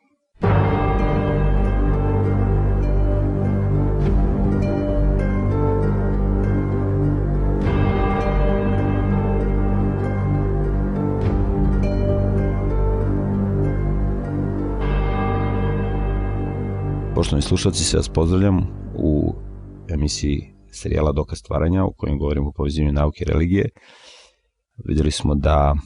konvencionalna nauka ne ulazi u duhovni svet, čovjek nije samo fizičko, nego čovjek je i duhovno biće. Prava nauka, ozbiljna nauka je ona nauka koja čovjeka približava Bogu, a u Svetome pismu Bog nam daje instrukcije kako možemo da živimo u ovom svetu, dati su, data su objašnjenja za sve aspekte čovjekovog života i kako čovjek treba da se hrani, kako da se ženi, kako da vaspitava decu i kako da vodi porodicu, kako da vodi državu, kako da se bavi ekonomijom, kako da se bavi odnosom sa drugim državama. Dakle, svi aspekti ljudskog života koji su važni za čoveka i za zajednice u kojoj on ulazi, a to su brak i država, definisane su u Svetom pismu. Nažalost,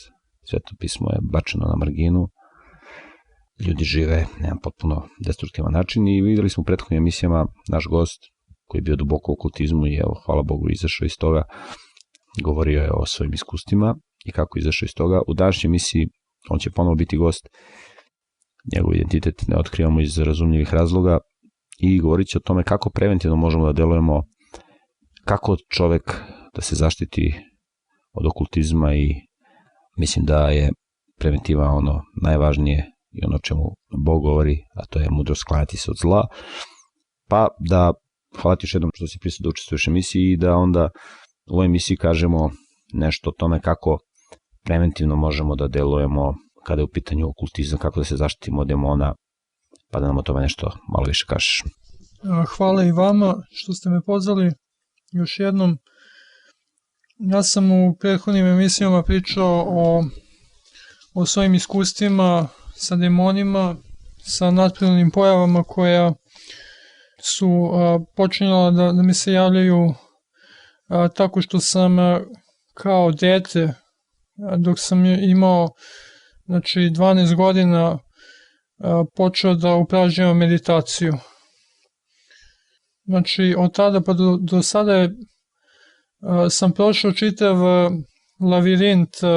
puteva koje, koje su ovaj, bile, bile znači, popločeni razno raznim neprijatnim iskustvima koja u nekim trenucima nisam mogao da kontrolišem i nisam, nisam verovao da ću ikada uspeti da se oporavim i da, da izađem iz toga. Ono što sam ja primetio što mnogi ljudi ne shvataju dovoljno,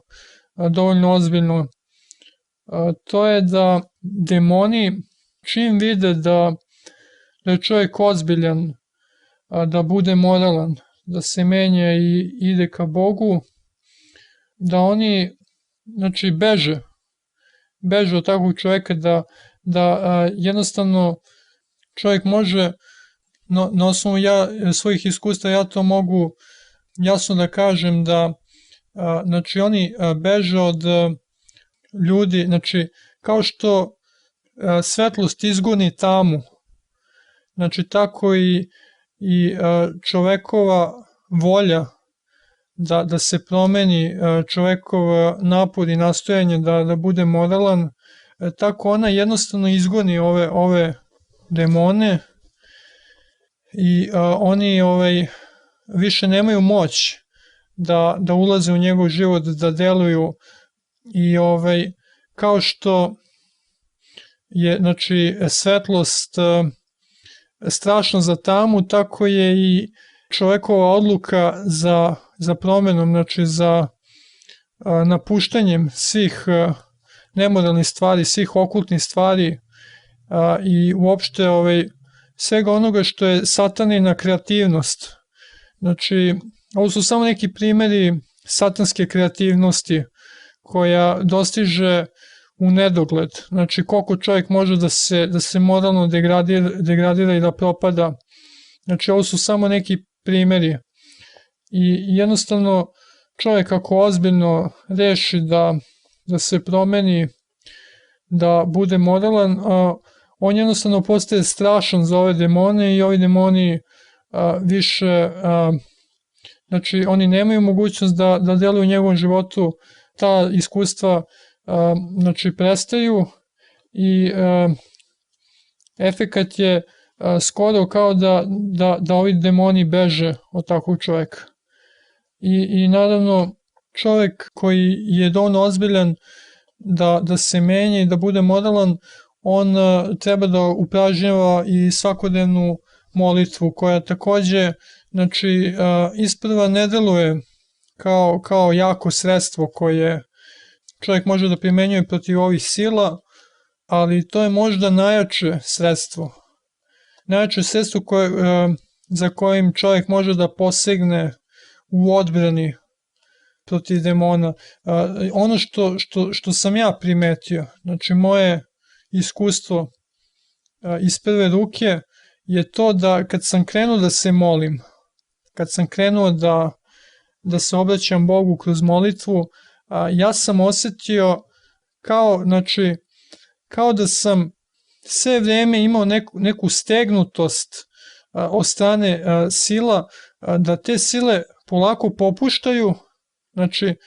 to se maltene u trenutku desilo, čim sam ja doneo tu odluku, znači, i ovaj, i preduzeo prve konkretne korake ka, ka, ka svojim promenama i kroz molitvu, znači ja sam osetio da, da sam sve vreme bio u čeljustima demona, tako da se izrazim. Znači, čovjek je zaista, znači, može da oseti da je stegnut, znači on je, on je pritisnut od strane demona. I ta pritisnutost nestaje. Nestaje znači prilikom molitve, prilikom čovekovog napora da i želje da da bude dobar čovjek i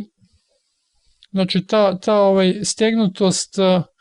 mogu sam da osetim da me popušta i prvi put posle tog vremena sam ja mogao da osetim da ja počinjem da kontrolišem svoj život, da počinjem da kontrolišem svoje postupke, da počinjem da kontrolišem svoje misli, svoje želje, svoje potrebe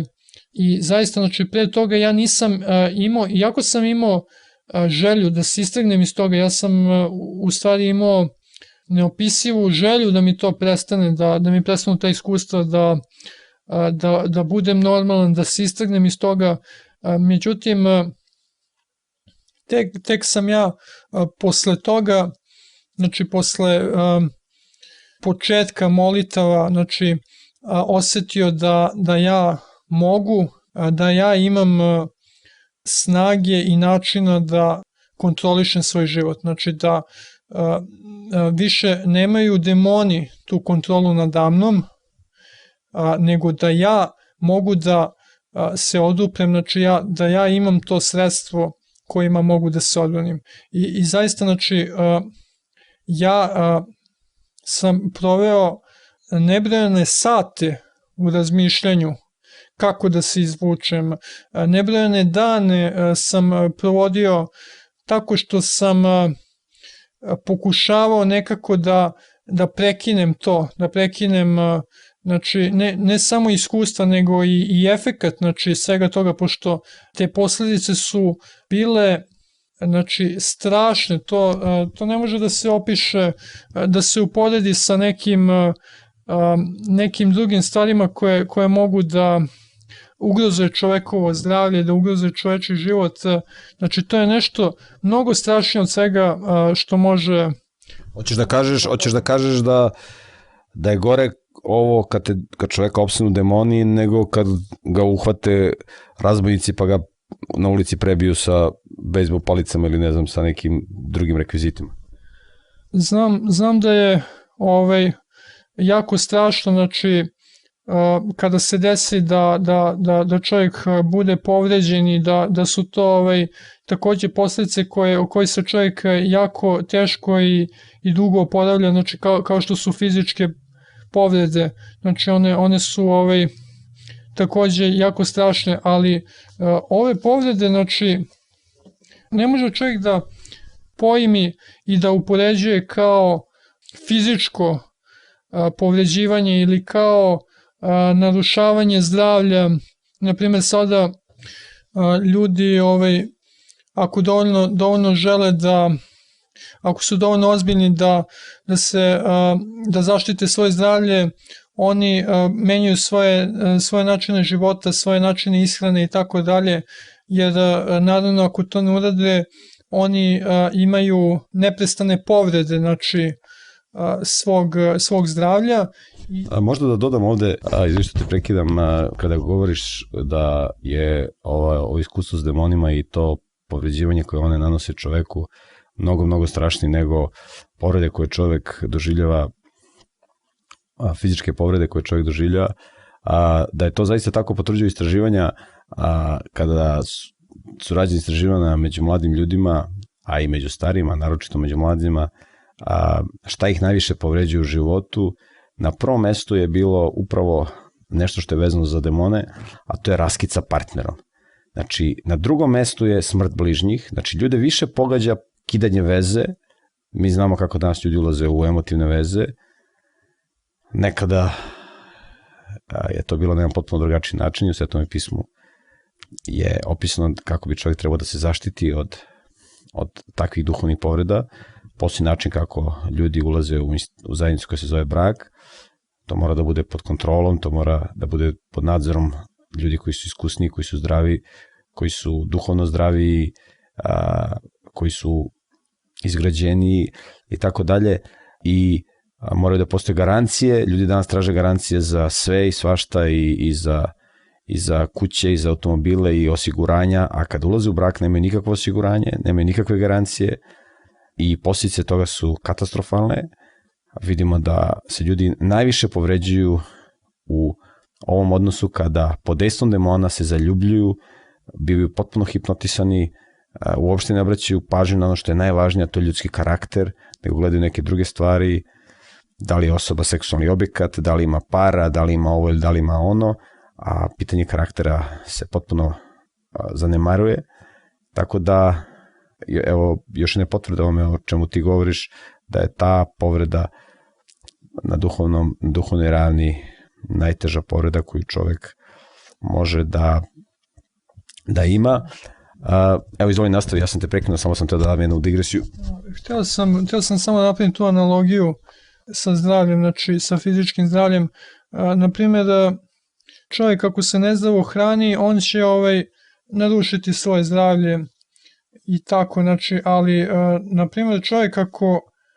stupa u kontakt sa, sa okultizmom, koji stupa u kontakt sa demonima, te posledice su, znači, koje mi možemo da imamo tako što ćemo možda da se pogrešno hranimo, one su maltene bezazlene od posledica koje možemo da imamo po zdravlje. Znači, konkretno po zdravlje, ali to, te posledice su nemerljive, znači ne možemo ni da, ni da opišemo šta sve ovaj, potpada znači, pod, pod taj uticaj. Znači, te posledice su ovaj, koje mi znači, pogrešnim načinom ishrane možemo da, da nanesemo su ovaj, bezazleno male naspram, naspram ozbiljnosti u poređenju sa, sa ovim Tako, na primjer, možemo da, da se pitamo kako žive neki ljudi u nekim sredinama gde nema hrane i tako dalje, ali koji su vrlo ozbiljni znači, u svom modalnom životu. Mi mislimo da ovi ljudi koji žive skromno i nemaju šta da jedu, da su oni u ozbiljnom problemu sa naše tačke gledišta ljudi koji maltene imaju na raspolaganju sve da sačuvaju svoje zdravlje u savremenoj sredini, ali im to nije dovoljno. Međutim, ovi ljudi su dokaz da čovek dakle ne živi samo o, o jelu i piću, već o, kako se to u Bibliji kaže, kako Bog otkriva o svakoj reči koja izlazi iz, iz Božih usta. Dakle, posledice koje čovjek može da ima od bavljenja okultizmom su često fatalne i nepopravljive. I najvažnije je da čovjek svoju punu pažnju i ozbiljnost poseti prevenciji. To ne treba upoređivati sa licemernom propagandom raznih zdravstvenih organizacija koja, koji se bave zdravljem, ali pritom se zdravlje ljudi sve više pogoršava zato što ništa se ne čini konkretno po tom pitanju. Nedostatak prevencije u ovom slučaju neće proći tako bezazleno kao što je to slučaj sa recimo na primjer lošim navikama u ishrani zato što loše, loše zdravlje koje je produkt loše ishrane se lako može popraviti u smislu da čovjek počne da jede znači zdravu hranu, već su ove posledice koje postepeno, mislim, narušavaju zdravlje, znači nisu ništa u poređenju sa, sa nekim drugim fizičkim izvorima bolesti kao što je, na primjer, nezdrava ishrana. Posle takvog delovanja demona čovjek se neuporedivo teže oporavlja nego od bilo kakve fizičke bolesti. Znači, posledice su nesagledive i nažalost u jednoj određenoj meri su, znači ako čovjek dostine taj, taj stupanj dubine u, u okultizmu, često su i nepopravljive. Znači čovjek može da dođe do nekog trenutka da jednostavno svojom voljom ili svojim kako da kažem naporima ne može da se promeni znači u smislu znači on, on ne, ne posjeduje tu, tu sposobnost i tu mogućnost da udalji ove demoni iz svog života, a, pa do toga da on postaje do te mere pro, pro, programiran da više ni ne želi da, da pomogne sebi. Ali naravno jako je važno istaći da čovjek koliko god da, da se pokvari, znači koliko god da on naruši znači,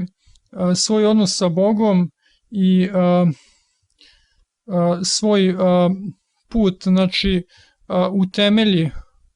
stazi koja ga vodi do, do Sotoni, da Bog sve može da ispravi. Znači sve, sve posledice koje čovjek ima, Bog može da popravi i zato neki ljudi koji, koji su obeznađeni, znači kao što sam ja bio, ovaj, njima treba da velika nada bude usmerena ka svemoćnom našem Bogu koji posle svega toga, znači posle svih tih problema jedini ima dovoljno, dovoljno veliku moć da nas popravi. Ali isto tako je važno da se, da se ovde kaže i to da je u stvari možda najvažnije poznavanje svetog pisma i da u suštini najveći efekat zaštite čovek dobija kroz znanje. Znači, to je, to je zapravo jedino pravo znanje koje čoveka može da spasi u, u ovom demoniziranom svetu. Znači, demoni su svuda oko nas i tako lako čovjek može da ih zakači ovaj, znači nekim svojim pogrešnim korakom koji konkretno u ovom slučaju ja sam jako sam dobro krenuo da se da se izločim iz iz svega toga otišao nepažnjom na, na jedno predavanje o meditaciji zato što nisam, nisam posjedovao to znanje koje je neophodno čoveku u današnjem svetu. I znači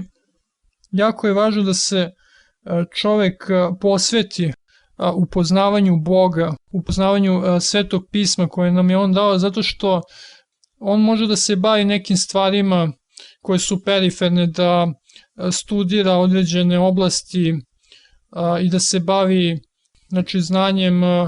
na, na određen način, na, na, na praktičan način koji može da doprinese da on da, da se poboljša kvalitet njegovog života, ali pravo znanje je samo ono koje će krajnji rezultat, znači ta staza koja, kojom on ide da ga dovede do Boga, znači do spasenja. U suprotnom stvarno je bilo šta drugo potpuno nebitno i sve, sve to što postoji nema nikakvu svrhu i šta više može imati destruktivne efekte po čoveka, tim pre ako ga udaljuje, udaljuje od Boga,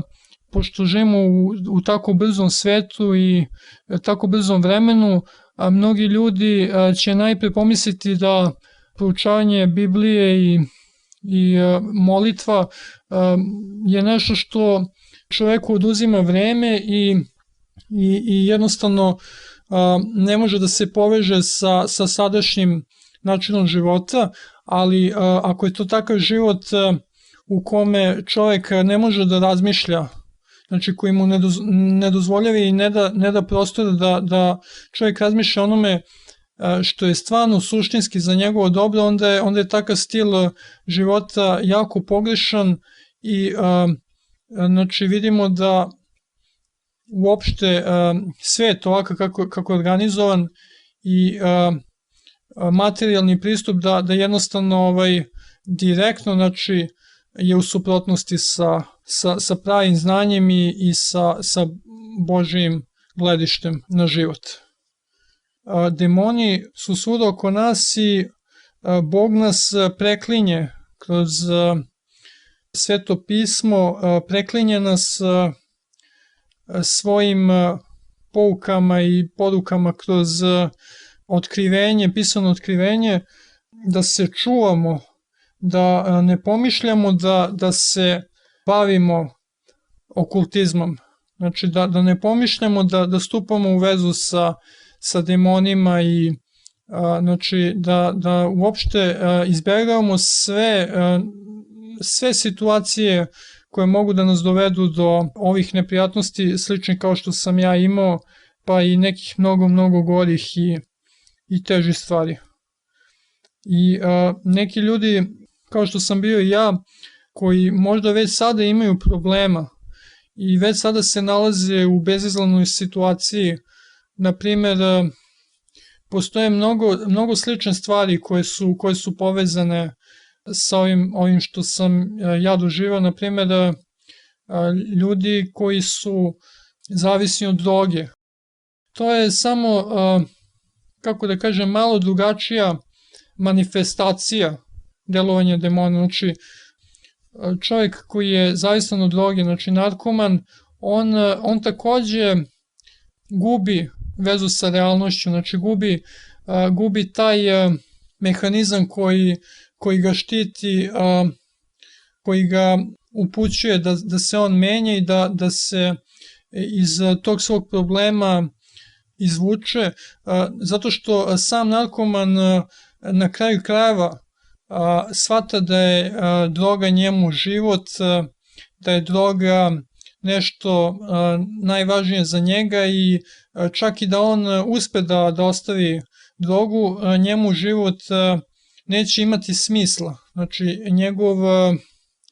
njegov mozak je promenjen, njegova svijest je izmenjena, znači on više ne može da, da razmišlja o lepim stvarima koje Bog nudi, šta više Bog je nešto totalno neinteresantno u njegovom životu. Znači, Bog je, je za takvu čovjeka samo ne, neka, neka,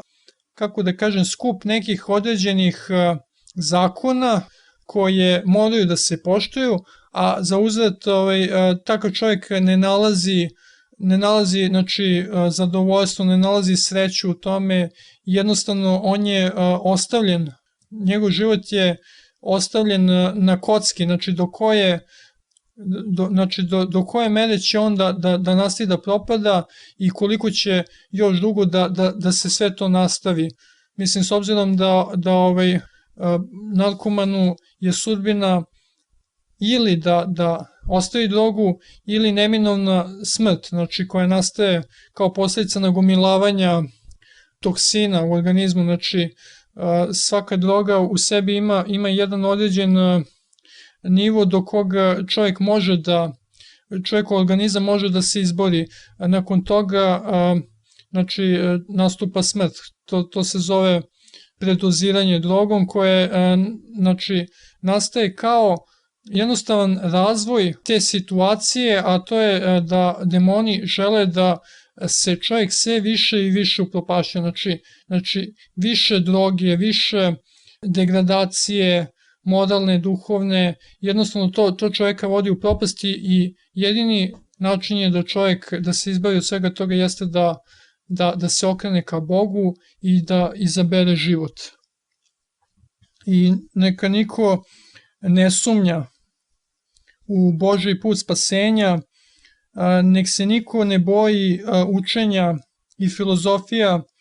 koje je satana uneo u ovaj svet da bi manipulisao sa nama i ucenjivao nas, znači što kroz savremenu nauku, što kroz psihologiju, što kroz razno razne sisteme vrednosti, znači koje gospodare ovim svetom,